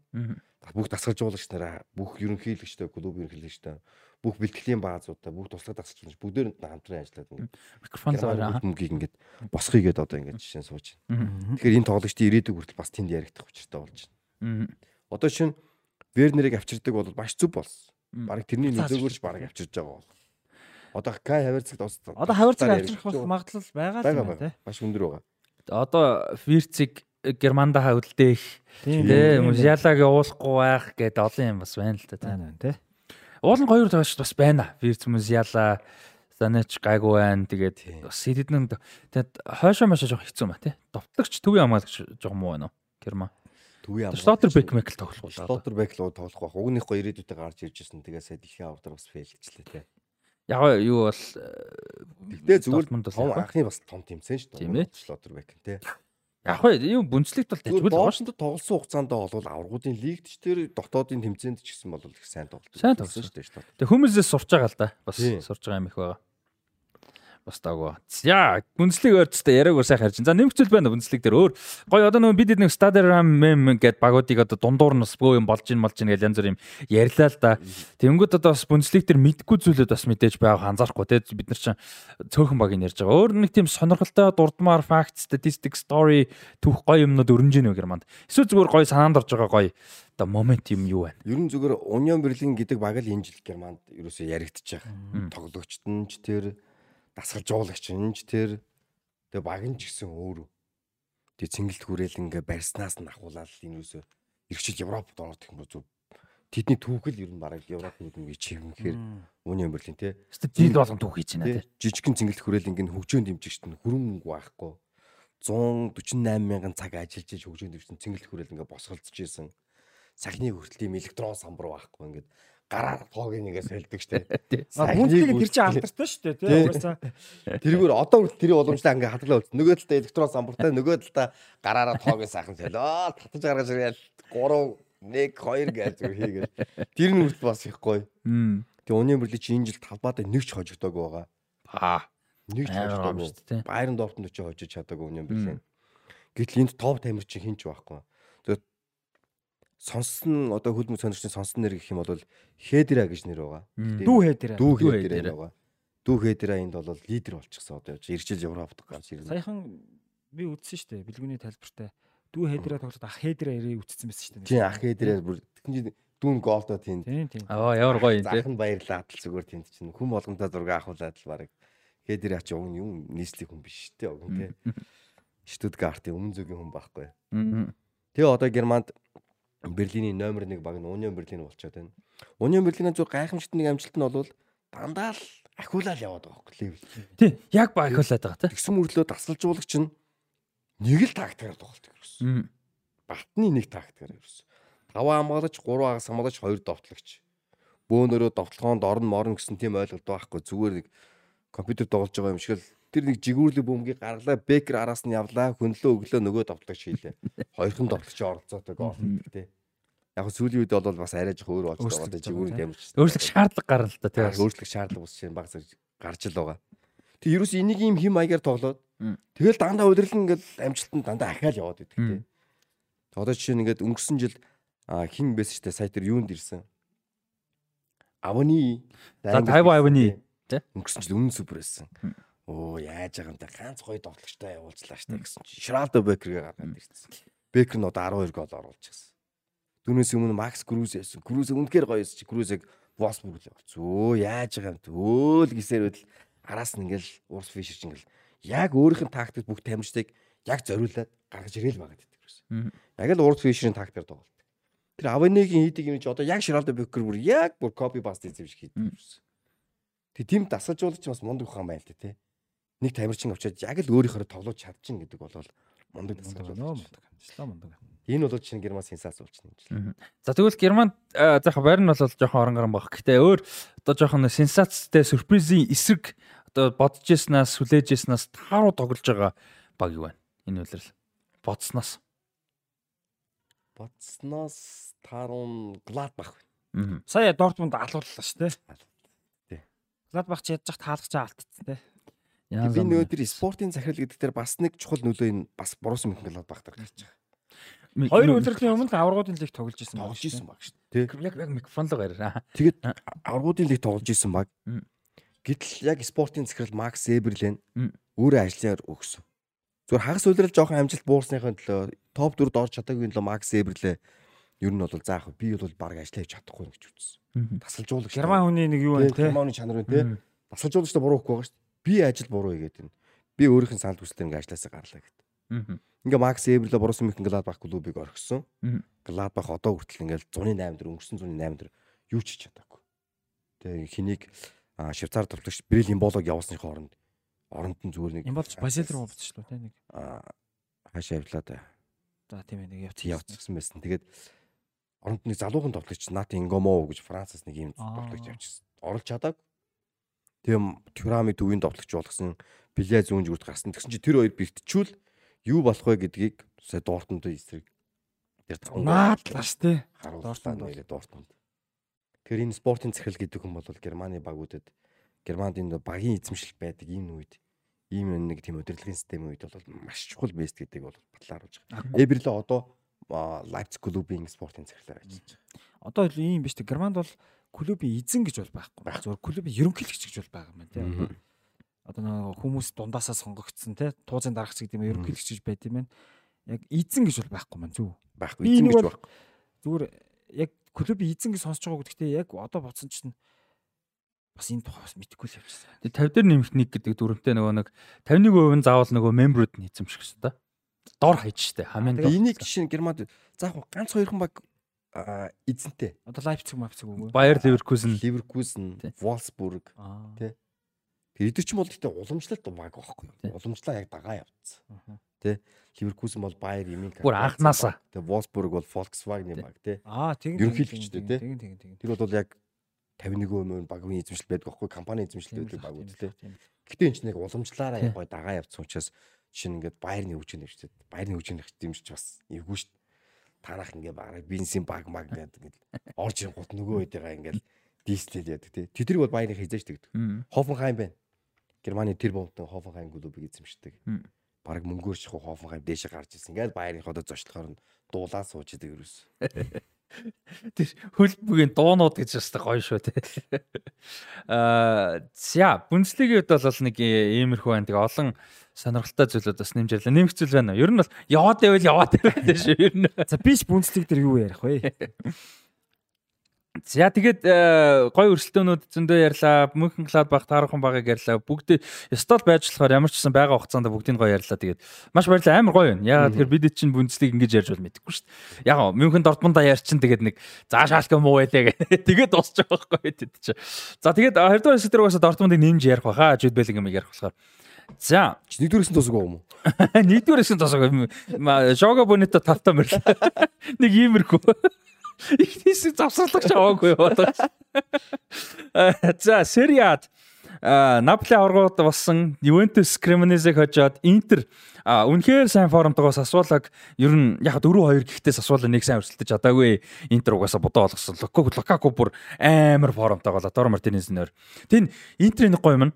Лукаку тийм Лукаку дөрөв товчтой. Лукаку Латор Мартинесээр тоглоод Хуакин Коре Жеко хоёр тоглоод заримдаа Жеко Латор Мартинес тоглоод Хуакин Коре Лукаку тоглоод Аврагын лиг дээр Лавтара Жеко хоёр гарсан шүү дээ. Хэвээ амар гоё. Тэгээ дөрүлээ яг Хокин гол хамгийн багтаа. Гэхдээ Хокин Корей ч нөгөө Лацад байхдаа амар гүйдэг. Гүйлтүүд айгүй сайн хийдэг. Тэгээд Лавтароч гэсэн тийм. А Лукаку угаасаа гүйлт нэг тийм сүртэй их биш. А Жеко ч удаан одоо насан ч явцсан. Тэнгүүт ч яг ингээ нөгөө ээлжлүүлж тоглуулад амар гоё нөхөд байгаа байхгүй. Өстой янз юм ба. Тэгээ Николо Барелла, Федерико Ди Марко тэгээд энэ хин интер Оо нөгөө түгээн амлаа Ачерби. Энэ бүр өстой яг гоё форм орч. Амар формтой байгаа. А тэгээд нэг гоё юм нь ойрын би юунаас хойш хараагүй санагдаад байна л да 14 5 оны Барсагаас хойш ямар баг гэдэг чинь хаалгач ээлждгийг би нэг олон баг нэг сүлд юу харагдгаа болсон шүү дээ. Ханана Хананович хоёр яг Тий, Ханданович лигтэй бат. Яг уу за зарим дээр тогсон л гэхдээ ер нь бол а тэгэнгүүтээ Италийн цом юу хоёр дээр аврагууд лиг дээр дандаа унаана. Тэгээ унаана чи сая нэг аврагууд лиг 7 тоглолтод хараалга хуйрамаас анхны хаалгач болж байгаа юм байна. Тэгээ би бүр анхны одоо юу нэг ингээд одоо анхны гээд бас одоо анхны одоо магадгүй Африк ч юм уу анхны Интер гэдэг ч юм уу гэж үгүй маань. Ерөөсөө нэг одоо ингээд шүгэн дөрөв хүртэл явж байгаа 7 удаа хаалгамс хаалга байдаггүй гэдэг юм. Оо, байгаа байгаа. Аврагуудын лигт үү? Харин би бүр гайхаад. Тэгээ Онана ямар ч байсан 7 удаа хаалга мансан байл хуурай. Леман тэр э, 2006 оны Арсенал шүү дээ. Одоо Барсатай финалдсан шүү дээ. Тин чи Леман 9 10 тоглолт дараалж хаалга хуурай мансан шүү. А за тэгвэл тэр рекорд нь баг. Ямар ч гэсэн нэг э, төрлийн рекорд ла бэлээ Онана дээр. Ямар ч гэсэн 7 тоглолт хаалга хуурай мандсан байгаа юм. Дараалаад байж магадгүй 18. Тийм тэгээд Онана их сайн байгаа Ханданович тэр чи ээлжтэй их гоё байна. Интер бол яг нэг зөв үедэл форм олч. Зүгээр Миланыг бол хожиж бах. Финал дээр л хэцүү бах та хөрх юм. Гэтэ би бас финал дээр тэгэл Интерийг л дэмжиндэ. Яад юм байгаа одоо Сити өөр яалаа. Хэцүү те гэхдээ. За тэгээд Лацио сая тэнцээд нэг юм ба. Сая Лацио бол ингээд юу яаж байгаа? А Лечетэй тэнцэж байгаа. Лацио ер нь сүүлд жоохон аллаа шүү дээ. нилээн тийм. Сүүлийн одоо 5 тойрогт 3 хожигдоод нэг тэнцээд нэг очсон. Ерөөс томчуудаа дандаа тогсон бүгдээр нь хожигдсон. За тэгсэн чинь AC Milan одоо таар байна. AC Milan сая Специэд хожигдчихлаа. За ер нь Специэд хожигдоод ингээд аврагуудын лигийн мөрөөдөл бараг байхгүй болчихоо. Байрлал шүү дээ. Байрлалаар тий. Бүснэг тийм. Лациогоос 4 оноо нийт дутуу. 3 тойрогт дутуу. А биш үү лээ? Тийм. 3 тойрогт дутуу 4 оноо ярд. Өстө нэг хоёр туулаа хөөгөл хос оцорчлоо да. За ер нь бол тэр талд орс. Тэгээд Миланы тоглогчд бол нилээн сэтгэл зүй тааруу, фэнүүд нилээн ууртай. Яг нь шүгэн дүрт байгаа. Гэхдээ Интерт хожигдсан байгаа тий. Ингээд ер нь бол их тааруу. Тэгээ яг ингэж л ярьж илээ л тий. Санаандгүй нөхцөл байдлаар одоо Интер бол яг одоогийн байгаа хэмжээнд хүрэх гэж мундаг төлөвлөгөөтэй ажиллаагүй шүү дээ. Яг үнэндээ тий. Нөгөө сүнийн чин дампуурангаа алдаад бөө юм болоо тоглолцтой явуулаад тэгээд нэг тэнцэнээсээ сэргэж байгаа л баг. Бүтэнч сэргэж таагүй тий. За AC Милан ч болохоор шинэ эзэд мэдэд аваад тэрнийхээ гарт нэг бүтэн ороод нэг ингэж чадаагүй. А гисэн мөртлөө бас нэг сери аваад жилийн өмнө 2 жилийн өмнө жилийн өмнө те авцсан. За уул нь ингээ босч явж байгаа ба. Тэгэнгүүт юу би санийхаа ярьж байгаа юм гэхээр санаандгүй байдлаар Интер бүрэлдэхүүн найх үзсэн. Яг ингээ нэг тийм зузаатгаж мундаг төц цоцолоогүй мөртлөө айгүй ингээ давгүй зузаавчих Лукакуга зээлээр авчиж мавчраад те бас нэг ингээ нэг Дамприс Мамприс ч бас айгүй сайн тоглож байна те. Тэгэнгүүт AC Милан ч яг цагаа тусан чинь ингийн юм байна. Тэгээ яг цагаа тулгун Тео Эрнандес орлох алга. Ляог орлох алга. За Жиру хөөх юм сайн ч гэсэн бас л тэгэл 35 6 хүрсэн ямар тий бас тэгэл яг нас нь гарч байгаа байхгүй юу. За тэгээ Ибрахимович бол бүр хэцүү тий яа улиралд нэг 12 тоглож гинүү үгүй юу. Тэгээ ингээ харангуут яг бүрлэх одоо тунаалыг орлох юм байхгүй. Тэ яг ингээд ерөөсөө бас айгу Манян сая дэглээ шүү дээ. Манян сая нэг халтгаан гимцэн татар ушаана хүч нөхрөөстэй сайхан чаналаа дээ. Нэг хэсэг баг бол тий. 3 4 тойрог бол дээ. Бодоо болгосон дээ. энэ оны ихэнх чинь дээ алсан дээ. Тий. Тэр Бага нөхөр чанс бага түлсэн тий дээ. түлсэн чансан юу юу хэдээс дээ бүгд нээс. Тэгээд Манян ирээд буцаад гайг болж байгаа байхгүй тий. Тэгэхээр хөрх юм бас нэг бүрэлдэхүүний нэмгэн нэг юм асуудал бол AC Милан дээр бас байна л да. Тэнсээ Серагийн өсгөл дээр энэ Ювентусын шийдвэр орж ирээд нэг бодлоо. Нэмж юу? Ботож 15 байна өгөөд. Тий. Тэгээд тэгснэ хэрэг нь эцэгдэгдээгүй шүү дээ. Яаж хахад. Тэгээ одоо энэ ч буцаа хасагч магадгүй 5 сарын 2 дээр бас дахиад нэг юм хурал мурал юутай шүүхний уулзалттай. Италийн үлмэг энэ хэцүү тий. Балиар тий. Байлэр. Тэгээ одоо Сэвтэй тий. Тэгээд тэгээд дургуун мó. нэ Юу н тэгэл ер нь тоглолтоос нь зург байсан. Тэр 6 он дээр ингээд эсидэ таарч марах бүр ясаавталцдаг байж үлээ нэр. Гэтэ тэр үеийн Итали одоо Италич бас жоохон өөр те. Өөр л дөө. Хаа очиж. Яг нөгөө нэг хөрх юм лигийн чанар нь мэдээж юу гэдгийг санхүү талаасаа өрсөлдөөн талаасаа чанар мэдээж буусан те сүүлийн жил тэрэнд бол эргэлзээ байхгүй. Гэхдээ тэрний нэг юу гэдэг давууч гэх юм уу зүгээр нэг хажуугаас нь үлсэн тал нь юу вэ гэхээр тоглолт юу нэг агууга зад болсон. Одоо яг тэгэж нэг хуучин шиг амар хамгаалдаг юм чинь хоёрдугаар лиг сери бийдл байгаа маань. Сая инглэлтэй нөгөө шал өөр юм харах гэж байгаа харсан. Э, Тэрштеген чинь э, ер нь нэлээд том рекорд дэвтгэл явж байгаа юм шүү дээ. 25 тоглолт хуурай мандсан. Бүх топ лигүүдийн бүх цагийн рекорд олгосон ч бас олддгүй. Бас нэг тийм амар байдаг. За Премьер лигийн бүх цагийн рекорд бол Петр Чех юм байна. 24 тоглолт хуйлаа хуурай мас. За ингээд явж байла. Тэ тэгсэн чинь яг одоо энэ үлрэлт Европын топ 5 лигт тэршлэг нэгт явж байгаа 25 хуурай мас. За Европын топ 5 улс байгаа шүү дээ. Нэг 5 лиг нь байдаг улс байгаа 5 улсын тий. Тэр 5 улсын бүх мэрэгжлийн лигүүд гэж байгаа. Одоо жишээ нь Англи ярих юм бол дөрвөн лиг орно те. Championship, лиг 1 2, Итали бол 3, Serie B, C, Испанд ч 3, Segunda, Segundoгийн дараах гэдэг ч юм уу. За ингээд энэ ч одоо хэдэн лиг болж байна? 12, бараг 20 лиг. Тэд нар дунд тэрстийг бас тэргүүлж байгаа юм байна. За за тэгсэн чинь Европын топ 10 лигийнхыг үзлээ. Топ 10 лиг 10 улс Нидерланд, Нидерланд тий Нидерланд, Португал, Португал ороод за тэр 10 лиг тэр 10 улсын бүх мэрэгжлийн лигүүд. Яг гоо тэгтээ Нидерланд чи мэрэгжлийн лиг нь жоохон цөөхөн тий. За тэнгуү чинь ч одоо хідэн лиг юм тий 50 60 лиг. Эднэр дунд хоёр тоглох хаалгач нэгт явж байгаа юм байна. Нэг нь юуны Бенфикагийн нөхөр грек хаалгач юм блэ. Оо их сүртэй нэртэй. Тэр Тэгээд хин хоёр чинь тэрштэйг нөр чинь бүх тэмцээний өрөнд 27 тоглолтод хаалга хуурай маснаар бүх тэмцээний өрөнд Европын 10 лиг тэр хоёр тэргүүлж байгаа. За тэгээд тэрийг хараа явжсэн чинь эхний 10 10-т 3 Итали нөхөр. Эхний 20-д 7 8 Итали нөхөр. Би гах Ямар хитад ийм хаалгач хаана юу болоо. Тэгээд менеж ч одоо нэг хэмнэл байгаа шүү дээ санаанд орвол одоо Донорона маа ч юм уу те. Итали бол одоо хаалгач байгаа цөөхөн ба. Тэнг харж бүх Сери Б-ийг хаалгач. Оо шүү дээ. Эхний 5 баг баг гол алдгүй бид нөхдөд байсан шүү дээ. Бүр дандаа 20 20-д ингээ хаалга орой маадсан нөхдөд байлаа. Тэгээд харсан чи Сери Б чинь Дэвис сонирхоо Сери Б жоох واخгүй. Энэ жилсэн чи гол баг. Амар хамгаалдаг. Гол мангар зөөхөстэй амар тим тоглолт болж байгаа. Хуучин Итали юм. Хуучин Итали чи сери бэд байгаа юм байна. Нэг тэг гэдэг тий. Тэгэхээр чи сери одоо бүгд автолоотой болчихсон тест. Интер тэгж тоглолдог. AC Milan тийм. За Sassuolo, Napoli, Atalanta бол ярих юм биш. За Juventus яг жоохон ариу өөр мөр. Гэхдээ л хамгаалахгүй шүү дээ. За тэгээд Lazio, Roma тэгээ ер нь нэг тийм За Рома явж явж Мориньо тулдаа арай жоохон хамгаалж байгаа шүү. Явж явж. Лацио давталдаг баг шүү дээ. Лазio амар довтлож байгаа сарит.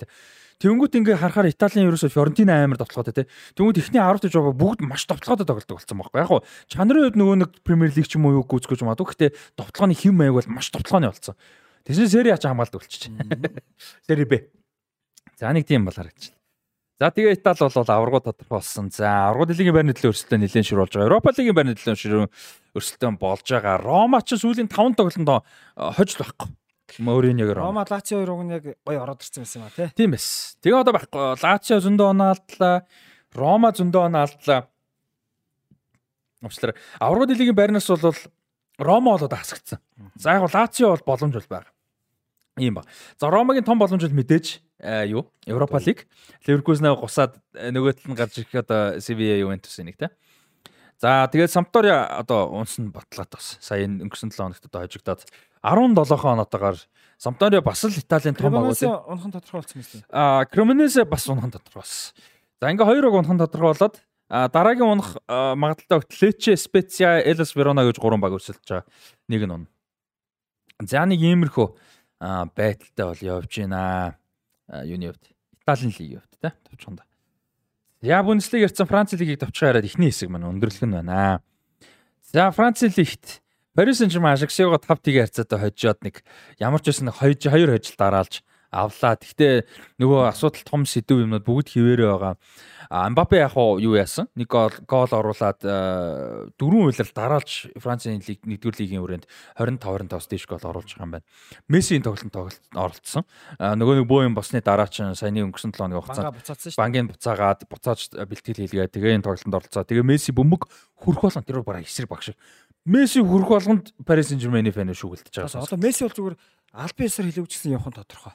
Ер нь болт гэсэн. Тэгээ одоо яг гоо зүгээр багийн хувьд Кристоф Галтиэд Месси хэрэгтэй. Баг үнэхээр муу байна. Бүр одоо яг гоо одоо ингээ харахаар арай Ланс сая өдсөн 6 онооны урд ч гисэн яг одоо ер нь дуусах төгчлөө л да 3 хан тойрог 6 оноо. Гэхдээ бүр тэрэн дээр хүртэл алдж байгаа магадaltaй эрсдэлтэй муу байгаа байхгүй юу? Paris Saint-Germain те. Ямар сайн да. Тийм ч учраас одоо нөгөө байгаа боломжоор л одоо Месси нөө энэ байна тоглох хэрэгтэй байна. Тэгэл дуусах. Одоо Месси бол үлдсэн 3 тоглолт нэг оролцоол тэгэл ер нь бол явах нь тодорхой. Тий, тэгэд ер нь аа бодсноос илүү их өөрчлөлт ер нь Paris Saint-Germain орох шинжтэй энэ жил.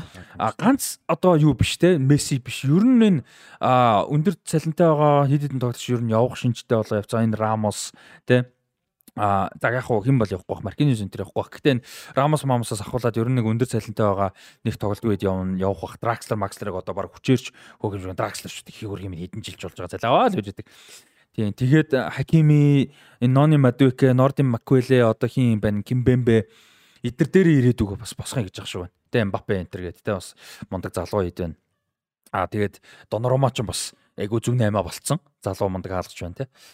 За нэг иймэрхүү. Тэгээд Ланс одоо нөгөө нэг Union Berlin шиг түүх чинь Францад Ланс л болоод байна л да. Тэгээ бүр хоёр төвч штэ Ланс ч одоо. Яг нэг маягаар тоглолдог.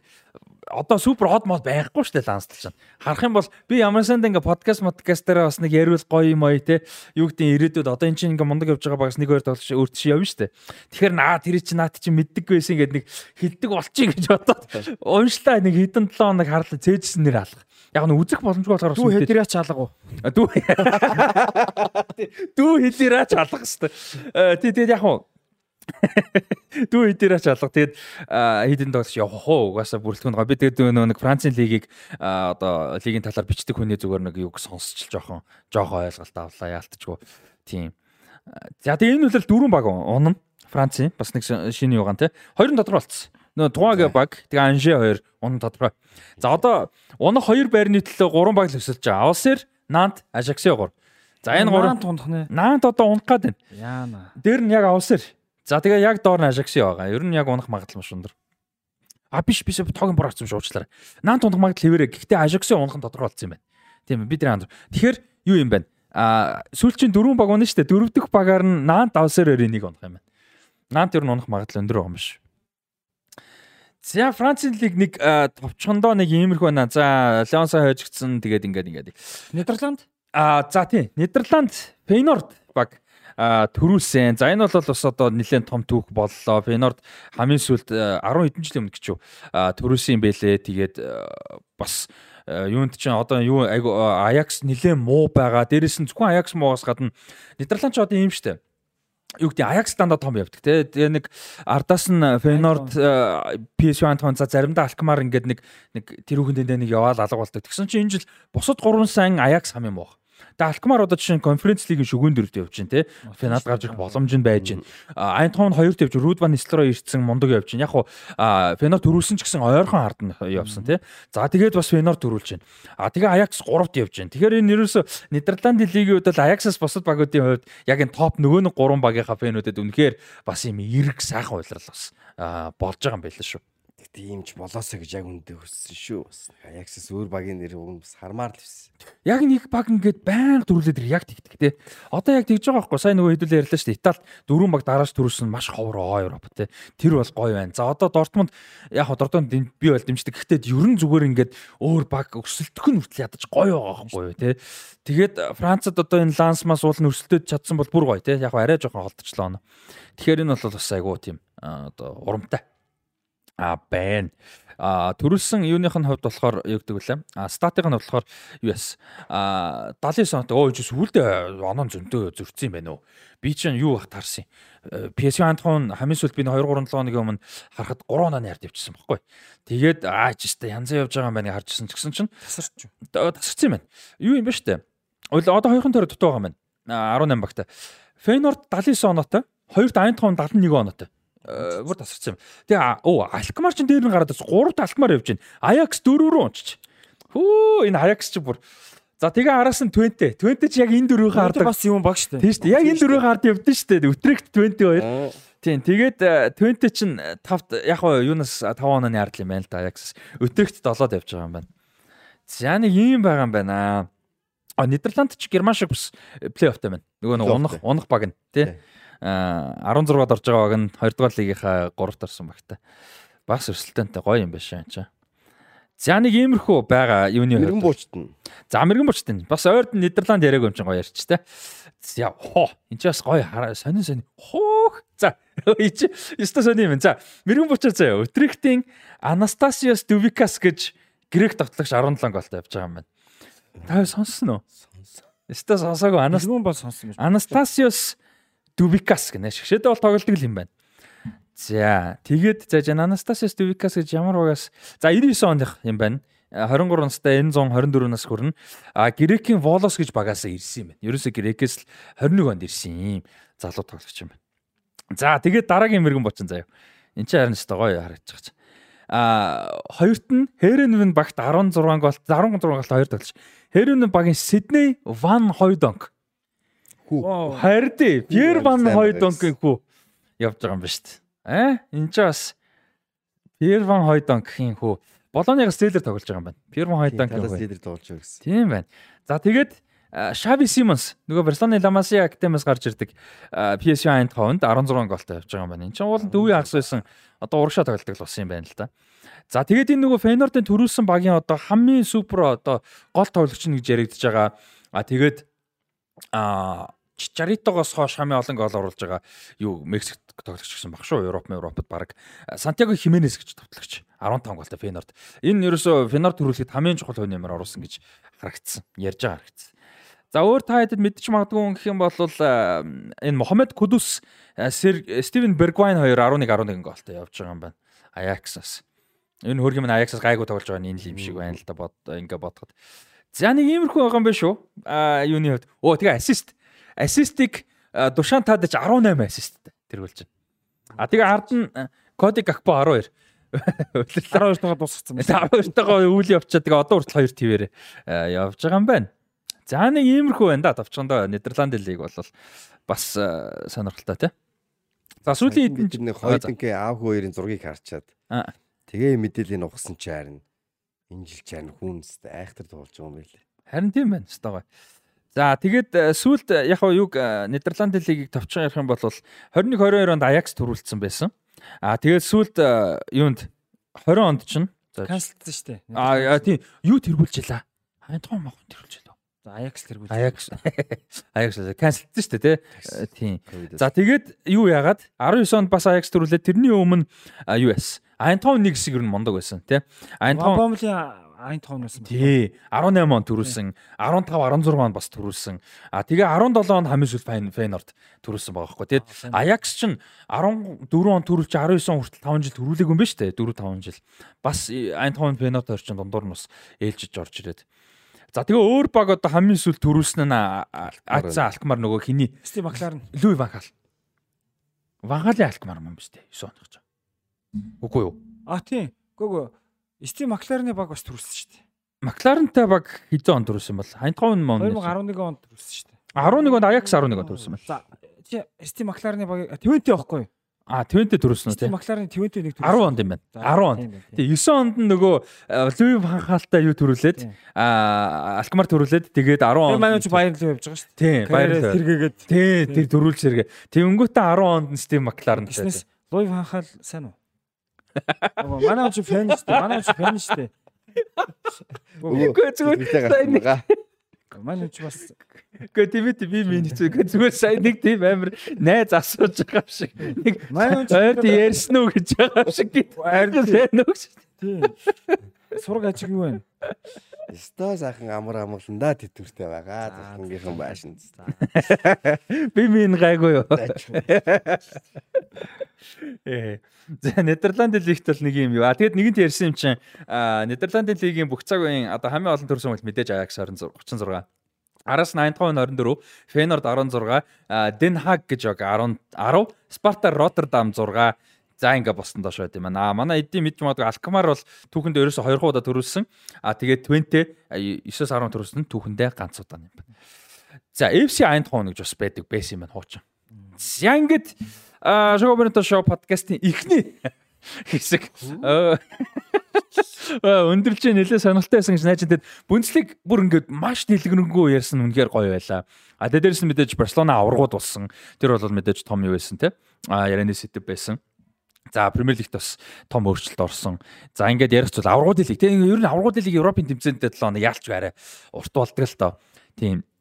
Тэгээд эхний хэсэг өндөрлүүлээ. Ерөнхий үддэгч MS хамт олондоо баярлалаа. Та бүхэн Source гэмэн вебсайтаар холбогдох боломжтой а мэдээл авах боломжтой. За тэгээд дээрээс нь Websport Lounge-ийн хамт олондоо баярлалаа ивент тэтгэгчээр ажиллаж байгаа. Тэгээ бид эдийн чэнэ хэсэг засварлага аваад 2 дугаар хэсэг. За 2 дугаар хэсгээр бол одоо Европын бүх багууд бүх багууд авч чадахгүй а хоёрхан баг авах чадртай гэж яригадаад байгаа Jude Bellingham талаар ярилцъя. Цаг хугацаа өнгөрөвч үн цэн үлдэн. Ирчим хүчний дэвшилтэд шийдэл бүхий бүтээгдэхүүнүүдийг төслийн аль ч үе шатанд эцсийн хэрэглэгчдэд зориулан тасралтгүй ханган нийлүүлж байна. Мэргэжлийн ур чадвар салбарын туршлага мэдлэгтэй тулгуурлан оновчтой шийдлийг харилцагч бүртээ санал болгон байнгын эргэх холбоотой ажиллаж урт хугацааны үнцнийг хамтдаа бүтээдэг. Бид улс орныхон хөгжлийн суурь болсон дэм байгуулалтын салбар бүрт дэвшилтэй технологи болон чанарын илэрхийлэл болсон бүтээгдэхүүний шийдлийг нэвтрүүлж харилцагч бүрийнхээ мэдлэгийг дан ажилдгаараа бахархдаг. Эрчим хүчний бараа бүтээгдэхүүн хангамж нэгтгэгч MMS За ингээд Шогобонито шоу подкастын маань 46 дахь дугаарын 20 дугаар хэсэг эхэлж байна. За өнөөдрийн дугаарынхаа 20 дугаар хэсгээр Jude Bellingham-ийн талаар одоо онцолж гоё ярилцъя гэж бодож байна. Ер нь ямар тоглогч чинь юу болж байгаа, яах гэж байгаа. Тэр талаас нь ярилцъя гэж бодож байна. За тэгээд ерөнхий мэдтгэж MS хамталтандаа баярлалаа. Ивент тэтгэж ажиллаж байгаа Wave Sport Lounge хамталтандаа баярлалаа. Та бүхэн биднийг дэмжихийг хүсвэл хас банкны 500 556 29 78 гэсэн дансаар donation хийж дэмжих боломжтой. Шууд энэ хугацаанд бас donation данс зарлаа donation авч ирснээс хойш donation-ээс бүх хүмүүстээ баярлалаа. Тэгээд тийм ирээдүйд бас donation-ийг бүх хүмүүстээ баярлалаа. Тэгээд бид удахгүй бас гоё ивент зарлаа шүү. Тэгээд Facebook Jogo Brento Show podcast Facebook Jogo Brento Show podcast Инстаграмыг дагцгаагаарай. Тэгээ бидний ч гэсэн суугуудыг бас дагаарай. Тэгээд удахгүй гоё мэдээлэл гарна гоё аврагууд хэлхтэй холбоотой гоё ивент зарлагдсан шүү. За А Jude Bellingham. За Jude Bellingham-ыг товчхон нэг орчлыг нь хилчээ. Тэгээд та хоёр маань цаашаа сайхан үргэлжлүүлж нэзтэй. За Jude Bellingham бол мэдээж Storebridge гэж жижигхэн хотод төрсэн. Мань хүн бол Jude Victor William Bellingham юм байна. Бүтэн нэр нь за 2003 оны 6 сарын 29-нд төрсэн. Энэ 120 нас хүрэх гэж байгаа дөнгөж итгэх жоохон хэцүү байна те. Дөнгөж өрөх гэж байгааг. Аа тэгээ мань хүн бол Storebridge-ийнхаа одоо жижигхэн хотынхаа багт байжгаад 2010 онд буюу 7 настай Birmingham Birmingham City-гийн одоо академи руу одоо нийлсэж болол тогссон. За тэр академид бол цоорсон 2019 онд буюу дөнгөж 16 настай үндсэн багийн одоо үндсэн бүр тоглогч болж гарч ирсэн. За тэгээд Birmingham City-гээс 2020 онд Боруссия Дортмунд руу явхад нь бол одоо тоглож исэн дугаарыг нь Бирмингем мөнхөлж исэн. За тухайн үед бол Бирмингемыг маш олон хүмүүс бол тоглож дооёолж шоолж исэн. Ялангуяа Астон Виллагийнхан те хамгийн том өсөлтөгчт нь те бол одоо дооёолж юу 16 талаад өгт явуулчаад инглээ минглээ өстө нэрэ бөө юм болж исэн. За тэгээд яагаад тэгсэн бэ гэдгийг одоо бол одоо харж болохоор байна те. Тухайн үед одоо юуны EFL-ийнхаа бол уучлаарай. EFL-ийнхаа бол одоо шилдэг залуу тоглогч, шилдэг Apprentice of the Year гэж бас нэг шагнал байдаг юм байна. Тэгээд шилдэг одоо 10 энэ Apprentice of the Year нь 18-аас доош насныхны. А Young Player of the Year нь 23-аас доош насных. Тэр хоёр шагналыг нь нь авсан. Jude Bellingham 17 настай та. Тэр хоёр шагналыг нь нь одоо ганц Jude Bellingham авсан. За тэгээд А явах нь бол тодорхой болсон маш олон багууд яригдсан. За тэгээд Боруссия Дортмунд болвол ер нь фаворит нь бас яг Манчестер Юнайтед яригдчихсэн.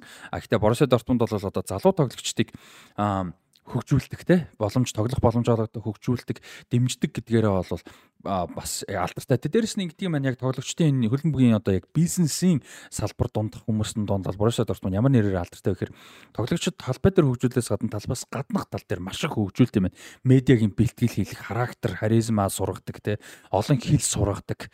Зөвхөн герман англиасаа гадна те. Тэгээ ингээд юм соёлжуулдаг юм байна л да. Ийм бүтэн системд оруулдаг. Тэгээ тэр нь бол одоо Боруссия Дортмунд бас их том одоо сонголт тусан. А тэгээ дээрээс нь Боруссия Дортмундыг а гэр бүлээрээ сонгосон хамгийн том шалтгаан бол Jadon Sancho байсан. Sancho Manchester City Academy орхиод шууд Borussia Dortmund-д мэржлийн карьераа эхлүүлээд маш өндөр амжилтыг үзүүлж тэ мундаг тоглож ялангуяа хувийн тоглолттой үнэхээр гайхалтай байсан. За энэ нь ч өөр их олон шийдвэрт хүргэсэн дээ. Ер нь Bellingham ч гэлтгүй олон тоглолчтой англи руу явдаг ч юм англи ч юм уу гадаад улс руу явж карьераа тогтоход Дами Абрахам хүртэл Ромад тэ арай жоохон сүултэж гисэн. Ийм ба. За ингээд ерөөхдөө энэс хоош болвол ойлгомжтой бах. Тэгээд та хоёр яг өөр өөрсдийнхөө мэдхээр яг Беллингемийн талаар сайхан ярилцаач. Jude Bellingham бол ерөөсөө ирэхэд Германд бол ийм л байр суурьтай байсан. Зүр залуу хөвгт авчирж байна. За бас л нөгөө Jadon Sancho-гийн дараагийн хоёр дахь хөлбөр гэж бол бүгд хүлээн зөвшөөрсөн. Өөрөө ч хүлээн зөвшөөрсөн. Jadon Sancho бол ерөөсөө Англид байхдаа Английн шигшээж дуудагдаагүй өндөр үнэлэгдэж байгаа ч үе юм тавьч зүр авиастай тамирчин байсан те. Тэгээ түрүүн яг чиний нөө өөрөө чи хэлсэнчлэн яг тэгж төлөвшүүлсэн баг. Мэргэжлийн тамирчин болгож Борусsia Дортмунд төлөвшүүлсэн. Яг тэр нөө чиний хэлсэнчлэн талбайн гадна талбай дээр тэ чухал шийдвэр ямар гарах вэ? Яаж ямар шийдвэр гарах вэ? Энэ бүгд дээр бол төлөвшүүлж улмаар Английн шигшээд бол дуудагдах хэмжээнд хүргэсэн. За Беллингийн очих гол шалтгаан бол үнэхээр яг хэлсэнчлэн Жэдэн Санчо байсан. За тэгэл Жэд Жуд Беллингем түн төрөл бүрээр боломж олгосон. Нэг итгэсэн тамирчинд бол Дортмундийнхан бол үнэхээр том боломжийг олгодог тий. Энэ дээр бол өмнө олон ч тамирчинд олгож байсан. А зарим фейлжсэн тохиол үндэ би. байгаа байгаа. Тэгээ Беллингемиг ярихаас өмнө фейлжсэн тамирчдыг бол яривал зүг байх гэж би бол бодчихдаг. А одоо жишээ нь Александр Исак өнөөдөр хаан тодорч байна. Мм. Исак өмнө нь бол бас л Дортмундд ирсэн шүү дээ. Тэгс. Аднан Янузаирс тий. Бас нэг нөө Турк Мерино ирсэн те бас. Мирино ирсэн. Нөгөө Туркийн авьяаслаг хөгжин хин блэ? Эмре Мор. Биш ээ. Эмре Мор. Энэс унаал. Чингис үндэр болоо очоогүй. Чингис өндөр биш ээ. Бас нэг турк хүүхэд ирсэн. Тэр бас л турк. Аа, тийш дээ нөгөө. Аа, тийм ээ. тийм. Эмрэ мор мөн бицтэй. Эмре Мор шүү дээ. Эмрэ Эмрэ мор мор. мөн. 16 оны Еврод ордог хамгийн залуу тоглогч мөн бол эмрэ мор мөн. Мор. Эмре Мор ахгүй да. Мөн. Эмрэ морчин турк билүү? Турк тийм мөн мөн. Эмрэ мор яг мөн яг мөн. Тэгээд иймэрхүү тамирчид бол авчаад ер нь фейлдчихсэн тохиолдол байдаг. Дортмунд бүгдөө нэг од болоод байгаа ч юм биш те. Тэгэхээр бол Дортмунд яаж төлөвшүүлсэн бэ? Хүүхдийн нь характер нь, хандлага нь, төлөвшлөн гэдгээс нь бас хой хүнээс мэдээж хүнд болсон өөрөөс нь шалтгаалж байгаа. Тэгээ энэ бүгдийг яг гой тааруулаад ингээд Боруссия Дортмунд бол өөр юм болгож авсан. А би бол жишээ Жуд Беллингемийн анхны тоглолтыг жишээ нэг сандаг. Тухай Дортмундын дасгалжуулагчаар нь Люсен Фавр ажиллаж байсан. Бас те. Дөнгөж 17 настай хүүхд ирснэ. Шууд нэгдүгээр баг руу гарч ирснэ. Нэгдүгээр баг томчуудтай бэлтгэл хийснэ. Тэгээд шууд бүнцлигийн тоглолтод орж ирээ. Дараа дараагийнхаас чинь шууд гараанд гарч ирэхэд асар хурдтай хөгжөө яваад байсан. Тэгээд Люсен Фаврийн нэг дурсан жараа байдаг. Тэгээ би бас дэлхийн аваргаар ярьжсэн. Тэгээд дахиад хэлье. Жуд Беллингемиг анх талбай дээр гаргахад Жуд Беллингем бол ерөөсөө л өөрөө тийм товтлогоон дуртай, гол оруулах тийм дуртай, голд оролцох дуртай тийм товтлогооны харизмтай юм хаг самбаалагч байсан гэсэн. Уг нь бол бүр төвийн хагасаас ихлүүлсэн шүү дээ. Хүүхдийг те. За ерөөсөө чи энэ тамирчин л ерөөсөө хамгаалаарэ гэж Люсер Павер хамгаалах тоо- э, тоглогчийн тооч гэлэж өгөөд байрлалын зааж өгөөд за эндээс гарахгүй шүү. Эндээс бөмбөгөө гаргаар эндээс бөмбөгөө хуваарлаарай. Чамд ингэсэн тохиол энэ энэ тамирч чинь нээлттэй байх болно. Хэрвээ чамд энэ чиш хаврах юм бол чи хойшоо хаалгach байгаа бол тийш нь чиглүүлж байгаа бөмбөгөө өгөөрэй гэдэг ч юм те. Амар дэлгэрэнгүй зааврыг Люсер Павер өгөөд гаргаж ирсэн. Павер ч бас тактик амар мэрэгжилтэй хүн шүү дээ. Гэтэл юу юуг л тэгэл уушаа сүмрэггүйгээ алга болчихсон. Байрал хаяад. Тэгээ алдсан байрлалыг хэн нөхдөг бол төвийн хамгаалагч нөхдөг эсвэл жүгүүрийн хамгаалагч нөхдөг. Тэгээ ийм байсан. Тэгээ түүний зарим тохиолдолд хаалгач хүртэл нөхөж орж ирж чад Вайденфелд хиний үед Роман Бюркийг үед хит хитэн алдаа гаргаж ирсэн. А гэхдээ хим болоод бас зарим тохиолдолд урагшаа гарч тоглосноор болоод бас нэг довтлооны эхлэл тавьчихдаг. Голын эхлэлийг одоо нөгөө нэг ямар дамжуулт гэдэг вүлээ? Төлбөр дамжуулт уу? түлхүүр дамжуулт. Тэр чинь бол үнэхээр мундаг хийдэг болчиход байсан гэсэн. Тэгээ байр хаяад орхио явсан. Яагаад чи ингээ заярах гэхлээр нөөт нь гоолын дамжуулт өгсөн ч юм уу. Гол оролцсон ингээ зөв тамирчин болчоо. Зөв үйлдэл очоод байдаг. Фавор загинж болдгоо. Гэхдээ загнамаар байгаад байдаг тий. Тэгээ нэг бэлгэл мэлгэл дээр нэг баахан загнадаг байсан гэж. Люсен Фавор анхныхын дорсомжин дээр Жуд Беллингемийн талаараас 20 онд ингэж ярьсан байдаг шүү дээ, тий. Ердөө 20 он шүү дээ. Одоо бас нэг тий 3 жилийн өмнө. Тэг өнөөдөр бол энэ жишээ нь Жуд Беллингем Боруссия Дортмундд энэ үлрэлт 8 гол оруулсан байна. Лигт хамгийн олон Амар амар гол оруулсан шүү дээ. Амар амар үнэхээр. өмнөх тоглолт Восбург эсрэг оруулсан гол мод бол тий. Тэр надад тэр хуучин хэнийг санагдуулсан хайс супер тоглогч байсан. Аа Лука Тони Мони хин Ван Перси Мерси санагдуулсан. Баруун нараа тогтоол суурин дээр эргээл солгоо зөхиод л тий. Беллинг бол үнэхээр гоё гэдэг бас. Тэгээ энэ жил одоо жишээ нь энэ тамирчин бол Бүнцлигт хамгийн олон минут тоглосон юм тамирчин болж байна. 2600 минут тоглосон байна. Тэгээ өмнөгээр бол лигийн бүх тамирчид тэргүүлж байна. 8 гол орууллаа. 5 гол ассист. Тийм 5 голын ассисттэй. Беллингем өмнө нь хизээч юм нэг үлрээд 8 гол оруулж байгаагүй. Дортмундын 11 метрийн торгуулийн цохилтыг зөгтөг боллоо. Бүх талаараа бол энэ тамирчин бол өсөж дэвжиж өнөөдөр супер тоглогч хэмжээнд хагас хамгаалагч хэмжээнд бол хурж өнөөдөр ингээд магадгүй Борусо Дортмундын түүхэнд их хамгийн үнэтэй тамирчин болохыг ч үгүйсэхгүй энэ зун тим хувь тавилан түүнийг одоо хүлээж байна. Тэгээд э, мань хүн энэ үлрэлийн хоёр тоглолтыг бүр багийн ахлагчаар тогссон тий Бундслигт. Тэгээ одоо дөнгөж энэ 120 хүрэх гэж байгаа. Боруссия 20 хүрэх гэж Дортмунд шиг туршлагатай тоглогчтой топ баг аврагын төлөө өрсөлдөж байгаа багт одоо 19-тэй тоглогч багийн ахлагчаар гарч ирнэ гэдэг одоо ямар амар том хариуцлага байх вэ тий. Тэгээ Беллингемиг нөгөө ярьдаг юм тэр байдаг тий. Шогийн тасалжууд ш Гарри Саутгейт мад гэдэг ч юм ингээ өөр хүмүүс ярьд. Гэт 17 8-тай гэд хүн болгоно нэг тийм хүлээлт байдаг. Одоо Garrett Southgate ч юм уу за магадгүй Harry Kane мэн шиг ингээд насан жоохон явцсан туршлагатай хөлбөмбөгийн ертөнцийн хүмүүс бол ингээд олон авьяастай залуу тоглогчдыг харцсан байгаа шүү дээ. Гарч ирж л байдаг. Тэ яригдчих л байгаа. Бидний мэдх мэдхгүй байж л байгаа. Ялангуяа Southgate мэд чи бүр ингээм том хэмжээнд ажиллаж байгаа юм олон жил мэдж л байгаа. Тэгээд байж л байдаг гарч иж л байдаг алгуулж л байдаг тэ зарим нь мундаг явдаг янз бүр. Тэнгүүч юу гэдгийг анхандаа ингээд нэг тийм за энэ бол ингээ авьяастай хөгтөл гэж л хүлээж авам те. За мэдээж муухайгаар хүлээхгүй сайн яваасаа ямар байг нь харъя л гэж бодно те. Тэгсэн чинь Бэлэнгем ирсэн шүү 32 3 таа тоглогч ханддаг гэж байгаа. Амар товчлогтой. Тэ? Шууд ингээд амар тайван бага удирдах юм. 32 3-тай нөхдүүдийг загинж магнаа наа байраа ингэж мингээж гээд тэгснээ дасалжуулж тас наа чинь ингэ болохгүй. Энийг ингүүл дээр юм биш үү мөш үү тэгээ шууд ингээ өөрөө санаачлаа. Тэгээд эхэлдэг. Тэгэнгүүт хүмүүс ингээ зарим нь жоохон дургуцдаг жоохон ихэндээ. За энэ одоо.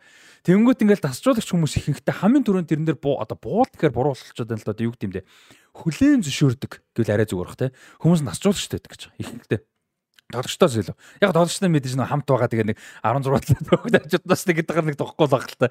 Тэгвэл тасалжуулагчд илүү тэрийг хардаг те нөгөө илүү том зургаар харж байгаа учраас тэгээд ер нь бол ингээд тэр нь тодорхой хэмжээний хвчлөг нөгөөд тодорхой хэмжээний үр дүнг хар. Тэгээ одоо юун дээр тийм штэ. Боруссия Дортмунд энэ үлрэл болвол ерөөсө 3 дахь лидер яг Жүүл байлаа юм. Тэ? А нөгөө хоёр л эргэлзээгүй л тэ. Хөмөсхийн хоёр, Ройс хоёр тэ. Ямар ч эргэлзээ бол байхгүй. А Хөмөст яаж явах бас байнга тоглохгүй. Зүүлэхийн хоёр Шоттербекер тоглолч. Тэгээ Ройс бол байнга. Тэнгөт ч ерөөсөө Ройс сулаа хүмэс байхгүй бол багийн ахлагч байлэг тууцыг авч үлддэг. Хоёр тоглолт гэдэг нь болохоор гараанд анханасаа бүр багийн ахлагчтай тоглосон тэр ер нь тэр баггүй. Түүнээс бүр зөндөө тоглолтод ингээд үлдэхдээ тууцыг авч үлдэж байгаа. Тэр чинь зүгээр нэг тууц биш. Та хоёр л мэдээж мэдж байгаа. Тэгээ тэгэхээр ингээд Жул Бэлэн ямар амар хандлагатай, ямар амар ач холбогдол өгдөг те ийм тоглогч гэдэг нь харагдаж байгаа. Тэр нөгөө нэг Вердер дээр 3 сүлд гол алдаа яадаг тэр чинь Бэлэн юм шиг ууралж байгаа юм та алга. Тэр тал үдсэн баг. Тэр тоглогч баг тайлбарсан нөгөө. Тэгээ бөө тэр Бэлэн юм тийч нөгөө Кан маань ууралдаг шиг юм болж байгаа. Тэрүүгээр нэг амар. Тэгээ тэр заавал би нөгөө ууралдаг гэхэр зүг зүг биш л дээ. Зүгээр ингээд хандлага нь амар том байна. Одоо Мбаппе энэ төр тийм шүү дээ. Жоохондоо 16 толоотой Монакод гарч ирэхдээ л амар том мундаг. Тэгээ тайван. Юм ийм туршлагатай юм шиг байсан шүү дээ. Тэгэхээр энэ бол Беллигам яг тэр талаас анханасаа төрцөн мундаг юм. Одоо характер бас байна. А дээрэс нь хэдүүлээ товчхон юм нэржсэн. Нөгөө Мбаппег ярьж байгаа товчхон ярьсан аав ээж юм үнэхээр мундаг юм байсан. Тэгээ хүүх жүүд жүүд одоо Жоби Беллигам гэдэг дүүнд бас Бирмингем доо. Үнэхээр мундаг өсгсөн байхгүй нэрийг. Маш боловсрал олгосон. Зөв соёлтой хил хурдан сурах, өөр соёлыг хүндлэх, бусдыг хүндлэх, хүлээж авах. А бусдыг хүндлэх одоо зааварчилгааг хүлээж авах гэдэг чинь чухал шүү дээ мэрэгжлийн тамирч юм. Гэхдээ өөрийнхөө орон зайг илэрхийлэх өөрийнхөө зүвийг мэдж байгаа үедээ тэрийгэ одоо тэрэн дээр хатуу зогсох. Тэр чинь хэцүү байхгүй. Зөрүүд гэж ойлгох боломжтой зам байхгүй юу? Тэр бол сайн хэлж штэ 17 дэх Дортмундод ирснээр тасаж уулагч зөрүүд явж байгаа чинь бас одоо буруугаар харах юм бол айгүй бол зөрүүд том толгойтой гэдэг ч юм уу те. Бас тийм биш аах чи өөрөө мэдж байгаа үедээ тэгтэг. Тэ яг загнуулаад сурна л та мэдээжтэй алдаа байхгүй гэсэн үг л биш. А гэхдээ л зүгээр ерөнхийдөө характер талаас үнэхээр одоо мундаг л залуу тагч байна л да тий. Тий. За Беллингем зүгээр тоглолтоос үдчихсэн зүйлүүдээс нь гоё онцлог зүйлүүд мөчүүд юу байсан бэ? Техник, үйлдэл, характер санаанд орж байгаа. Тэгээ сая бол ер нь Жуд Беллингем бол үнэхээр ирээдүйн лидер юм а гэдэг бол нэг үйлдэлээрээ бол над жишээ хүлээн зөвшөөрөгдсөн. Ер нь Германы хөл бөмбөгт Герман хүний нэг тийм чанар байдаг те. Германы хөл бөмбөгт бол шүүгчийн эцсийн шүгэл дуурахад л германчуудыг хожигдсон гэж бодоорой гэж те. Хизээж бууж өгдөг алдартай те. Байерн сая хожигдлоо Борусsia Дортмунд. Жил болгоо ингээл яг л аврагын өрсөлдөнд явж байгаа бол Байерн хожигдоо Дортмунд ингээл шийдэгддэг те. Сая үнэхээр хожигдсон тэгс. хожигдсон. Бүх тамирчид тэгэл бухимдсан тэрнээс жоллоо, энээс жоллоо, шалтгаан тооцтой. Тэгэхээр Жуд Беллингем тоглолтын дараагийн яг тэр халуун дээр хөлсөн дээрээ өгсөн сэтгүүлчдийн ярилцлага нь их гоё яриа байдаг шүү дээ. За яг бид өнөөдөр хожигдсан байна. Гэтэ цааталт нь чинь 27 дугаар тойрог таарлуу те. Бидэнд бүхэл бүтэн 6 одоо 6 7 тойрог байна. Бид одоо авраг болох найдлага хэврээл байна шүү дээ. Тэ. Бүрээс бууж өг. Багийг улам ингээ тэ өдөөж өгж байгаа, сэргээж өгж байгаа.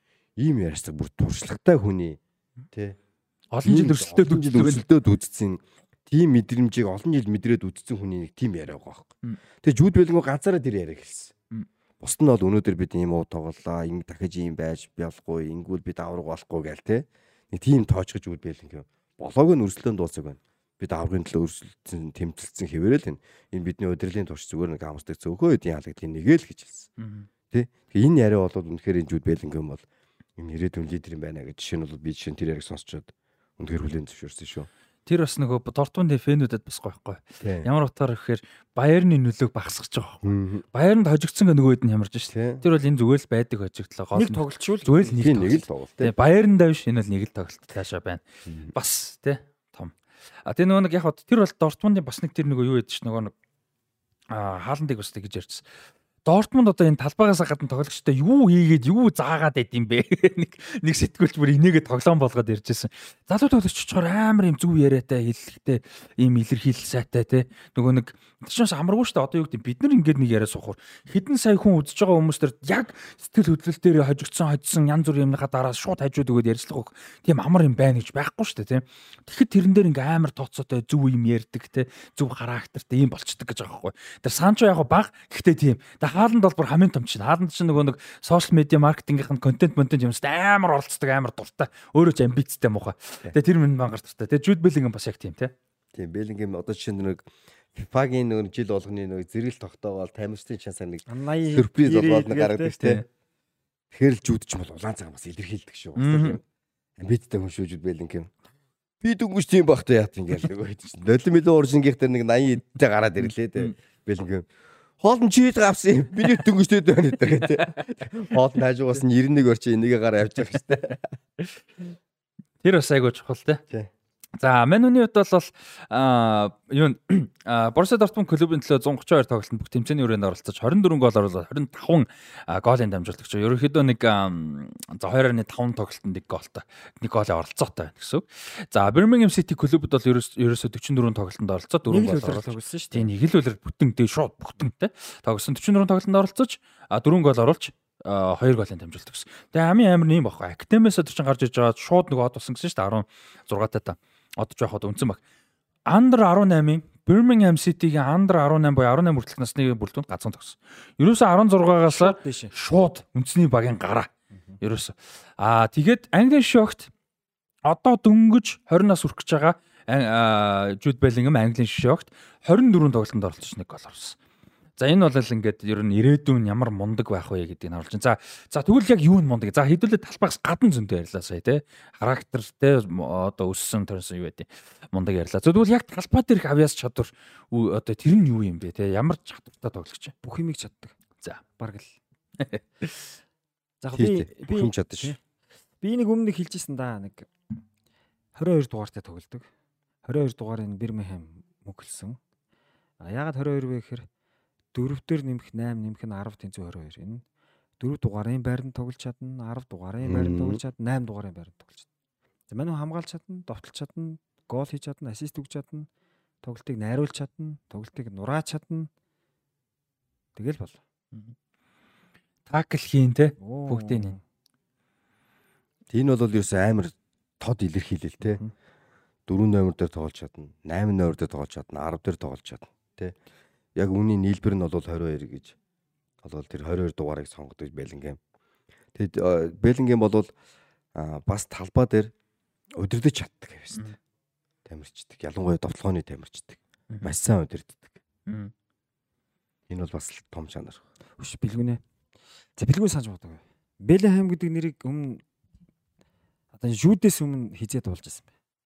Харин яг сонсч чинь Жуд Беллингем гэж санаад байгаа болохоос Жуд Беллингем бол сонсч ирсэн. Яг одоо бол яг үнэхээр өстэй санахгүй. Одоо 1996 онд сая одоо энэ өдрүүд юу болж байгаа юм да. Эрдэнэтэд Монгол улсын гавьяа тамирчин Дорж Булмын нар мандхан нэрмж жүдо охин олон улсын өсвөрийн тэмцээн болж байгаа маань л та. Ингээд сая хо- холбоод Наркахын нэг Атлантын Олимпиос медаль За. баярлалаа зураг дээ. Тий.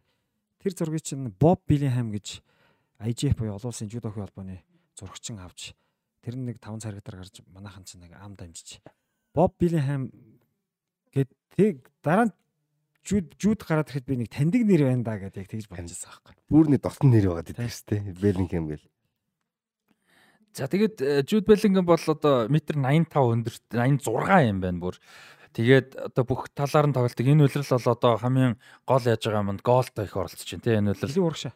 Илүү урагшаа тоглож байна.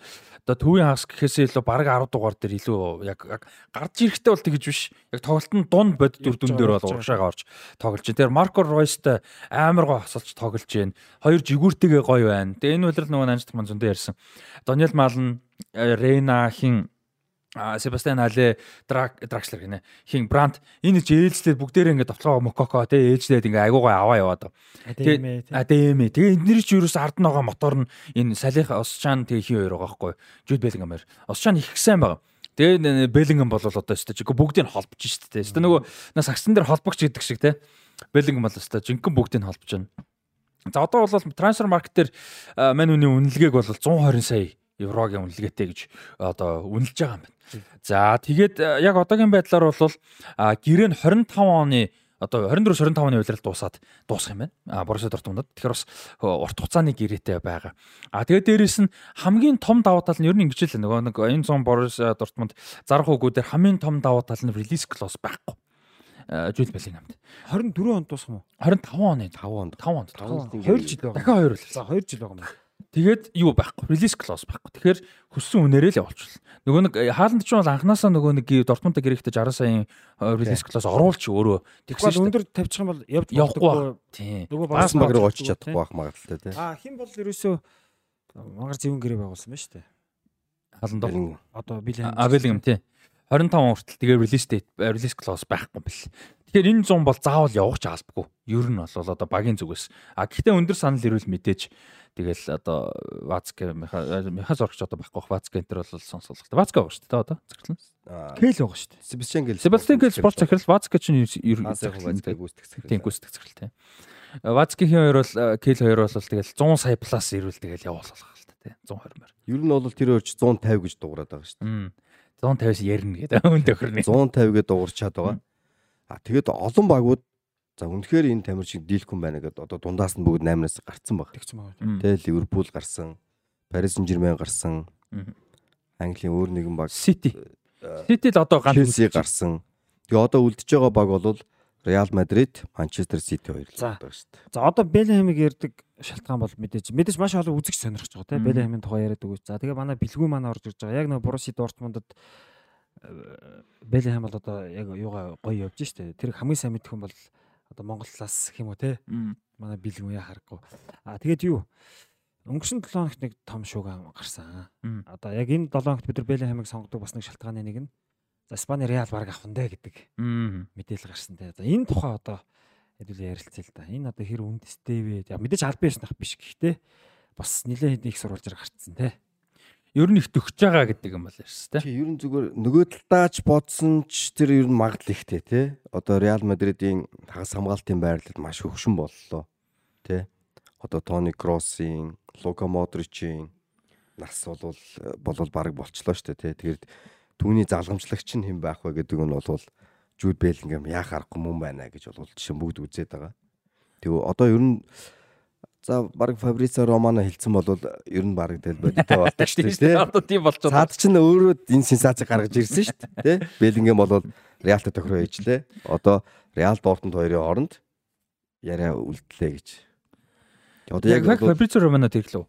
Романо тэрийг баталсан өөрөө үсээ. Тэглөө. Усаа хийсэн байгаа шүү дээ. Гусаа айцсан. Тийм яг хоо Реал гэхдээ төвийн хагас дээр бол гэхдээ тоглогчд бол байгаа шүү дээ. Хангалттай Яг залууч. нөгөө Франц шүү дээ. Камавинга. Валверде. Тий. Тэгтэл Белхэм шүү дээ. Тийм ээ Беллингем бол. За Ливерпул бол байсан. Тэгээ 4 сард энэ өрсөлдөөнөөс бол аль бисаар гарсан. Уг Ливерпул өнгөрсөн жилээс хойш бас их л явж исэн шүү дээ. Тийм.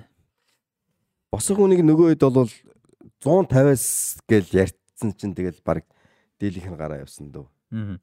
Тэгээ одоо жишээ нь Ливерпул бол нөгөө нэг э, шинэ тэр Йорг хин гэлээ. Яна. Нэр нь орч марч Матка. Йорк Шматка гэж шинэ одоо спортын захиралтай болж. За тэгээ нөгөө нэг гол зорилго нь тэр байсан. Тэгээ дээрэс нь олон байрлалд өөрчлөлтийг шаардлагатай болсон учраас бол одоо нэг тоглогчид их мөнгө зарцуулахын оронд олон байран дээр өрөнгө бол тия гэдэг. Тэгээ одоо Макалистрийг яриад байгаа шүү дээ. Ийм бол шийдвэр төрсэн байгаа. За Манчестер Ситиг ярангууд Илкай Гүндон энэ 100 явах магадлал бол зөндөө байгаа. А гэрийн дуусах юм байна шүү дээ энэ 100. Тэг Гүндон ч угаасаа 31-т гэхдээ мундаг тоглож байна. Ямар амар хэмжээнд байгаад одоо харуулж байна те. Тэгээ Барселона бол нэлээд сонирхолтой байгаа. Гэтэ цалин мөнгөний чадахгүй үгүй нөгөө цагуугийн асуудалтай. Тэнгүүт чинь Гүндон хэрвээ явах юм бол бас тодорхой ш. Гэтэ явах юм бол төвд бас хүн хэрэгтэй байхгүй. Тэр Гүндон хичнээн мундаг гайхалтай тоглогч ч гэсэн Жуд Беллингем ирэх юм бол тэр одоо апгрейд л болох гээд байна л да. Тэ? Ядахтаа л ирээдүг гэдэг утгаараа. Тэ? Тийм байна. За Реал Мадрид тэгвэл очивол яаж тоглох юм? За хамгийн ойрхон боломжтой нь бол Реал Мадрид мөнгөтэй байгаа шүү дээ. Өнгөрсөн жил 220 сая евро лөө 240 сая евро Мбаппег авъя гэсэн санал тавиад Paris Saint-Germain өгөө гэсэн шүү дээ. Тэгэхээр мөнгө бол байгаа. За харин яаж одоо байрлал За байрал дээр бол үнэхээр санаа зовхон байхгүй. Одоо одоо хүмүүс ингэж байгаа шүү дээ. Яг гурван хагас хамгаалагч тоглож байгаа те. Гэхдээ тэр байрал дээр ч гураас илүү хүн хэрэгтэй байхгүй. Мм. Дутчихсаас илүүжсэн бас зүгээр. Одоо гимтэл бэртэл олон асуудал байна шүү дээ. Тэгнь. Тэгэхээр бол ерөөсөө Беллинхамыг авах боломж байгаа дээр л авах хэрэгтэй. Тэгж л бодож байгаа. Тэнд бол тоглохын тулд асуудал байхгүй. Нөгөө нөгөө Беллинхам ч бүх байран дээр тоглож шít. Нөгөө гурвын айлан дээр ч тоглож шít. Чоминигээс бусд нь гуруула бүх одоо Беллингем очих юм бол гурал өөр өөр тоглодог бас тавдлаа тий. Одоо Камавинг гэж хүссэн үсээгүй ингээд зүүн дээр тоглодог болчихлоо. Хоошоо сууд тоглон гол дээр тоглоно. Бол ч бүр урагшаач тоглож, баруун урагшаа урагшаа тоглож, гол нь тоглож. За Беллингем бол бас ингээд тий. Чоминигээс бусд нь бол бүгд өөр байран дээр тоглож байна. Бас давтлаа тий. Байна байна. Реалын төвөө хасцаа Модрич кроссоор нэг нэг жил гэрээгээ сунгацсан. А кросс ч нэг зодог тайлан байлна гэж ярьж байгаа болоод хойлоо нэг нэг жилээр гэрээс сая сунгачлаа. Тэнгүүт энэ хоёр бол одоо дараа жилээс бол ер нь ээлжилж байх тоглох. Одоо тийм одоо сая ингэж байгаа шүү дээ зүгээр маш том юм болоод байгаа шүү дээ зүгээр хүмүүсийг анзаарахгүй байх. Тэр хоёрыг суулгадаг болцсон шүү дээ.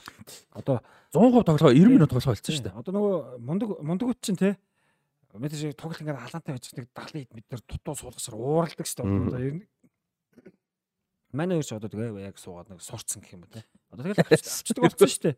Намар явж хат нөгөө Роналдог би Роналдог нөгөө сууд сургасан гэдэг. Чи юу? Шүү. Ойда тэгж вэ. Тэгээд нөгөө хоёр ч бол тэгээ тэрийг ер нь дасгалжуулагч бол сайхан ярьсан бахуу тэр хоёр. Тийм баг тийм баг. За Реал бол би хэлээл байгаа тий. 24 он хүртэл одоо нэг цикл явна. 24 онд маш олон хүнийг гэрээ дуусна. Бензема одоо саяны хоёр. Карухал Марухал Васкес Маскес Ерөөс гэж. Реал Мадрид ч уус амар баг шүү дээ. Амар цэвэрлүүл амар шинжилт. Яг 24 он бад нэг и- эренг ингээл дуусгах шүү одоо. Яг нэг сүүлчийн л байна те. Одоо энэ үлрэл бол нэг яг нэг сүүлчих те. Гэтэ айгуу гоё холилдож чадчих штэ те. Бенземан байна. Шууд сольчоогүй те. Одоо Сидэртэйгээ эдэр чинь бас нэг байгаа те. 24 он тэгэл Олимпийн Парис Олимпинд болцсон Paris Saint-Germain фэлдүүл фэлдэн тэгээ Мбаппег авчих юм шүү 24 он. Бензема ч явна. Ер нь тийм л юм шүү. Тэ? Одоо Мбаппе бол Парис нь бол ингээл одоо сонирхож байгаа зүгээр шар мэдээ сонсохоор ингээл дан залууч сонирхож байна те. Одоо бас Ливеркусны хоёрыг сонирхоод байна. Жереми Фримпонг, Муса Диапи хоёрыг. одоо Фримпонг хэрэгтэй шүү дээ баруун дээр. Тий. Гэхдээ их сонирхолтой нь Реал Даниэл Каравхалыг бас Ливеркуснээс авч ирсэн шүү дээ. Тий. Ливерпул Кастилиас зээлэр явуулж тэнд бас л гарааны тамирчин болгож боловсруулж байгаа л авчраал тэгэл гараа болгож ирсэн тий. Тэгээ бас л түүний араас Ливеркуснээс Жереми Фримпонгийг авах гэж байна. Тэгээ Фримпонгийг харин бас Сити тэгж Реал руу явуулмааргүй байна гэж бас үзэж байгаа юм байл. Сити дуусаа баруун хамгаалагч хэрэгтэй шүү дээ. Хэрэгтэй хэрэгтэй. Ер нь хоёр жигүүр айл айл нь л хэрэгтэй. А Менди ер нь бол жоохон болохгүй байгаа да. Яаж хат яг хаа дажгүй тоглолтоо дажгүй. Гэхдээ гимтэж хүчээд байгаа шүү Ферлан Менди чинь. А тэвэнгүүт тэг Бенжамин Менди бол Менди хэр Сити ярьж байгаа Менди ирсэн нөгөө нэг Менди тий. Тэр ч одоо өөр асуудал. хилмэг хилмэгдсэн ч би яатсан ч дээ.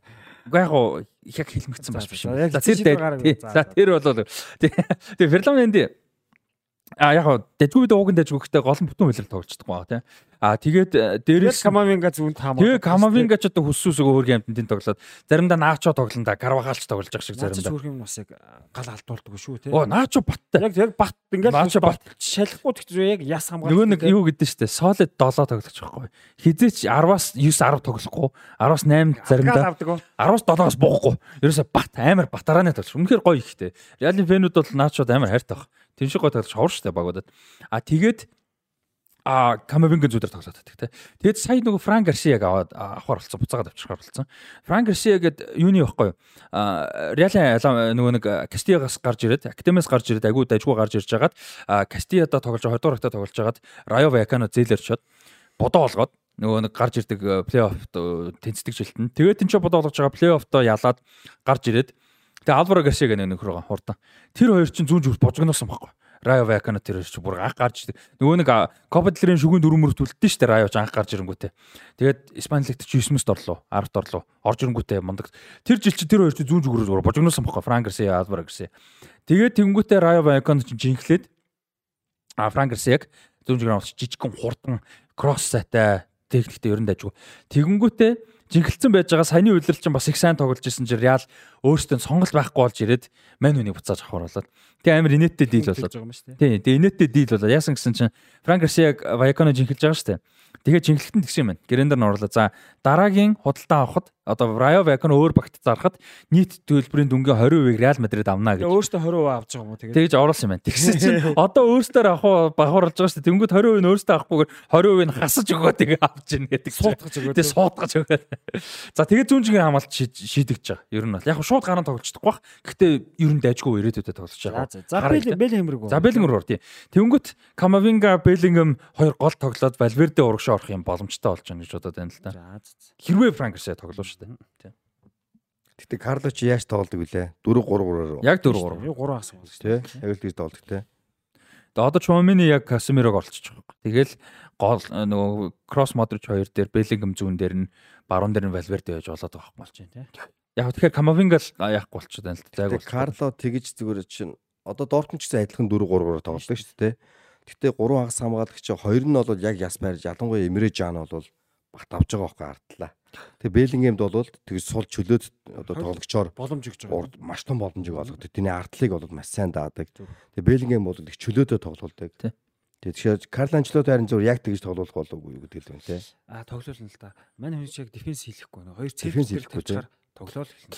Өнгөрсөн жил дефенс дээр бол жишээ нь лигийг бас л таклаараа тэргүүлсэн шүү дээ. Бас чаддаг. тоглоод чадна. Юм юм чаддаг.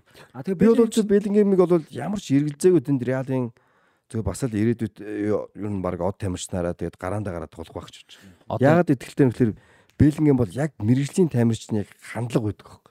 Ер нь альва мэрэгжилт нэг хандлага чухал байдаг те. Одоо зураглаач хүнд, найруулагч хүнд, жүжигч хүнд те хандлага амар чухал байдаг. Беллингем яг тэр хандлагыг өгч чаддаг. Яг тэр хандлагыг одоо хүмүүст мэдрүүлдэг байхгүй. Тэгээ Беллингем түүгээрээ бол ер нь баг аль хэзээ Анчелотиг юм бас хайр өндөрлөг билээ гэдэг нь баг гараа гараа тэгээд туулчих байх ч байлаа. Тэгэл тийм хандлагатай болоод тийм характер гарч шít. Бус хүмүүсээс ч бас тийм их хүсэж шít тэр хүмүүс. Беллингем бол энэ залуу наснда аль 30 наснд төлөвшөж байгаа хүний одоо бүх химиг өөртөө ингэ бүрдүүлчихэд явчин гэдэг бол зүгээр мэдээж тамирч хүн ирдэж бардаж болохгүй те. Нэг гимтэл бэртлээс л хол байж чадах юм бол Беллингем бол ер нь хол явах байх гэж бол бодож байгаа. тэгээ одоо Беллингем одоо юм ба шүү дээ олон мундаг тоглогчд гарч ирдэг хаалн малн Мбаппе гэдэг ч юм өөр ингээд хүмүүс тэгэнгүүт яг тэр байрлал дээр тоглогч хэрэгтэй багууд гэл тэгэхээр яг нэг тодорхойд гарч ирдэг шүү дээ. Одоо чинь энэ жил ингээд товтлогч хэрэгтэй баг зөндөө байна. Яг хэрэг боломжтой байгаа товтлогч Виктор Осимен л баг хамгийн байгаа бах. Кейн тэр хоёр ч юм уу те ингээл ярддаг. Тэнгүүт Беллингем Европын баг бүх хэрэгтэй юм багхгүй. Баг Барсагаас бусаад. Яг Барса яалч Педриг авид юм байна. Түүнээс бусдаар бол үнэхээр яалтчгүй. Тэгээ бусдын дээр бүх багт зүгээр автоматар гараанд байгаа байхгүй. Ямар баг нь хамаагүй, ямар тактиктэй баг тоглоомжгүй хамаагүйгээр гараанд нь шууд яваад орохоор хэмжээний. Тэгээд тийм биш баг байна уу? Баг байхгүй тээ. Байх. Тэ. Тэгэхээр бас амар байна те. Тэгэж одоо өөрийгөө э, яаж юм тэгэхээр. Тэгэд сайн нэг ийм сонирхолтой өнцөг байсан л да. Одоо нэг ингээд хааландыг одоо жишээ нь юу авч чинь те. Аа ёо сити авч байгаа те. Ингээд Мюнхен зөвхөн Реал олон ярьж байгаа. Тэгэд чинь хүмүүсийн нэг тодорхой хэмжээний ойлголт ч тааланд чих залуудаа сити рүү явж чинь. Ситид очиод ингээд мундаг олон жил явж байгаад ирээдүйд бас л Реал явах юм одоо магадлал бол байгаа гэл те. Тийм ер нь л те. А тэнгууд ингээд нэг тийм Реал амир юм баггүй. Реал залуу тоглогчийг авч ирээд тогтоодог. Реалаас илүүдээ явсан гэж баг байхгүй. За Озил Ди Марио хоёр л байж магадгүй. Үнэхээр амар мундаг үедээ явсан нь. Тэ Ди Марио бас амар мундаг үедээ явсан. За Озил бол яваад бас амар сайн тогсон. Ер нь бол яг эд үедээ ч юм уу те явна гэж бол байдаггүй. Тэгээ эд үеэ Реал Робин зөвлөдөг. юмсан шүү дээ. Робин Снейдерийн тэр цэвэрлэглээ л. Гэтэ тэгэд чинь гэтээ яг болоогүй байхгүй гол нь. Босон сайн байгаа тоглогчд бол тэгээд сайн байсан байсан бас байсан. тэгээ тийм хэмжээндээ байсан гэж үү. байсан байсан. Тэр ичээр яваад галалцсан шүү дээ. Одоо энэ жил аа гүшээ сүүлийн хэдэн жил бол яг тийм болчихж байгаа шүү дээ. Яг тэр гинтийн л болсон л. Реал гэдэг шүү дээ. Одоо Барса Реал хоёр ч ер нь оргил шүү дээ. Английн лигт үнэхээр гоё гоё тэр лаг багуу тоглож исэн хүмүүс чинь тэгэл Реал Барсаар бол явдаг. Мм. Тэгэхээр тэр чинь өөрөө нэгдүгürt оргил гэдэг утгаараа юу гэдэг дундуур нь явах магадлал нь өөрөө бага. Аа нэг бол тэнд очиод мяар тэ. Мм. Реалыг нэг хэсэг оддын оршуулга гэдэг байсан. Тэгэхээр нөхцөл нь яхааргүй тийм байхгүй. Багийнхын Тий, нөхцөл нь тий. тий. А тэнгууд Английн багууд чинь нөгөө хэдийн агуу мундаг ч гэсэн яг эцсийн дүндээ нөгөө хоёр чинь агуу байгаа болохоор Английн багууд чинь дамжлага болох магадлал нь бас өндөр байгаа даа байхгүй. Одоо харин зүгээр мөнгөөр том болоод өсөлтөө нь чанга болоод харин өөр болчихно. Тэ сая ядж хат Барселона нэг хэсэг унаад бас э, тэр болоор нэлээ өөрчлөгдлөө те. Хаавч бас том давуу тал болж байгаа шүү. За Беллингем дээр нэмэх гой зүйл байна өөр. Беллингем дээр зүгээр би жишээ олгомоор тамирчид олон байт. Тэ? Авьяастад Беллингемс илүү гоё авьяастад тамирчид байсан шүү дээ. Усман Дембеле, Жэдэн Санч авьяастар илүү байхгүй. Тэгэл нөгөө би нэг ярих гэдэг нэг хандлага байхгүй байхгүй тэр хоёр шүү дээ. Тэ? Ёс зүй суугаа төлөвшөөг.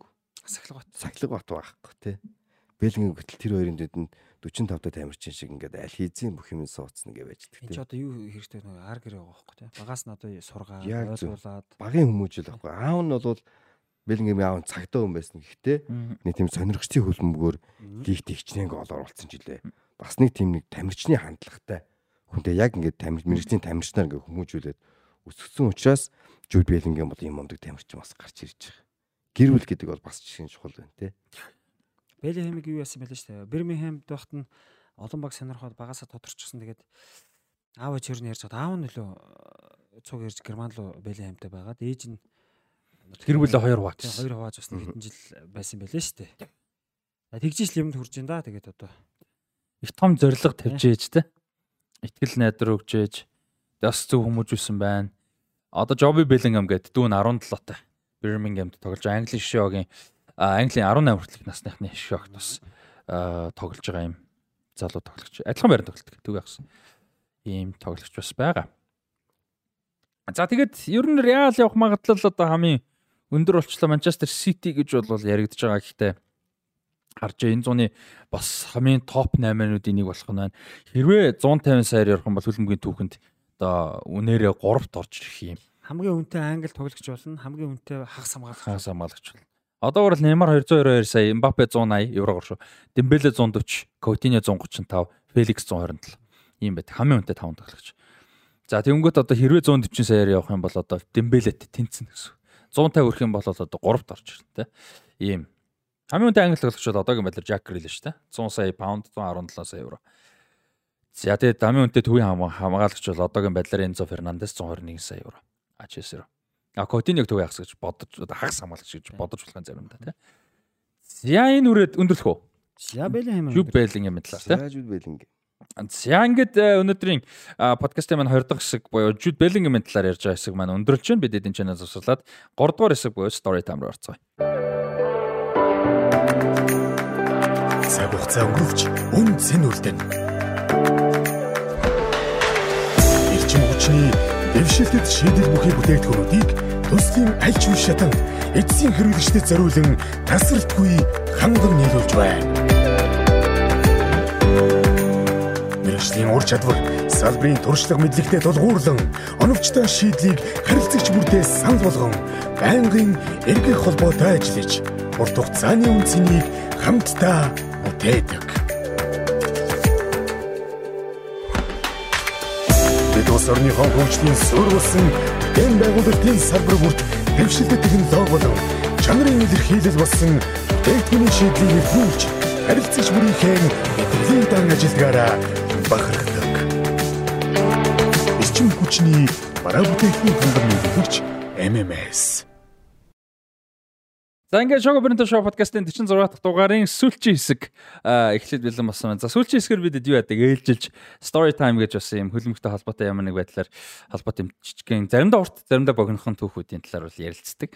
За бид өнөөдрийнх дээр бол яг хаа эхлээд бодож исэн юм Виктор Осимений талаар ер нь жоохон ярих гэж утсан. Тэгээд ярих гэсэн чинь хитрхийн нөгөө нэг юм одоо намтар шиг болчих гээд юм болоод ингэсэн тэгсэн юм туулсан яа тэгээд ийм ярьсан гэдэг.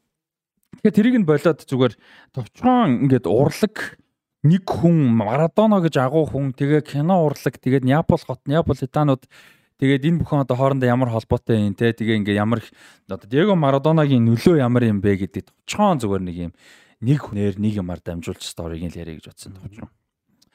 За бол ич авраг авлаа тий. тий Наполи авраг авсандаа бас холбож байгаа мэдээж та. Зориулж. Тийм зориулж. Гэх юм одоо Наполи авсанд бол үнэхээр бас гоё. За Пауло Соррентино гэж мундаг уран бүтээлч байдаг. Кино найруулагч. Кино найруулагч. Мундаг одоо цагийн Италийн хамгийн мундаг найруулагчтай нэг. За маань хүн 2014 онд э, Оскар шагналыг хүртсэн. Шилдэг э, гадаад хэл дэх кино шагналыг бол хүртсэн. За а за тэр кино нь 14 онд тийм зүг юм 14 онд 13 онд гарсан La Grande Bellezza гэж кино байдаг. The Great Beauty гэдэг нэртэй кино байдаг. Тони Сервило. Сервило тий? Сервино ойлоо, Сервило баха тий. Тони Сервило санаж байна. А Сервило. Сервило. Тий. Тони Сервило гэж бас Италийн мундаг жүжигчин гол дүрдэн тогсон. За энэ киногоор Оскар шагнал авбаа. 14-ны 2 сард, 3 сард байна. За тэгээ тэр үед Оскар шагнал авахдаа Оскарын тайзан дээр яг ийм хүмүүст одоо өөрийнх нь үлгэр жишээ, үлгэр домог болсон тий хамгийн том үлгэр жишээ болсон Федерико Филини агуу уран бүтээлч Италийн. J.R.R. Tolkien Lord of the Rings-ийн Hobbit-ийн агуу зохиолч. Тэгээ Мартин Скорсезе мэдээж тэ агуу найруулагч. Тэгээд Диего Армандо Марадонад баярлаа гэж Оскарын тайзан дээр бол Пауло Соррентино хэлсэн байдаг. За Марах байсан үе нэ шүү дээ. Тийм байсан байсан байлгүй яах вэ. За тэгээд э, хэний хувьд бол Пауло Соррентино бол Неаполитан хүн. Өөрөө Неапол Неапол төрж өссөн Неаполитан гаралтай.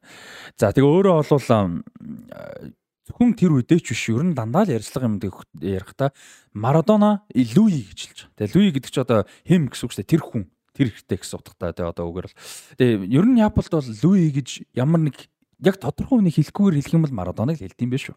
Ер нь бол тийм одоо хэмжээний том биш та Марадона тий. Яаполд. За тэгээд тэр хүн бол миний амийг аварсан гэж дандаа ярьдаг юм байна. Пауло Соррентино. Миний амийг аварсан гэж дандаа ярьдаг. Ер нь бол За нэг нь шууд утгаараа нөгөөх нь шууд бус утгаараа юм. Шууд утгаараа. За одоо ямар утгаар гэдэг яг мэдээж шууд утгаараа Марадона ч амин амраагүй л дээ. Гэтэ нэг одоо шууд гэж хэлэхээр ч юм шиг те нэг утга бас байна л та. За яасан гэхээр хүүхэд насандаа бол одоо Марадонагийн тэр гайхамшигтай Наполид байсан үед бол Пауло Соррентино яг өсөж ирсэн. Хөлбөмбөгт маш хаартай. За тэгээ аав нь Саша Саса Саша л гэж уншдаг юм байна л та. Гэтэ Саса. За Саса бол ингээд а сасагаас бол хүү Пауло гойдаг байсан юм байна. Наполиг ингээд зочилч тоглох үед намайг ингээд явуулаач ингээд клубын дагуулад дагаад тэ Наполиг үзэх үзүүлээч гэж их гойдаг байсан юм байна. Зочил тоглох. Яг талбай дээр үзэх нь ойлгомжтой. Тэ авдаг үзсэн гэр бүлээр. А гэтээ зочилж байгаа үед нь гойдаг байсан. А тэгээ аав нь бол заримдаа явуулна, заримдаа бас мэдээж өсөр нас нөхдөж бас бас нэг аюултай янз бүр бас мэдээж явуулахгүй байна. Бас чангастай тэ хөлбөмбөг байна. Чангастай уултраанууд идэх. Тэ тэгээ өсөр нас нөхдөд бас нэг тэ мэдээж. Яг хоо тэгээ тэр Тэр үдэр нь ямар байв гэж. Гэрээсээ гарч ингээл бодолтой чи. Аав ээжээсээ холдож үзчихэ. Тэ. За тэгээ нэг бүтээсээ өдөр юу яаж Абруццо гэж газар бол одоо гэр бүл манайхаар лагер юм байна л да туслан юм байна. Одоо яг үндсэн гэрнч зун амардаг байшиндаа бол байсан. Тэгээд аав нь зөвшөөрсөн юм байна. За Наполиг явж үзье гэд. За тэгээд Наполи а Эмполигийн талбай дээр тоглох тоглолт байсан. За Эмполи дээр Эмполигийн талбай дээр очсон тоглолтыг Марадона мэдээж тоглосон Наполид Пауло Соррентино өсвөр насндаа очиж үзсэн. За тэгээд Пауло Соррентино а юунаас тоглолтноосоо эргэж ирээд гэртээ ирээд хаалга төгссөн чинь хүн онгойлгодгүй. За тэгээ юу болчихоо гэд ингээ хаалга төгшөө хүн онгойлгохгүй байжсэн чинь юу нэрээд хөршин нэрээд одоо маш муу маш юм одоо муха мэдээг бол хүргэсэн. За тэр нь бол яг ингээд яг Пауло Соррентино байхгүй үед нь гэрт нь бол одоо юуны газ алдагдаж аав ээж хоёр нь бол одоо тэрэнд хордож насварсан ийм юм бол харамсалтай юм бол болж исэн байт юм байна. Тэгээ өөрөө бол ярьдаг нь ингээ би Марадонаг үзэх гэж яваагүй болол би ч үхвэсэн гэж одоо өөрөө бол ингэж ярьдаг. Марадона миний амийг амдарсан амийг аварсан гэж өөрөө л ярьдаг. А тэгээ Пауло Соррентино бол энэ амьд э, байхад нь бол Марадонод уулзаж бол яг танилцж урт хугацаанд бол байж үзээгүй. Яг уу ялч өсвөл доод болсон болохоор яг уу нэг эн тэн таарсан байж магадгүй хэн мэдгүй те мэдээж Наполитан юм чи. Гэхдээ ер нь яг ингэж одоо тухтай танилцж бол үзээгүй. Тэгээд жоохон бахтай юм болсон. Харамсалтай. Маш харамсалтай. Тэгээд өөрөө бол яаж яхад үрдсэн гэрэн ч биш одоо зүгээр тэр нөгөө одоо манахад туслан гэдэг шиг те байнга байдаггүй газар нь болж таарсан. За тэгээ өөрөө бол одоо а юу болвол те Марадона бол миний амийг аварсан гэж маш их ярьдаг. За тэгээ мань хүн бол одоо энэ юу байдаг Young Pop гэж цуврал бол хийдэг. За тэр нь Jude Law гэдэг алдартай жүжигчин тоглолдог. За тэгээ энэ цуврал дээр ингээл залуун попын тухайл гардаг, pop гэдэг чинь манаар гардаг. За тэрэн дээр ингээд мань хүн мэдээж Наполиг маш том фэн. Тэ одоо энэ жил ингээд төрүүлж аваад маш их баяртай байгаа. Тэгээд яг ингээд өрсөлдөөл яг авраг гэж яригдж байгаа үед нь бас саяхан л тэр Young Pop гэдэг цувралга нь хэдгээр ч юм дэ бүлгэн л гараал явж исэн юм байна л да. Тэгээ тэр үед нь ингээ production хийх явцад ингээд нөгөө эвлүүлэг хийж байгаа дээ сүүлийн дүрсүүдээ. Тэгж явахдаа нэг хэсэг зорж хассан гинэ. Явуулна тоо оруулах хэрэгтэй байсан. Тэгээ зорж хассан. Яагаа хассан ямар хэсэг байсан бэ гэдгсэн чинь нэг юм pop тэр одоо цуврал дээр нь те Наполи ингээд Serie A төрүүлсэн ингээд баяр тэмдэглэж байгаа сцен байсан гинэ. Тэгээ тэрийг айгүй бол энээс болоод лай болно шүү гэд нөгөө яста боли гэд могор сөсөглээд энийг гэж оруулахгүй гэд хүчээр тэр нь бол ингээд одоо үйл явдал өрнөл чухал юм байсан юм байна л. Тэрийг нь хүрт хассан гэж байгаа байхгүй. Аа яста боли чимэн гэд айгүй бол яач нэгэд. Тэгээ асан гэж. А тэгээд э, сүүлд э, Netflix-тэй хамтарч хэдүүлээ бас нэг э, намар мамар өнгөрсөн жил зунчлал хийж байхад ярьж байсан гэж байна. Paolo Sorrentino Netflix-тэй хамтарч Hand of God гэж кино хийсэн. За орчин үед сүүлийн хэдэн жил бас одоо энэ домогтон бундаг уран бүтээлчд хүүхэд насаа дурсан хүүхэд нас өсвөр насныхаа үеийг амьдралыг дурсан кинонууд бас хийдэг болчиход байна. Хин Кевин Кеннет Брана гэж мундаг уран бүтээлч хөхт насаад орч Belfast гэж мундаг кино хийсэн Хойд Ирландд өсчихсэн үеийнхаа. За Алфонсо Корон гэж Мексикийн одоо агуу уран бүтээлч Рома гэж кино хийсэн бас хөхт насныхаа тухай. За тэгээд Стивен Спилберг гэж агуу уран бүтээлч дөнгөж сайхан The Fablemans гэж бас л одоо кино урлагт хайрлж дурсан үеэ дурсан кино хийсэн болвол Поло Соррентиногийн тэр кино нь бол The Hand of God гэж кино байдаг за тэр нь бол Поло Соррентино одоо яг өсвөр насны хүүхэд яг Неаполд өсөж байгаа хөлбөмбөгт хайртай өгтөд хөөгөлтэй найзтайгаа уулзаал яг тэр үед Марадона ирж байгаа юм гайхалтай тэр үеийн Неаполд одоо амьдарч байгаа үеийг харуулсан юм драма кино бол байдаг. Нэг шүртээ их үйл явдал болохгүй гэтээ гол нь тэр үеийг одоо мэдрэмжээ гаргаж байгаа юм да тэр туулсан зүйлээ те. Ийм киног бол Пауло Соррентиноос үлд хийсэн байдаг. За энэ бол зүгээр одоо юу гэдэг юм Наполигийн авраг авсан нь Неаполуудад, Неаполитануудад те ямар нөлөөтэй. Тэгээ дээрэс нь Диего Армандо Марадона гэж хүн одоо нэг үндэстэн шүү дээ. Неаполч бас бас нэг үндэстэн те. Тэгээ бас тэр хот ямар гайхалтай том нөлөө болсон яа. Тэгээд нөлөө гэдэг зүйл өөрөө ганц нэг спорт ч юм уу те тэр хүн ямар мэрэгжил ямар салбарт байснаас хамааралгүйгээр ямар том хэмжээнд бас одоо хүрэх тэлэхтэй юм боломжтой байдаг юм бэ гэдгийг бас жижигхэн ч гэсэн хэмжээнд бас харуулж байгаа болоо гэж бодож байна. Тэгээ Боло Соррентино угаасаа мундаг найруулагч. Тэгээд юу н одоо жишээ нь хэдүүлээ ярьсан шүү дээ. Aurelio Di Laurentiis гэж одоо Наполигийн эзэн тий 2004 онд авсан бас киноны хариулагч хүн.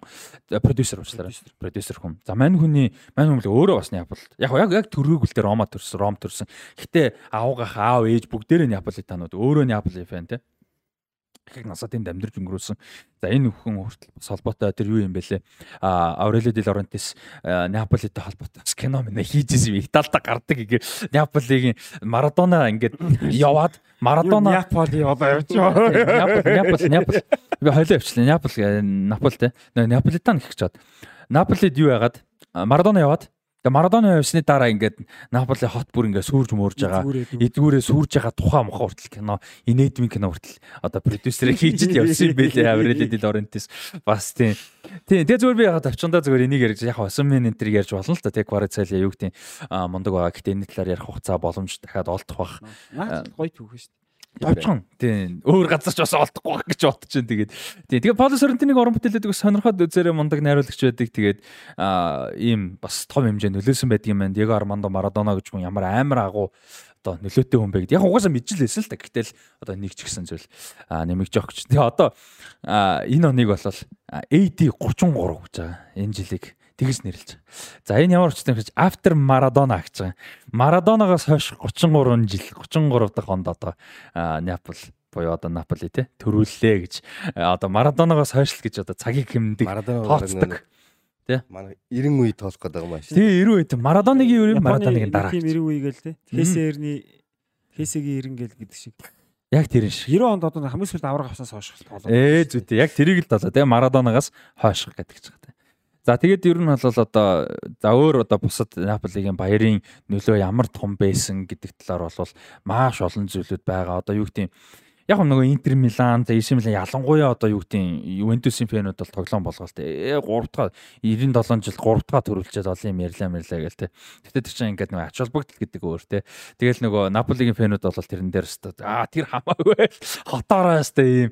Тэр чинь одоо бүр үн цэнтэй байгаа байхгүй. Цөөхөн цөөхөн тусмаа үнцэнтэй. Одоо Ювентусын тэр яг тоолдоо мэдээж тоо болж бол. Гэхдээ Ювентусын тэр нэг замбрааг болоо юм чи бас нэг зарим хүнд бас үлдэхгүй шүү дээ. Нөгөө Томас Мюллер за намайг баталгаатай өгөө хэлтэй л дээ тий. Ювентусих бол асуудал ихтэй тий. Асуудал ихтэй. Тэгээд асуудал биш байсан ч гэсэн одоо чинь Том Томас Мюллер гэсэн нөгөө нэг зарим нэг үйлрэлийнхаа ялалтын баяр маяр юмыг сандаггүй гэдэг Тэгэд яг жижигхэн юм л та мэдээж дөрүүс нь гоё л доо. Тэрний төлөө дөрөвдөх байгаа наашин. Гэтэл ер нь бол тэ ингээ байнгын юу байна гэдэг чинь бас л нэг тийм үнц нь бас тодорхой хэмжээнд унж байгаа байгалахгүй тэ. Италийн багууч тэгээд Рома, Лацио энэ чинь маш цөөхөн төрөвтэй байдэн шүү дээ. Ромаш 83 2001 Лацио ч юм 1 2 ч илүү. Тэгэл тэрүүгээр л маш их бахархдаг тэ. Тэгээд одоо Наполид бас их юм болж байна гинэ. За ингээд юуны Марадоныгийн тухай киноны одоо эрхийг бүрийн хэмжээний кино их эрхийг Aurelio Di Laurentiis эзэмшдэг юм байна. бас их том юм байд. Марадоноос авчижээ байхад нь За тийм л бах. Тийм л бах. бодлоо авцсан байна л да. Бас их том юу байдаг юм байна. Аа амар том лицензтэй юм биш үү? эдэмждэг юм байна. Продюсер чинь өөрөө одоо 70 гарцсан продюсер шүү дээ бас том. За тэгээд энэ нэг Filmauro гэж компани байдаг юм. Тэр нь эзэмшдэг юм байна л да. Өөрөөх нь эзэмшдэг компани. За тэгээд энэ юуны одоо Aurelio De Laurentiis-ийн аав аваага хоёр бас л одоо Наполид э, яг Наполид ойрхон яг Наполид биш. Одоо энэ Torre Annunziata гэж газар өссөн юм байна л да. Тэр газар нөгөө Vesuvius гэж алдартай нэг уул. Помпеиг нуур сүрүүлдэг. Тэр уулын яг ингээ шүүд галт бол тэрний доор л байдаг жижигхэн тосхон юм байна л да. Тэнд өссөн юм байна. Aurelio De Laurentiis аав аваага. Тэгсэн чинь тэр тосхон нь яг Помпеийн одоо ингээд одоо хуучин устсан Помпеийн наатгал зогсоол юм байна л да. Автобусны вагоны зогсоолоор бол. Тэгсэн чинь одоо тэнцээ юу яаж яаг нэ битүү баяр тэмдэглэж байгаа. Тэгээ сая амар инээтэй. Нөгөө Удинесээр нөө яваад яас түрүүлсэн. Тэрний өмнөх тэр нөгөө Салернитанатай тоглоод түрүүлж чадаагүй шүү дээ. Тэгсэн чинь Салернитана дээр тоглож байсан үед үд- юу яасан гинэ? Байгаль хамгаалагч, байгалийн нөгөө эрх мэрх хамгаалах янз бүрийн ингээл мэдээж байгуулга хүмүүс. Тэд нар анхаарал хандуулаа бөө юм болсон гинэ. Тэгээ Италич басны тэрүүг бөө юмсан. Яас гэсэн Наполи фэнэ тэрүүгээр баахан баяр тэмдэглээд гарууд сошиал медиа дээр очиж штэ Визувисийг дэлбэлэн мэлбэлэн баяраа тэмдэглээ солирч гисэн гинэ.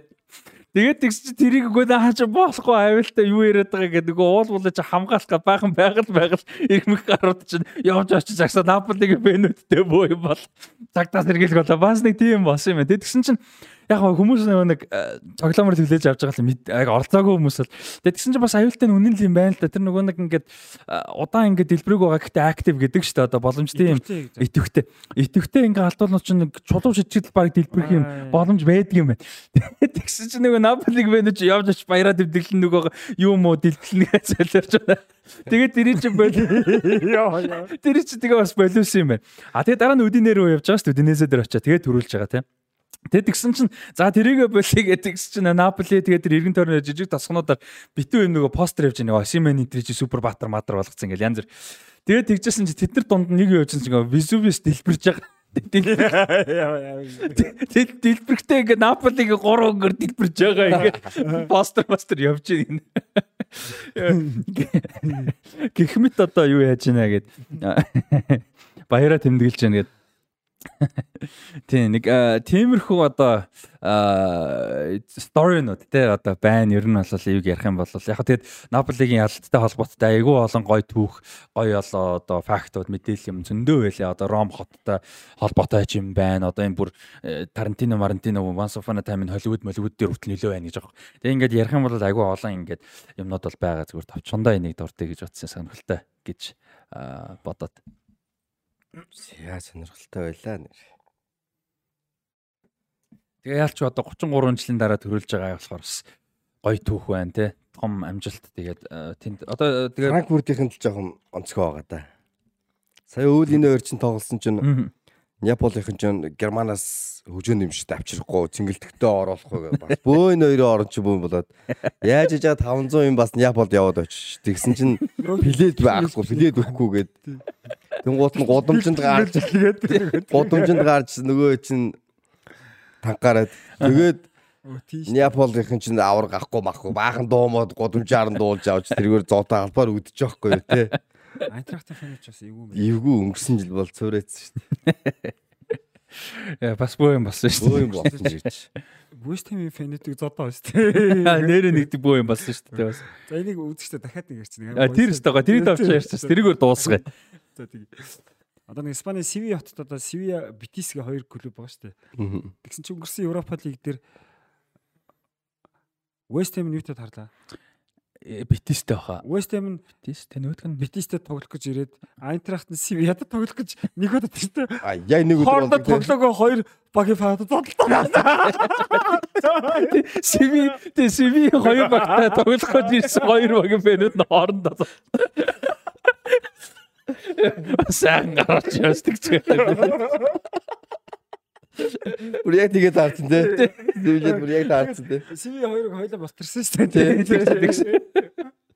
Ээ тэрээс аа. Ээ тэ фэнүүд сайн гар тэр визүвисийг явж очиж дэлбэлнэ. Яаж ч юу яасан юм бэл. Яагаад очиж дэлбэлнэ гэдгсэн чинь тэр нэг TikTok дээр ч юм уу юм дээр ч юм дээ нэг видео тренд болсон гинэ. Тэр нь ингээд бас нэг юм нэг нэг том бол биш гэхдээ нэг галтуулын нэг юм магма загматай нэг юм хэсэг байдаг ш. Тэрэн дээр нэг нөхөр чулуу шидэ тэр нь дэлбэрж байгаа бичлэг ингээд одмод болсон юм байх. Тэгсэн чи тэр чинь нөхдүүд явж ш. Дуурайч нөгөө висифрс чи амир амир нэг. тасбар хөхгүй шүү дээ. Нөгөө үсэн үсэн дэлбэрлэг айгүй. Магадгүй ш. Гаруудад магадгүй. Тэгээд яг чулуу шидэ. Тасбар. Гэхдээ тэд чи өөрсдөө дэлбэх гээд байгаа хүмүүс бид нар яхад хамаагүй. Тэр Франц зүрхнөөс Лондон өнгөрсөн жил Вест Хэмийн фанатууд гурван нуглаад нөгөө нэг байнгын таслбар гэж байдаг шүү дээ. Удирдлагын таслбар. Тэрийг нөхдүүд ер нь барж жуулч зарддаг юм байл да нөгөө угсаа зарж хааж тэгдэг те. Тэгээд нэг хэдий гурав нуглаад өгөөд тоглолтоо үзүүлдэг. Тэгсэн чинь нөгөөд Франкфуртэд ингээд фанатуудын гут нь зарах гал баг бэлдэж мэлдээд ярьж хөөрөө байжсэн гэсэн. Тэнгуут нь шууд цэнгэлдэхэд зарах юм бол дахиж бүх насаар ч оруулах гэсэн чинь. Паар гэсэн үг шүү дээ. Лондонгийнхан. Э, Тэр нь Барселона ч нэг фэлтэй өстэй. Юу тоглол? Антрак Франкфурт Камп Ноу тоглосон чинь баг цагаан. Камп Ноу нөгөө тийш зочсон Камп Ноу ч 99 юм уу? Тэгээд Европын томцсон болохоор чинь үсрээд нэг 5000 ч лөө хууралдаг. Би тайлбарсан шүү дээ нөгөө хожигддаг. Чиг 20 30 гэдэг. Камп Ноу тийм үү? Цагаан Камп Ноу ч тийм үү? Тэгээд шави маяг уурлаа бөө юм. 20 ч биш баг 30 30 мянга байхгүй юу? Нөхдүүд юу яатсан? Каталонч бол угаасаа тэрэн дээр 20 мөрөг тавиаж нэг ачаалбар Тийм. Тэгсэн чинь Франкфурт 30 мянган баг нэр яваад очсон. Тэгч бүгдөө тасбар болцсон. Тэгсэн Ноу цагаан болгосон. Сэрэн дээр Барселоныг гэх юм бол Европа лигийн тэр болт нэг тоохгүй байхгүй үнэндээ бол тий. Тийм. Тэгээд ч угаасаа асуудал их байсан. Тэгээд нөгөө багаа дэмжих баг. лиг байсан. Лапортош мөрдөн шалгах ажиллагаа явуулсан шүү дээ. Тэгсэн, тэгсэн. Хин зарав яав юу. Тэгээ нөгөө фэнүүд айгүй хөөрстө зарсан болж таарад. Тийм. Ээ, за за фэнүүд гоё гоё. Гоё гоё. За тэгээ энэ үрээд шоу боното шоу подкаст 46 дахь дугаар өндөрлж ин сонирхолтой байсан гэж найдаж байна. Тэгээд а, өнөөдрийн дугаар зарснаар орж урилга хэлж авч олцсон маш их баярлалаа. Мистер Бүнцлиг гэдэг. Яг урилга юм уу зүгээр солилцоонд гусцсан юм шүү. Урилга шүү дээ одоо. Бэлттэй таймарчин солилцоонд зүгээр шахаад усаа.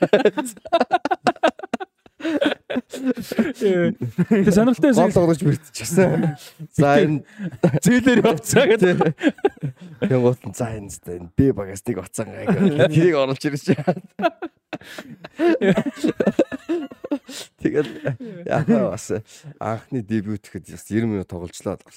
Удаан байна шүү. Бас. Экстра таймтай гусч байгаа юм шиг. Баг экстра экстра уусаа ажилласан чинь. Йоо. Тэгээ дараа цаа нөгөө том үе экстра тагаа болсон шүү. Билгүү сая юу яагаад манай үзэгчтэй. Нэгдүгээр хэсэг дуусан гот явах. За хоёрдугаар хэсэг өө тийм байдаг. Тэгээ хоёр дуусаад явах гэсэн чинь за гурав руугаар өгч тийм байдаг юу гэдэг. За одоо бол дуусч. Хөд мөч хоёрхан үед та гурав юм уу яа. Дөрөв орч яа. Ээ за за за. За баярлалаа. Баярлалаа. Тэгээд э, яриа үнэхээр сонирхолтой чадлаа. Тэгээд үзэж байгаа сонсож байгаа хүмүүст сонирхолтой байсан гэж найдаж байна. Тэгээд аа шоу бэнт шоу подкастын сизон 1 ингээ бүтэн жил гарan одоо ер нь бол явахаар болж байна. Тэгээд бүтэн жилээр бүтэн сизнер ивент итгэгчээр орсон MMS-ийн хамт олондоо баярлалаа та бүхэн MMS-тэй а бол 8810 70 44 за эсвэл одоо source юм гэсэн сайтаар утсаар бол холбогдох боломжтой дөнгөж сая хэлсэн. Хувьд бол одоо Schneider Electric гэж Германы одоо номер нэг цахилгааны бүтээгдэхүүн үйлдвэр- үйлдвэр- үйлдвэрлэгч компани бол одоо Decraft брендийг бол аль биесээр оруулж ирж байгаа. Тэгээд энэ бүтээгдэхүүнүүдийн талаар мэдээлэл бол электрик зэг MMS Facebook хуудасаар бол ороод эхэлсэн байлээ шүү. Та бүхэн мэдээлэл бас авцгаагаарай гэж хүсмээр. Зөвлөмөр байна. Тэгээд MS-ийн хамт олондоо баярлалаа. Тэгээд ивент итгэгчээр мөн ажиллаж байгаа А веб спорт лаунж хамт олондоо баярлалаа. Бид энд чинь бичлэгээ хийсээр байгаа. Одоо энэ чинь веб спорт лаунж одоо спорт лаунж газар бол нэгдгийн орой 12 өнгөрж яхад ажиллаж яадаг биш. Тэгээд бидэд бичлэг дуусаагүй байгаа учраас яг одоо ажиллаж байна. Тэгээд веб спорт лаунж хамт олондоо баярлалаа. Тэгээд удахгүй та бүхэндээ бас жога одоо Bonito-гийн crewing зүгээс те бас одоо гоё үйл ажиллагаа та бүхэндээ удахгүй зарлнаа. Тэгэхээр та бүхэн бас Facebook дээр, Instagram дээр бидний сувгуудыг бас дагаар удахгүй айгуугаа мэдээлэл орно. Тэгэхээр бид нарыг нэмж дэмжих хүсвэл Хас банкны 500 556 29 78 гэсэн дансаар бол донешн хийж дэмжих боломжтой байгаа шүү. Тэгээд өнөөдрийн дугаартай хамтайсан та бүхэндээ бүгдд нь баярлалаа. А та хоёртаа баярлалаа. Яриа сонирхолтой байлаа. Ойр динийг өгөөгөр инээлээ. Тэгээд дараа дараагийнхаа дугаараар дараа уулзлаа баяр та. Ерөнхий ивент гэгч MMS The Future is Electric ерөнхий ивент тэтгэгч MMS Green Building